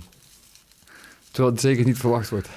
Nou ja, maar het is wel aangenaam inderdaad dan gewoon lekker. Want dat, dat stel je dan niet voor dat je dan zeg maar Matthias de Met bij de Nieuwe Wereld ziet of zo. En dan je denkt van oh, ik ga die gozer in de toekomst zien terwijl ik een jonko aan het draaien ben, weet je wel. Dat is, dat is niet het eerste waar je opkomt, maar dat is wel het beste scenario. En dat bewijst dat ik in de goede tijdlijn zit. Welkom. Welkom in de goede tijdlijn. De groene tijdlijn. Want natuur is groen en ik hou van natuur. Eh, Ja, groen is dus wel weer het midden van de regenboog. De balans, de gulden middenweg. Hoe vind je die? is groen in het midden, ja. Ja, het zit in de middenband. Dat is de diepste doorsnede in de tube. Waardoor je hogere condensatie van diffractie krijgt, waardoor wij dat groen zien. En die andere is een versnelling, waardoor wij minder diffractie. En de andere is een vertraging, omdat het... eh, Is blauw en geel ook geen groen? Ja, met kleuren mengen. En ze hadden ook verwacht dat dat met de receptoren van de ogen zou zijn. Maar die zijn blauw, rood en groen. Ja, want als ik bla- blauw licht en geel licht op elkaar doe, dat werkt allemaal niet. Dat is niet, eh, dat is niet hetzelfde. Nee. En dat is, eh, het is heel apart hoe licht kleur anders werkt dan. Maar weet je, licht is ook zo, zo vreemd, weet je wel. Het is ook mindblown als je krijgt te horen van... ...joh, jij bent eigenlijk alle kleuren die je niet bent, zeg maar. Dus dat, dat, dat, dat shirt dat je aan hebt, dat, alles groene shirt... groen. dat is alles behalve groen. Want datgene wat je ziet wordt afgekaatst, weet je wel. Dus, Ja, dat is het leuke aan moleculen. Als je dan kijkt naar infraroodspectrometrie. Je hebt een sample van je, in het geval dat je bijvoorbeeld aspirine maakt, stop je in een analyseapparatuur, apparaat, de IR-spectrometer. Infrarood is een spectrum wat buiten ons visuele stukje zit en dan gaat het flink door. Het is een heel groot infrarood spectrum, er zitten heel veel opties in onderlinge bindingen, zoals bijvoorbeeld met die koolstof en die dubbelgebonden zuurstof. Je hebt ook koolstof, koolstof, koolstof, dubbele koolstof. Misschien heb ik het al eens een beetje verteld. Iedere binding heeft weer een eigen frequentie Dus de opbouw van verbindingen in een molecuul hebben een fingerprint, net als met die MS, die massaspectrometer. Mm. Als je een stof eikt, dan wordt dat je referentie. En dan kun je zeggen, nou, iedere keer als ik dat tegenkom, heb ik waarschijnlijk dit, weer die waarschijnlijkheidsfactor. Dat is ook het grappige trouwens, even tussendoor met girale centra. Ieder molecuul wat een giraal, giraal centrum heeft, kan linksom of rechtsom draaiend zijn. Waardoor je dus weer twee draaiingen krijgt, de splitsing van het uiteindelijke geheel. En dat geeft een gigantisch andere uit- uitwerking. Zoals ze met de DES babies hebben ontdekt. En vooral met de Softenon-schandalen, 60 jaar geleden meen ik. Softanon? Softenon. Dat was een product Is van dat een soort Organon. een andere QAnon? Nee, nee, het was een product van Organon voor zwangere vrouwen. En ik meen een generatie later, die kinderen, die kregen allemaal soft bodies. Allemaal lichamelijke afwijkingen met hele ja, softe baby's. Zo'n slappe... ja, een bepaalde boosterfolie. Dit is, dit is hoe onze generatie gezien wordt door En dan actie-reactie, zo. achteraf leren en dan komt er weer een afbetaling. Slappe, slappe zooi hier die je leegt. Softenon is niet het officiële naam van medicijn, maar dat is verhaal eromheen een beetje heet. Slappe mensen gewoon, weet je wel. Van dat, van dat tweede rang zaad, weet je wel. Zo van dat eitje dat gewoon... Dat, de eerste zaad, dat is gewoon een heel ander leven begonnen. Het tweede zaad is gewoon aan, aan, aan de gang gekomen. Daar ben jij met... Er was, er was iets met zo'n... eh, Van, sommige mensen zijn gewoon het, het voortproduct van, van slecht zaad. Ik weet niet of dat nou een Nederlandse cabaretier was. Ik snap niet hoe hij daar een grap van gemaakt heeft. Eh, we moeten naar de camera kijken door dat ding heen. Dit is dan ook leuk als je zonlicht aan de ene kant hebt en droge materie aan de andere kant. Kijk eens naar de cameralens en probeer je cameralensen scherp te krijgen. Condenseer Ja, ja, dus- Oeh, dan krijg je zelf helemaal uit. Doe, eens iets dichterbij. Iets dichterbij. Ja, dat is perfect. je krijgt een heel groot... oogbal. Je ziet de alens in mijn oogbal lijkt wel. Ja, je doet het nu goed. Nu zie je een hele grote neus. Oh, daar zo. Ik zie dat die witte... Ja, je kan niet naar het ding kijken en je kan alleen of doorheen kijken of naar het scherm. Je kan niet twee dingen tegelijk doen. dat is moeilijk. Ah, klaar met. Je moet een professional moet ervoor zijn. En je moet focussen op de, de camera. Het is jouw de podcast. Ja, waar moet hij goed in worden? hebt het is- vaker gedaan. Dit definieert mij. Dit definieert mijn poppenkast. Dat ik af en toe door een loop heen kijk. Ik heb hier nog een loop liggen. En die is misschien nog wel iets swankier. Dat is misschien wel mijn, eh, mijn, mijn guest loop. Mijn vader heeft een grote postzegelverzameling en die had ook altijd zo'n flinke loop erbij. Vet leuk om doorheen te turen de hele tijd. Eh, Je moet zeg maar naar de, naar de lens van de camera kijken. Door dat ding heen. balken. Door de hele ding. Ja, je, gewoon hier doorheen en dan proberen de lens van de camera een beetje... ja, nu zien we je ogen. Ja, het idee is, als je ogen de lens Opgekop in ziet... die bal. Dat is ook wel leuk. Oh ja, De die bal bal is ook wel vage shit inderdaad. Doen? Voor de mensen die luisteren en denken van... waar ben ik in godsnaam in beland? We zijn met loops aan het spelen. En dit eh, laat ook heel goed de refractie van het licht zien. Waarbij je dus inderdaad licht letterlijk laat buigen. En los van het feit dat we in een of andere tijdsruimte continuum zitten. Wat dan? Wat, eh, wat gebeurt Die er? verbuiging is te sterk om je beide ogen scherp op te, op te krijgen. En dan? Ik weet niet, ik gaf een heel rare... Mijn ogen gingen pijn doen. Het is een beetje als je een soort van een andere bril opzet van iemand anders of zo. beide ogen Dat is ook wel gelijk. fucked up. Het scherm erin proberen scherp te zien. Oh, op die fiets. Ja, ja, ja. Kan wel zo proberen. Met beide ogen tegelijk de lens, het beeld in de lens scherp zien. Oh, jezus. Doet u dat? Het beeld. Ja, nee, Ja, het beeld in de lens. Ik probeer de lenscamera scherp te zien. Dan, kan je- dan kunnen mensen mijn ogen zien. Ik weet niet of ze iets zien. Oh. Is de joekel van de ogen. Ja, ja. dat werkt goed. Het is uh, iPlay. maar eh, hebben we nog iets nauwelijks te doen of niet? Dan zeg jij... eh, Het gevoel dat er heel veel dingen openstaan. Oh ja, dat is een belangrijke dus. Paracelsius, kun je me... Ja? Moest dat nog gekeken worden? Nou, Occam's razor is dus vooral... Het logischste is vaak de meest voor de hand liggende waarheid. Dat, dat zal waarschijnlijk ook zijn gebeurd. En dan ga je er wel heel snel van het materialistisch uit. Dus er zit daar weer aan verbonden. Maar er zit een heel... nou, zoek het op, Occam's razor. En je hebt dus ook Hanlons razor. En Hanlons razor is dat heel veel van ons gedrag uiteindelijk voort is gekomen door stupiditeiten ja, voorheen. waarom noemen al die mensen het een eh, mes? Het scheermes, dus een, it's on the edge, en de cutting edge van... Dat is mijn interpretatie in ieder geval van. Maar is dat niet dan een beetje zeg maar die hele dualiteit promoten, terwijl het leven vaak een spectrum eh achtige situatie aan heeft? Het is een smeer, zo zie ik het vooral. Het is één grote smeer en uitsmeer. Smeer. Ik zag twee beren, broodjes smeren. Dan heb je de grote en de kleine beren en die smeren een partij over aarde heen. Hoppatee. Ja. Oh, het was een wonder. Nee, ja, ik, ik, zie, ik, zie, eh, ik probeer helemaal niks meer zwart-wit te zien. Want het, eh, het maakt alleen maar alles. Het, geeft gewoon eh, elke keer een, vers- een verstorend beeld van whatever de fuck gaande is.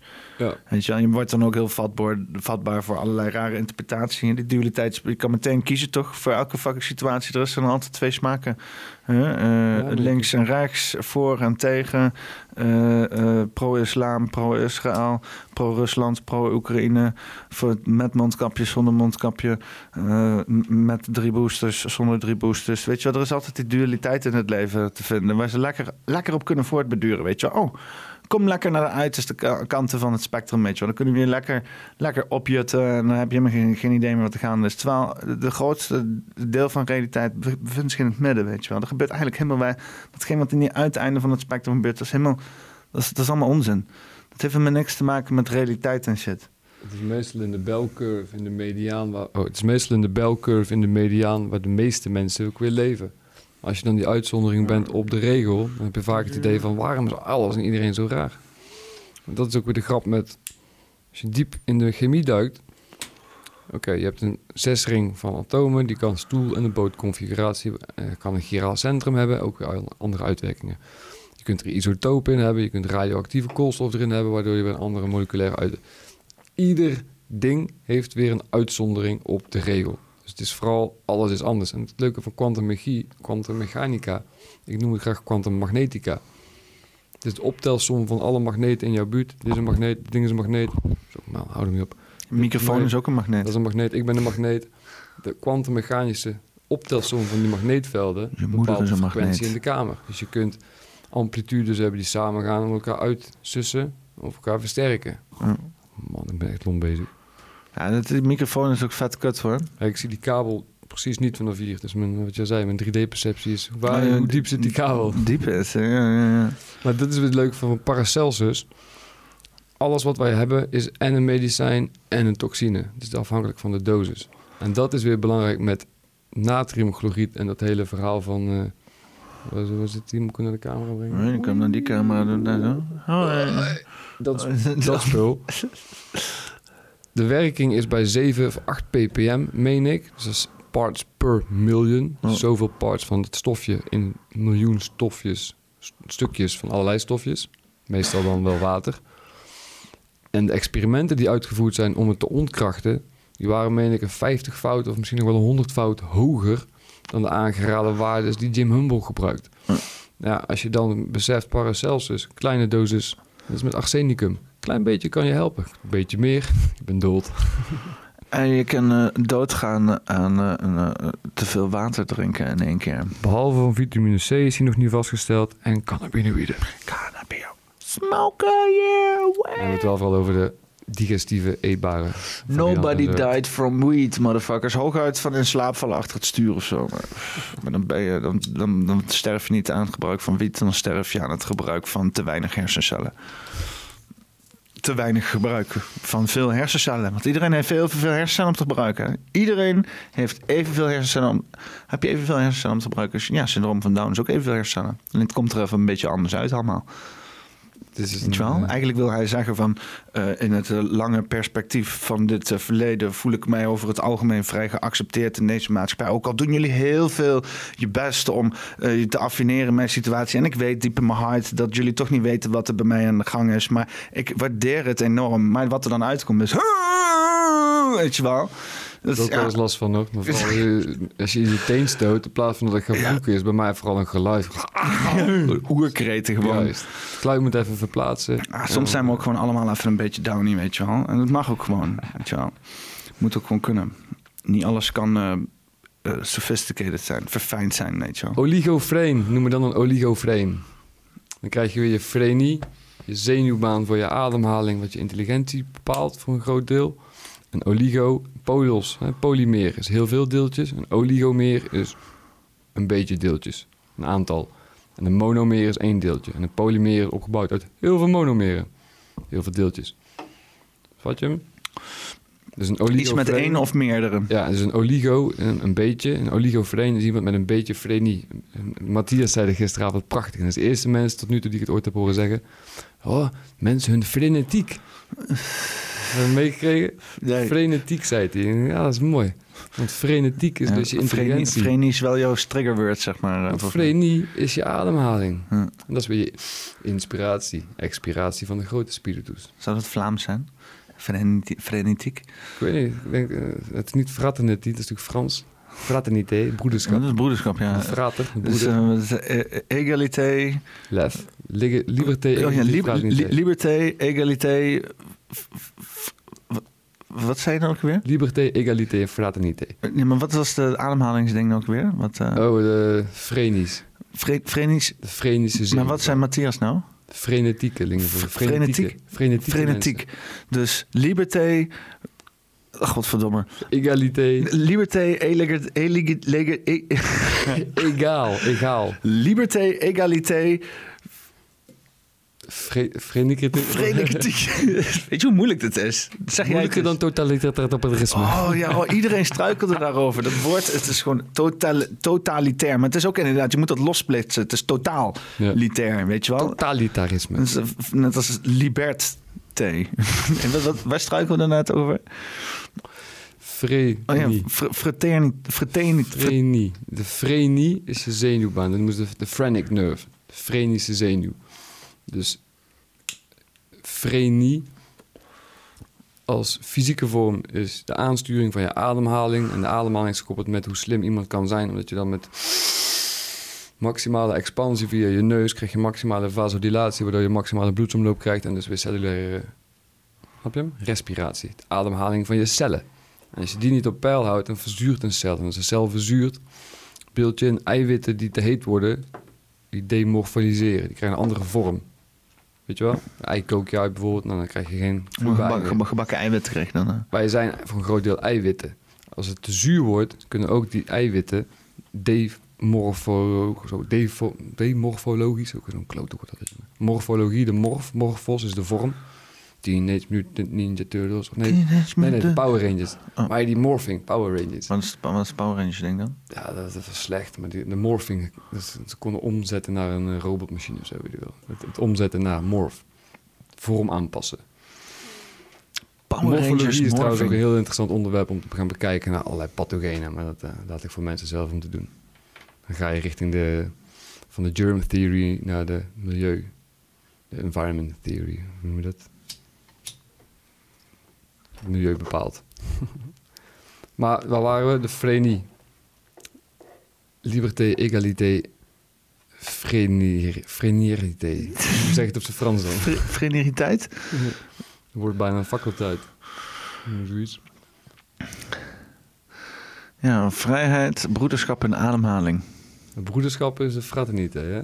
Oh, wacht even. Dan is, Egalité is gelijkheid. het, eh, dan is het over vrijheid, gelijkheid en ademhaling. Ja.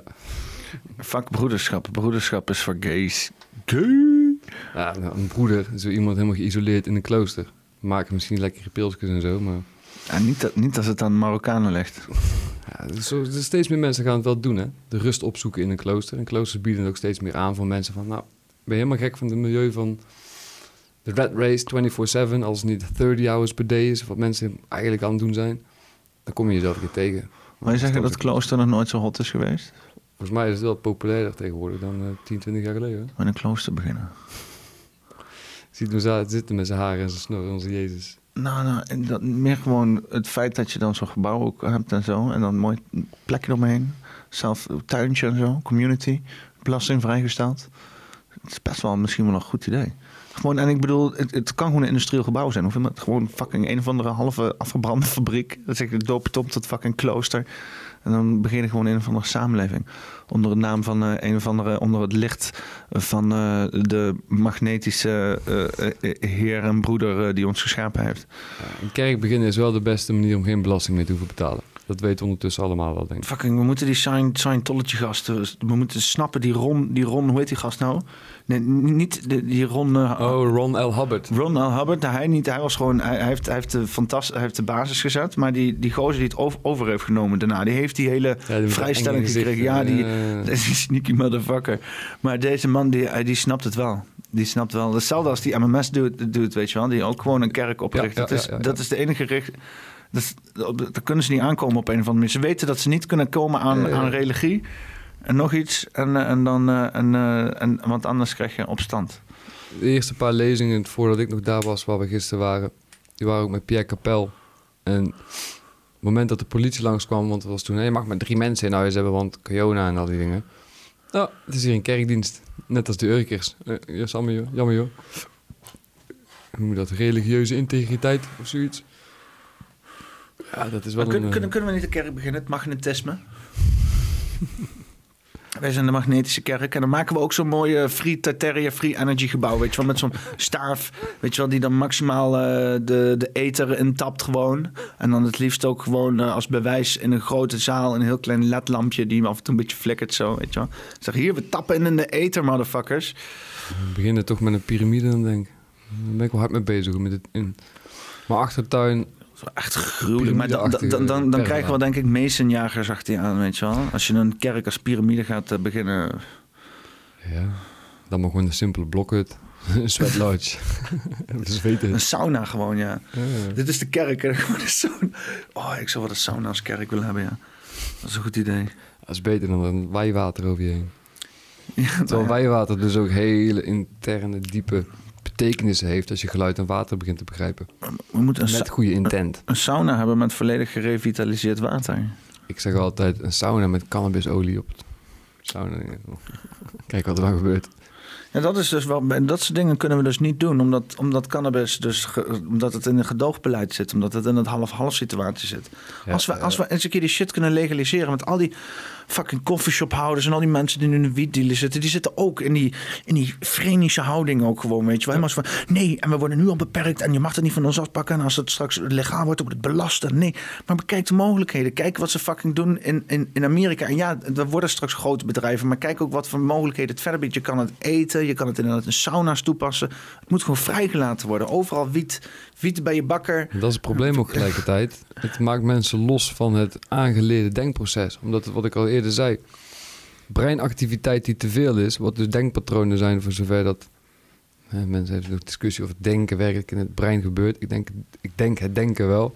Het doen is de uitvoering van je brein naar je lichaam. En je herinneringen zitten waarschijnlijk in het water in en om jou heen. Daarom kun je herinneringen hebben aan plekken wanneer je er weer komt. Zo heet het déjà vu en... bla. Wat, wat was het nou? Coffeeshophouders? Ja, ja, dat is ook altijd een interessant verhaal. Ik heb ook wel eens gedacht, als gewoon met mijn moeder als een soort een, eh, voor patiënten coffeeshop-achtige plek begin. Vanuit de gemeente gesubsidieerd. Dus ik was naar de burgemeester toegegaan. P van de A, hè, zogenaamd voor het landelijk beleid om het wat gedoder te maken. Nee, cannabis is taboe in onze zogenaamd groene gemeente. De groen-blauwe gemeente. Eh, weinig groen. Het is een groot taboe. Eh, dat was het. Het genereert dus homeostase in jouw brein. En als je trauma's hebt, op wat voor gaaf vlak dan ook. Cannabis kan het in één keer oplossen. wil niet zeggen dat het fysiek is opgelost. Het fysieke aspect is nog altijd aan de persoon zelf, het diertje zelf. Nou, als je die cannabinoïden het werk hebt laten doen, doen ze dat overal, behalve op de ademhaling, wat ik al eerder zei. Hm. Nou, en die ademhaling is wederom het is je uitlaatpijp. Als je je auto start en je, je blokkeert je uitlaat, dan rijdt hij niet heel lang. Nou, als jij al jouw geproduceerde gassen intern niet op tijd kwijt bent, dan verzuur je het uit. Hm. Dan word je ziek. Nou, ademen.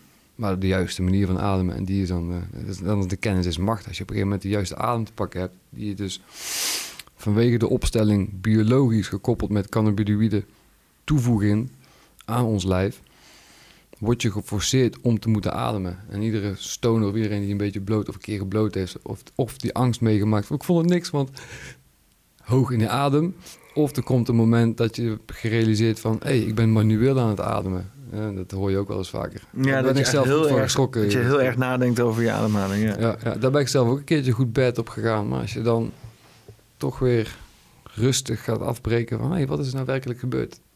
Het was in mij natuurlijk. Die, die stofjes deden iets. En toen was mijn interesse al snel ge- geprikkeld, zou ik maar zeggen. Ja. Wat gebeurde hier? Ja, als chemicus wou ik het weten. Raphaël Megaloum. Ik weet niet of je de naam al eerder heb gezegd. Ga hem opzoeken. Al sinds de jaren 70 is hij bekend met het endocannabinoïde systeem.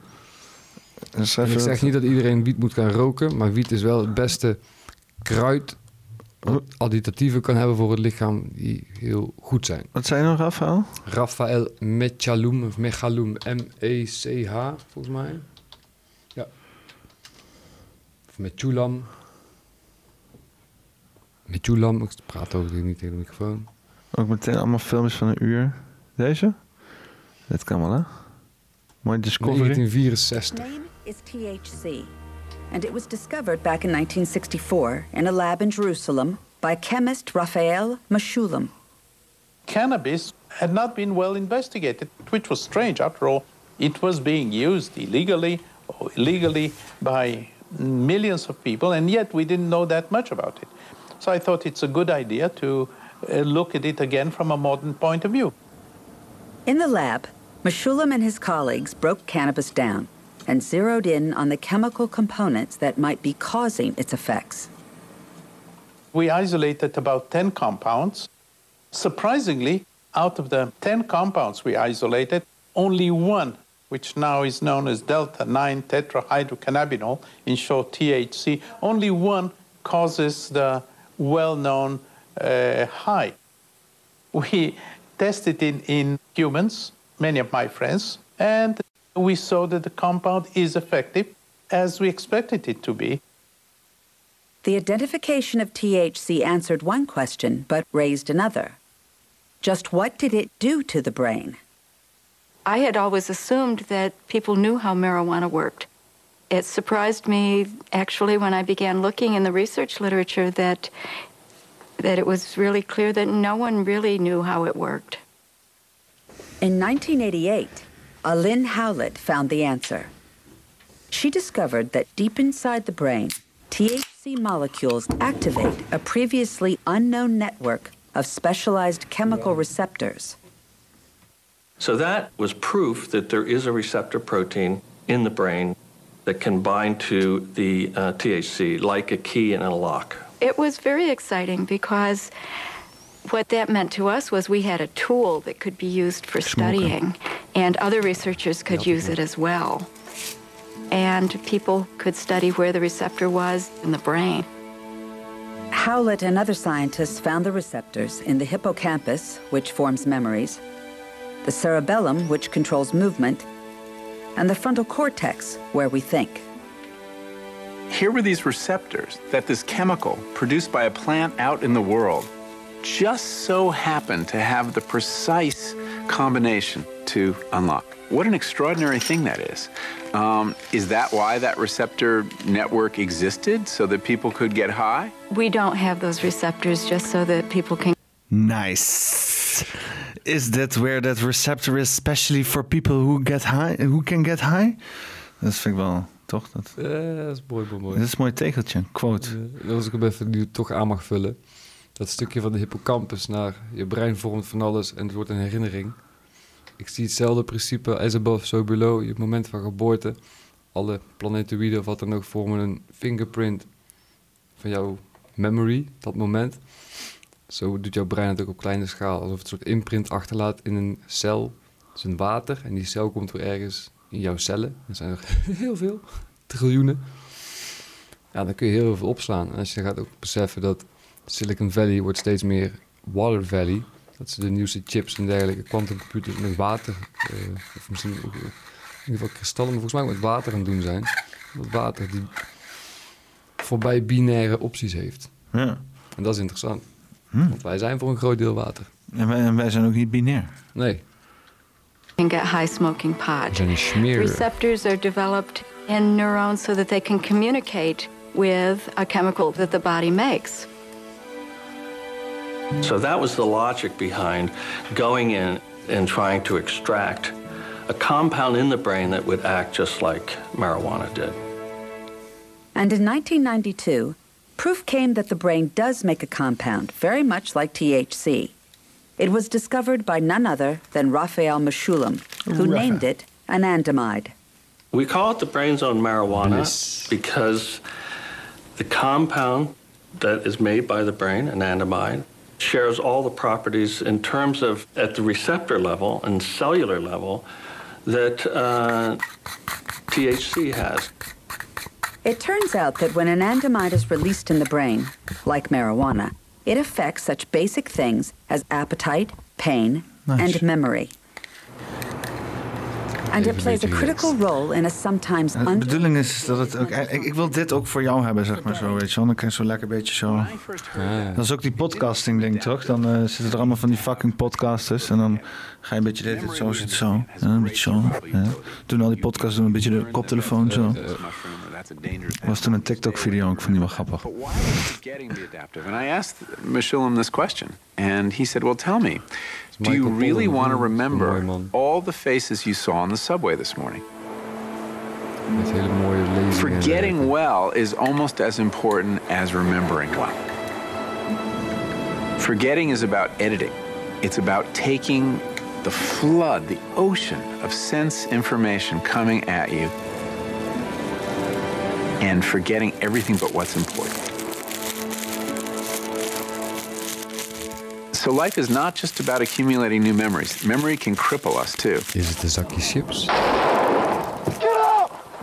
Nee. You have soldiers returning from war zones that are traumatized by experiences that in effect they can't unlearn. Bijna. So if you could help them Het is wel unlearn heilig. essentially a productive kind of forgetting, either with a ik drug or uh, some other Dat is ook kind of wel regime, that would be incredibly useful. Nou, niet optimaal. Een uh, jonko gedraaid met bamboeblad. Ja, schijnbaar kan dat best prima, maar moet het nog eh, goed leren. Wat, want eh, wat, ging er, wat ging er fout? Wat was, eh, wat was de grote crux? Het blad ontbrandt heftig en daarna brandt het zichzelf eigenlijk uit. Dus je hebt een, een halve seconde van, het staat hier, ah, dat was het. Is vooral een inbranderprobleem. Of, Dat niet. Het beperkt zich dus ook heel erg tot de afstand. Maar het gaat eigenlijk te snel om... Ja, en ik moet zeggen, dit blad was ook kurkdroog. Want een maatje van me zei dat een keer voor de gein. Dus ik dacht, nou, ik maak iedere dag jointjes voor mijn moeder. Nou, probeer eens wat natuurlijkers. Shit, puur roken, een keer lachen. I know, I know. Fuck, is op. Ja, ik, eh, voor mijn moeder staat er een waterpijp. Ik heb een op gas gebaseerde vaporizer. Een elektrische vaporizer. Doet je moeder? Hits Goeie vette bong zou nog wel leuk zijn voor je. Ja, daar wil ik een keer lachen. Hits from the bong. Ja, ja. Kijk, blijft leuk, blijft mooi. Mr. Greentown. Ja. Mm, Ja, ken je Reggae Shark natuurlijk ook wel. ik niet. Reggae Shark. Ja, ja, ja, ja. ja. En Ik had hier een tijdje, ik heb hier, wat, ik heb hier zo'n reggae plaat liggen en zo. Ik had hier een tijdje de, de vinylspeelhakje liggen. En dan ging ik plaatjes draaien. Dan kreeg je wel massive auteurrechten claims. En dat is op zich niet zo'n probleem, want ik doe niet mee aan het partnerprogramma. Dus ik verdien niks hiermee, weet je wel.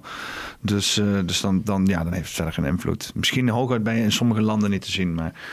Weet je wel, maar over het algemeen, als je een beetje voorzichtig bent. Maar die platen, ja, ik weet niet, weet je wat, is wel leuk om te doen. Ik hou ervan hoor. Mijn ouders die hebben een stuk of 300 platen. Dat zijn ook van andere mensen dozen gekregen. Want ja, jullie hebben al platen. Er zitten wel mooie pareltjes bij. Op een gegeven moment had ik van mijn moeder... Lionel Richie. Wel eens een liedje van gehoord. Ik vond het een beetje zeurderig. Maar die plaat was gewoon verrekt is goed. Nou, zo pak je een keer volgende dag andere plaat. Dan een keer de A, dan een keer de B. Had je een dubbel, je snapt wel.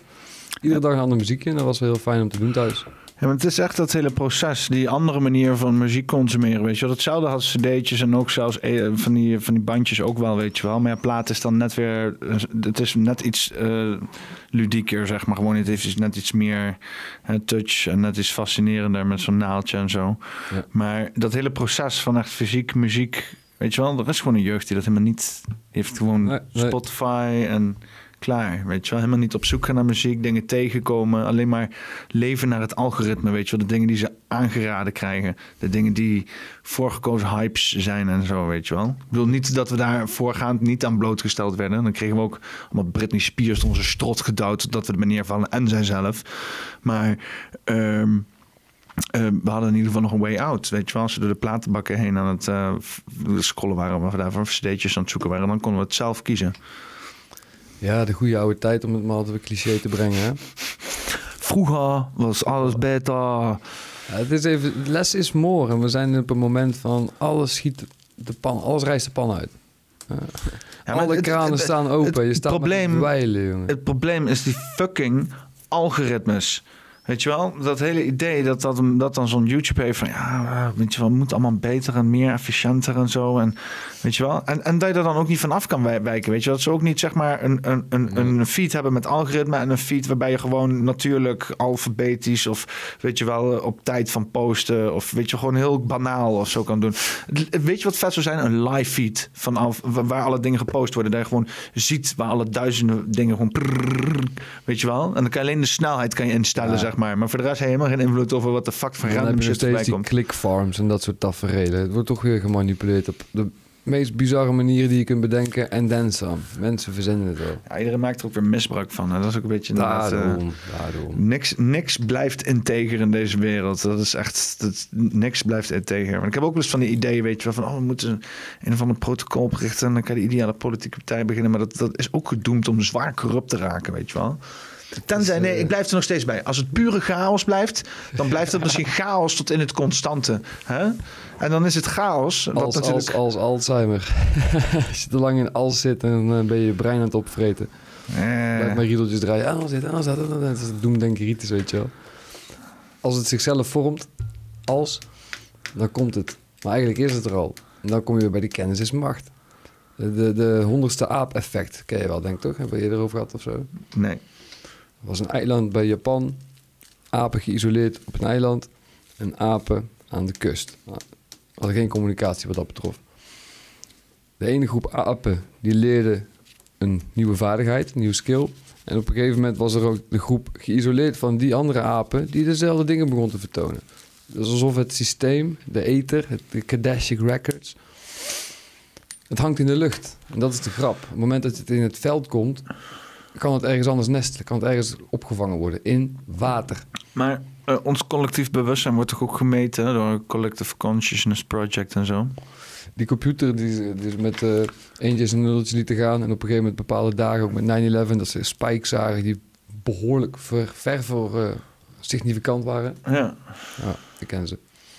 Ja, dat is het grappige. Er zit veel meer in 0,05% van het elektromagnetische spectrum ons bekend is het visuele spectrum wat wij zien. Wat je nu om je heen... Oh, 0,05%. Dat is een tweeduizendste van de smeer die er nog is. Dat is niet veel. Nou, als mijn lichaam 1 tweeduizendste is van wat ik ben... dan heb ik uh, compactwijs gezien een, een veld om me heen, volumewijs... wat een, een flinke stuk groter is. Snap je wat ik bedoel? Maar dat ziet niemand. Nee. Althans, de meesten zien het niet, omdat dat... Ja, ook- aangeleerde visuele patroon is maar dat kleine stukje... wat de meeste mensen die buiten zijn twee ogen draaien. En niet het interne oog. Is, er ook niet, is het ook niet de bedoeling dat we niet alles zien? Hmm. Of, of is dit de Great Awakening? De Great Awakening vind ik ook altijd een beetje... Het is een cliché. Ja, je kunt het wakker noemen. mar- noemen. marketing is dat, hè? Zo, ik, ik zin om een marketingbureau voor de Great Awakening beginnen. Dan, eh, dan eh, een, eh, een, hoe noem je dat nou? Alba die zong toch al over Aquarius en zoveel andere muzikanten. Jaren 70 of zo, 80. Zo, dat niet. Het is een soort van, ehm, eh, eh, hoe noem je dat ook weer? Dat mensen allemaal geld inzamelen voor zo'n... Benefit, een benefiet. Ja, maar dan online, bij zo'n inzamelactie. God, waarom kom ik daar nou niet op, joh? Dat zou van alle mensen te moeten weten. Zo, zo doe je zo'n, zeg maar, zeg je zo van, ja, ik wil een, eh, een, een paddenstoel maken van gips, maar dan van zes meter hoog. maar Oh. doneren. GoFundMe. GoFundMe, ja. Ja, ja dus dan een GoFundMe. Dan ben ik het originele idee vergeten. Kut, sorry. Ik lim me te denken aan een paddenstoel van zes meter hoog. Dat is dat verhaal wat ik zei van je verzint iets en je kunt het niet meer terugvinden. Het is al weg appen voordat je het door hebt. De kracht van drie, dat is wel de grap. Als je drie keer iets doet, een handeling, dan zit het er vaak in. Oh ja, ik weet het weer. Een GoFundMe beginnen voor een eh, marketingcampagne voor de Great Awakening. Net zoals ze dan de Great Reset doen en zo. En dan met allemaal mensen bij elkaar komen en dan zo aankondigen. Het liefst door een of andere Duitser, weet je wel. We are going to eh, initiate the Great Awakening. Ja, eigenlijk moet het dan een Indiër zijn dan natuurlijk inderdaad. We're gonna initiate the Great Awakening. De grap is van dit. Op dit moment is de punt van je spine, je hersenruggengraat, je... Oh, wat is het precies? Die termen, jongen, met al die anatomie.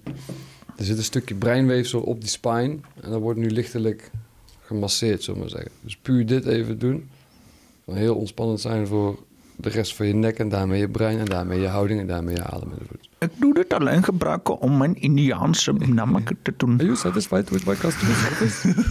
You're in the Vindaloop. Oh, oh, was dat offensive? Ah, eh, ze kunnen wat. Nee. Volgens mij zijn Indiërs zijn over het algemeen echt chill. Want die, volgens mij die zitten midden in die hele racisme shizzle. Dat is, dat is, voor hun is dat helemaal... dat- dat- Ik ben vanaf mijn geboorte al een vuurtoren. Je wil niet wat er overheen wordt gegooid, maar als je me...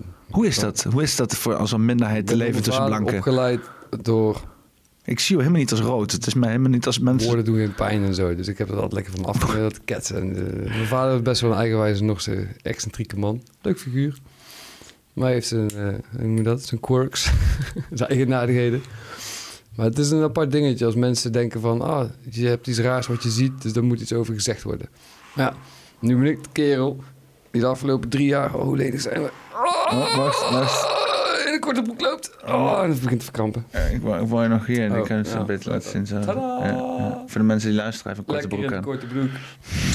ja, op een gegeven moment wat je al zei, als je leert don't give a shit, dan, dan valt er heel veel van je af. En dat was ook het leuke met deze podcast. Kijk, mijn moeder weet heus wel dat ik een keer een jointje rook. Maar met deze podcast was gewoon even lekker gas geven om dat extra stigma nog even, wat je zei, pam, tegenaan te Even, trappen. even tegenaan trappen. Chaos-theorie. En het liefst inderdaad ook gewoon doorbreken, weet je wel. Kijk, als je dan inderdaad... Nou, ik moet eerlijk zeggen, dat, het is nu niet dat we zeggen... Oké, het is misschien wel een stoner gesprek, fuck it. Maar dat is, wat ik wil zeggen is dat stoner gesprekken best goed zijn in de wereld. Fucking onze... De, de, de mensen die de, de, de renaissance hebben gedaan in Nederland... eh, De grote schilders, de grote uitvinders die in Amsterdam zaten... Die zaten te smoken en ideeën uit te wisselen. Vincent En- en- van Gogh, de grootste schilder van de wereld. Nou, die had toch best wel wat dingetjes op kunnen Maar hè, dat tezijde. Zo is de spotigoze heroïne. Fuck, die gozer. die- hij, zo zag hij de wereld, hè, zoals zij schilderen. Hij dacht van, wat, hoezo, wat? Nee, ik zie dit, weet je wel, allemaal streepjes en zo. Ah. Die fucking die schilderij met die... Ja, de schim, de Oh, d- dat is wat ik zie als ik mezelf te lang in de spiegel aankijk... als ik eh, psychedelica aan bij ons behandeld met tekenles. Oh man, HAVO 2 of zo. kon voor een meter tekenen. Ik vond dat kut om te moeten doen. Dan moet je iets. Ja, laat me maar rust. Als ik iets wil tekenen, teken ik wel. Als ik iets wil maken, maak ik het wel. Maar nee, nu dit. Ja, minimal input, maximal output. Ja, 5,5 is genoeg. Ja, ja, ik, Oh, ik, ja, ja, ja. ik had ook niks met kunstles en zo. Dingen natekenen, orders aanvoeren. Het voelde niet heel kunstzinnig allemaal. Zo'n mooi stil leven. Een paar van die vazen en een bloemetje en een stuk fruit ernaast. Maar ik keek ook altijd naar die, naar die, naar die kunst. Die tekenlerares was, was ook echt een vak tekenen gewoon. Echt, het, wel. En ik keek echt naar die vrouw en ik dacht... Hoe, hoe ben je hier? En waarom ben je zo, weet je wel? Dus hoe, hoe kan je wat een beetje eh. Artiest die dan toch ergens geld moet verdienen misschien of zo. Nou ja, ik weet niet. Dat is ook een pittig iets, hè, artiest zijn. Er zat wel ambitie achter, maar het is een eh, hele kleine ambitie. Ik weet het niet. En ze was ook altijd wel een beetje zuurig, weet je wel? Ik, ik doe het graag met... Ik was vandaag dus nog even in Leersum. Tussen de tegels zie ik ongeveer 20 centimeter een klein berkje staan. En een paar kleine aftakkingjes. Ik denk, oh, die is leuk. Of als bonsai-achtige plant. Ik doe dat graag. Een boom die klein blijft. Een plekje geven waar je hem klein kan houden. En dan kun je hem helemaal in elkaar draaien met zijn takken en vlechten. Een soort kunstwerkje van maken. Levende kunst. Dat principe vind ik geweldig om te doen. Je bent bezig. Het is een artistieke expressie. En natuur laat je deels gaan en je vormt naar de meest nuttige vorm bijvoorbeeld. Of zodat je er zelf in ieder geval nog praktisch langs kan, om het zo te zeggen. Maar de rest van de natuur laat je gewoon er ding doen.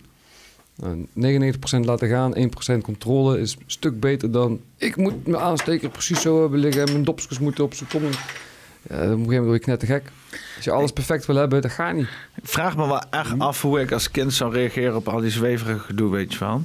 Want ik weet wat ik heb doorgemaakt als kind op les, dat dat in ieder geval voor geen meter resoneerde, weet je wel. Maar ja, als iemand tegen mij begon over flows en shit, ik weet niet man. Dat is- Thuis kreeg je dat dan ook helemaal niet mee en dat soort shit. Dat is het. Het zit er al zover niet ingebakken. Maar juist het andere verhaal dat het onzin is. Dat het opboksen is tegen een gigantisch front. Ja. Eh, dat heb ik ook met die magneten meegemaakt. Eh, dan ben je wetenschapper en dan kom je terug op je oude school en denk je... ah, dit is interessant als we water kunnen veranderen... en we kunnen daarmee alle reacties... oh, kijk wat de potentie is en opzet. Wat krijg je dan? Rots op met je Ah, magneten, jongen. ja, Dat zal wel, dat zal wel. ja. Terwijl dat nu begint... eh, Er is iemand in een PhD-functie in Leeuwarden, zoals ik begreep... die er eh, werk van wil gaan maken... om te kijken wat er nou echt aan de hand is. Hm. Dus het zal me reuze benieuwen. En weet je, waterstof NMR is een techniek om de waterstofatomen te bekijken onderling. Nou, als je dat met water zou kunnen doen. Ik gaat sowieso met de credits er vandoor.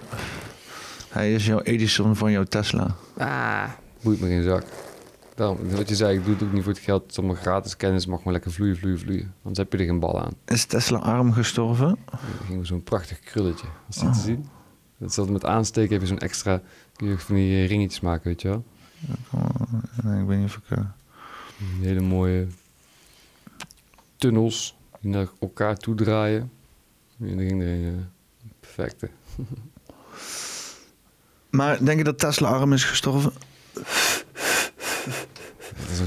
Of gewoon... van wat is arm, wat is ja, rijk is het, maar of is het gewoon zonder geld? Ik denk niet dat hij bijzonder veel geld had. En dat is ook wat de meeste wetenschappers wetenschappers maakt. Want dat maakte Als hem het minst hebben- corrupt van iedereen waarschijnlijk. Ja, maar als een wetenschapper veel geld heeft, dan heeft hij een nog gekker idee wat heel veel geld kost. En dan krijg je de Ab Osterhaus en de Bill Gates van onze wereld. Ah, dat Bill kan, Gates dat kan ik geen wetenschap meer noemen. Die, die, die hebben, het is een academici. Academici is heel wat anders dan wetenschap. Maar Bill Gates is niet eens een academici, toch? Hij is Nee, gewoon een oude nerd. Dat is een engineer, volgens mij. Een informaticus. Of noem je dat? Een oude, oude, oude rancuneuze nerd is het. Dat is wat het is. Die graag een Nobelprijs voor vrede wil die hij niet kan krijgen. Een, een eugenist. Ja, ja, inderdaad. Komt ook nog een van de vage familie ook nog. Dat is wat de ringactie. Oh, van fascinerend. Vindt hij fascinerend, hè? Nee, ik weet zeker dat mensen het fascinerend vinden. Ik heb het nou al duizend... Nou, ik moet eerlijk zeggen, deze constructie vind ik inderdaad wel enigszins licht fascinerend. Blik is ook maar blik, weet je. Dat is plastic. Ja. Glas. Stukken fijner. Kan niks aan doen. Maar, waar waren we net met... Zei je net ervoor? Ik heb geen idee. We wouden ook eh, richting een, eh, een einde praten, dus eh, heb je nog iets afrondends? Een Er onderwerp. staat niks meer open. De computer, dat is fijn. Heb jij nog onderwerpen voor je neus liggen? Nee, hè? Dat heb je ook afgewerkt. Even kijken, ik had eh, staan eh, eh, Flat Earth. Nou, dat hebben we wel besproken hoe we, daar, hoe we daarover denken. Het is, het is leuk, maar we zijn niet overtuigd.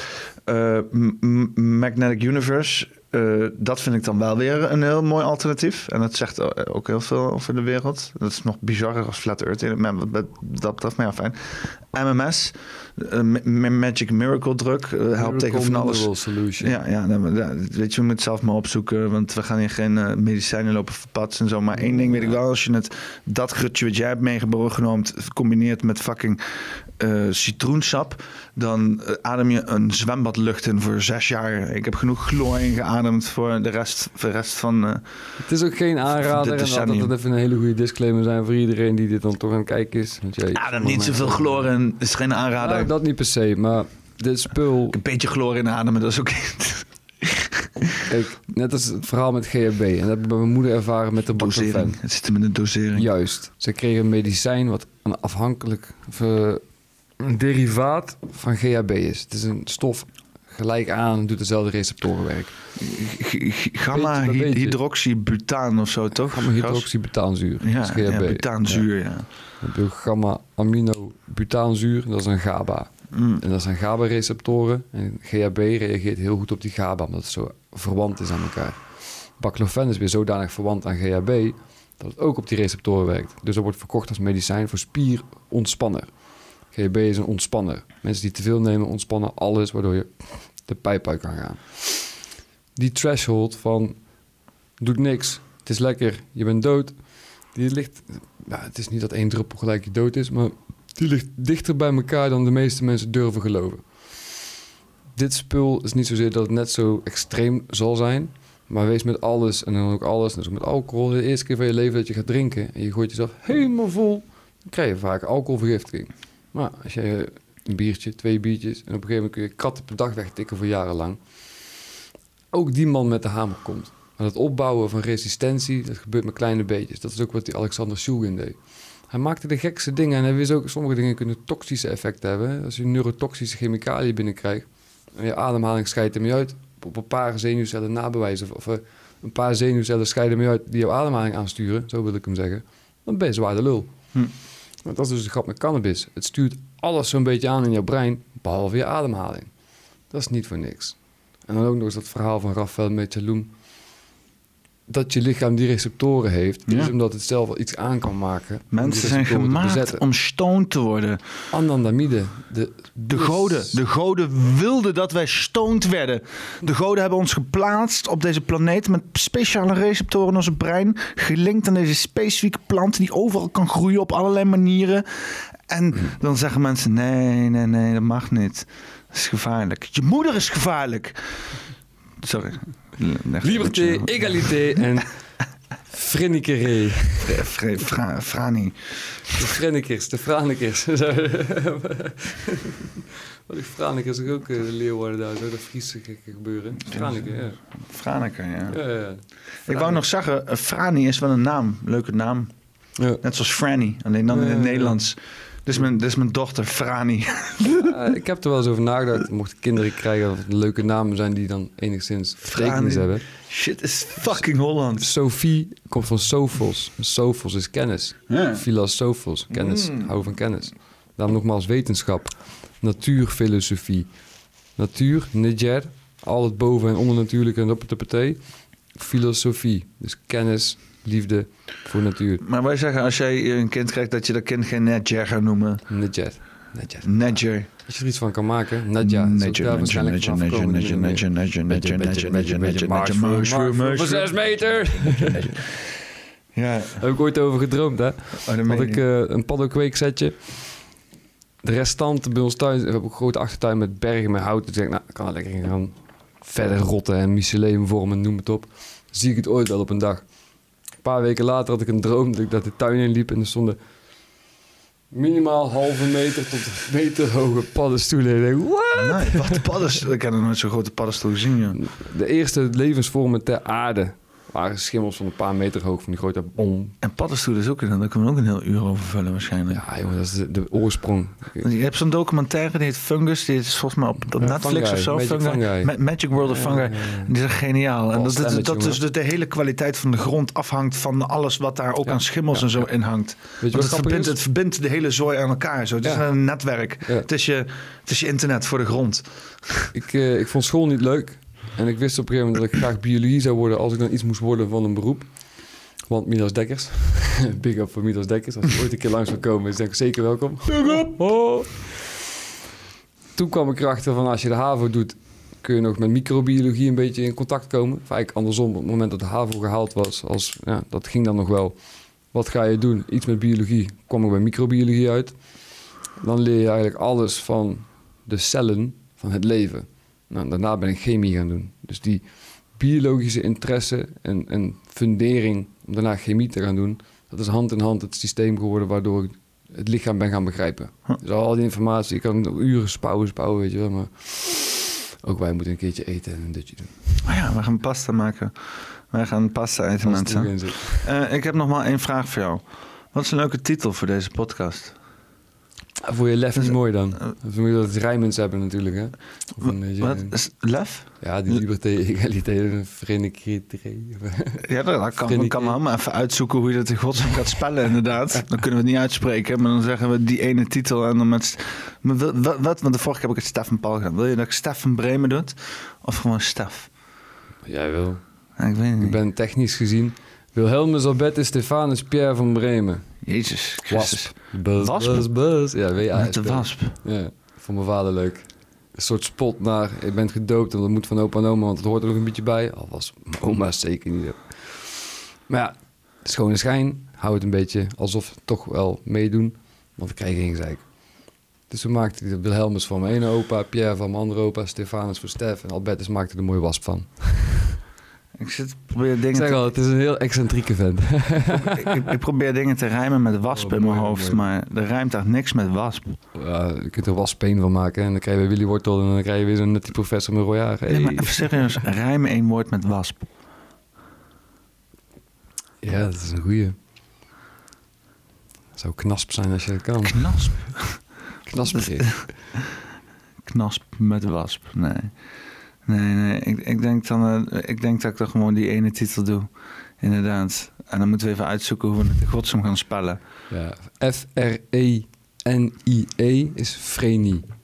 Maar ik denk wel dat ik Stefan Bremen erin gooi. Dat is beter voor de zoekresultaten. Want Stefan Bremen duikt overal op op het internet als je hem zoekt. Dus daar moet ik wel aan bijdragen natuurlijk. Dat is goed, er zijn er niet heel veel van, hoor, volgens mij. In ieder geval niet met één E. In ieder geval van Bremen ook met dubbel E. B-R-E-E. B- Bremen? Bremen zoals de stad. Ste- Steef- Stefan Bremen. Zijn Bre Eman. Dit is Stefan Bremen, zijn alter ego Stef van Bremen. Stefan Bremen, Bremen, godverdomme. Ah, ik zat er van volgens mij gisteren aan te denken. De Bree in de Bree springen is ook zo'n dingetje. In de Bree springen? Ja. Heb je nog een Google in je zitten? Heb ik, ik, kan nog wel een Google in me. Als Ja. je in de Bree springt, dus een beetje in diepe springen of zo. Of in, In- juist in de, in de Panari, wetende dat het pittig gaat worden. Of Doe, me denken aan eh, in, de, in de brei springen of zo. Is dat het? Nee, ik, ik weet het niet. Niet dat ik, ik, ken het, ik ken niet iets wat in de Nou, brei pas van. Bre Bremen zat ik hem te interpreteren als Breeman. Waar zou Bree dan voor staan? De Bree-man, snap je? De man from Bree. iets dergelijks. In de, de bres bres, ja, springen. in de bres. Ja, maar ik kan wel opzoeken van... Ja, als je bres op zijn Frans uitspreekt, staat er Bree. Meervoud van bre. Nee, oh, nee, maar dat is met 1-1 inderdaad. Nou, Ja, dat is, dat is ook mijn naam. Ja? Ja, ja, ja. Ah, Waarschijnlijk bewoners van de stad. Maar het komt ook. Er waren Oh, ja. mensen en er waren mensen aan de Bree. Is, is een fucking Bremen is een stad. Ja, behoorlijk. Een havenstad. Mijn achternaam is ook een stad aan, of in ieder geval een dorp En om het nog leuker te maken voor een, eh, een plot eh, twist cliffhanger dingetje. Mijn vader zegt altijd, wij zijn afstammelingen van de Tataren. Ook voor mij gezegd, maar... Oeh. Kun je ook weer daarover door. Hou de poppenkast in de gaten voor meer. 61 met Stefan Bremen, die ene titel, je weet.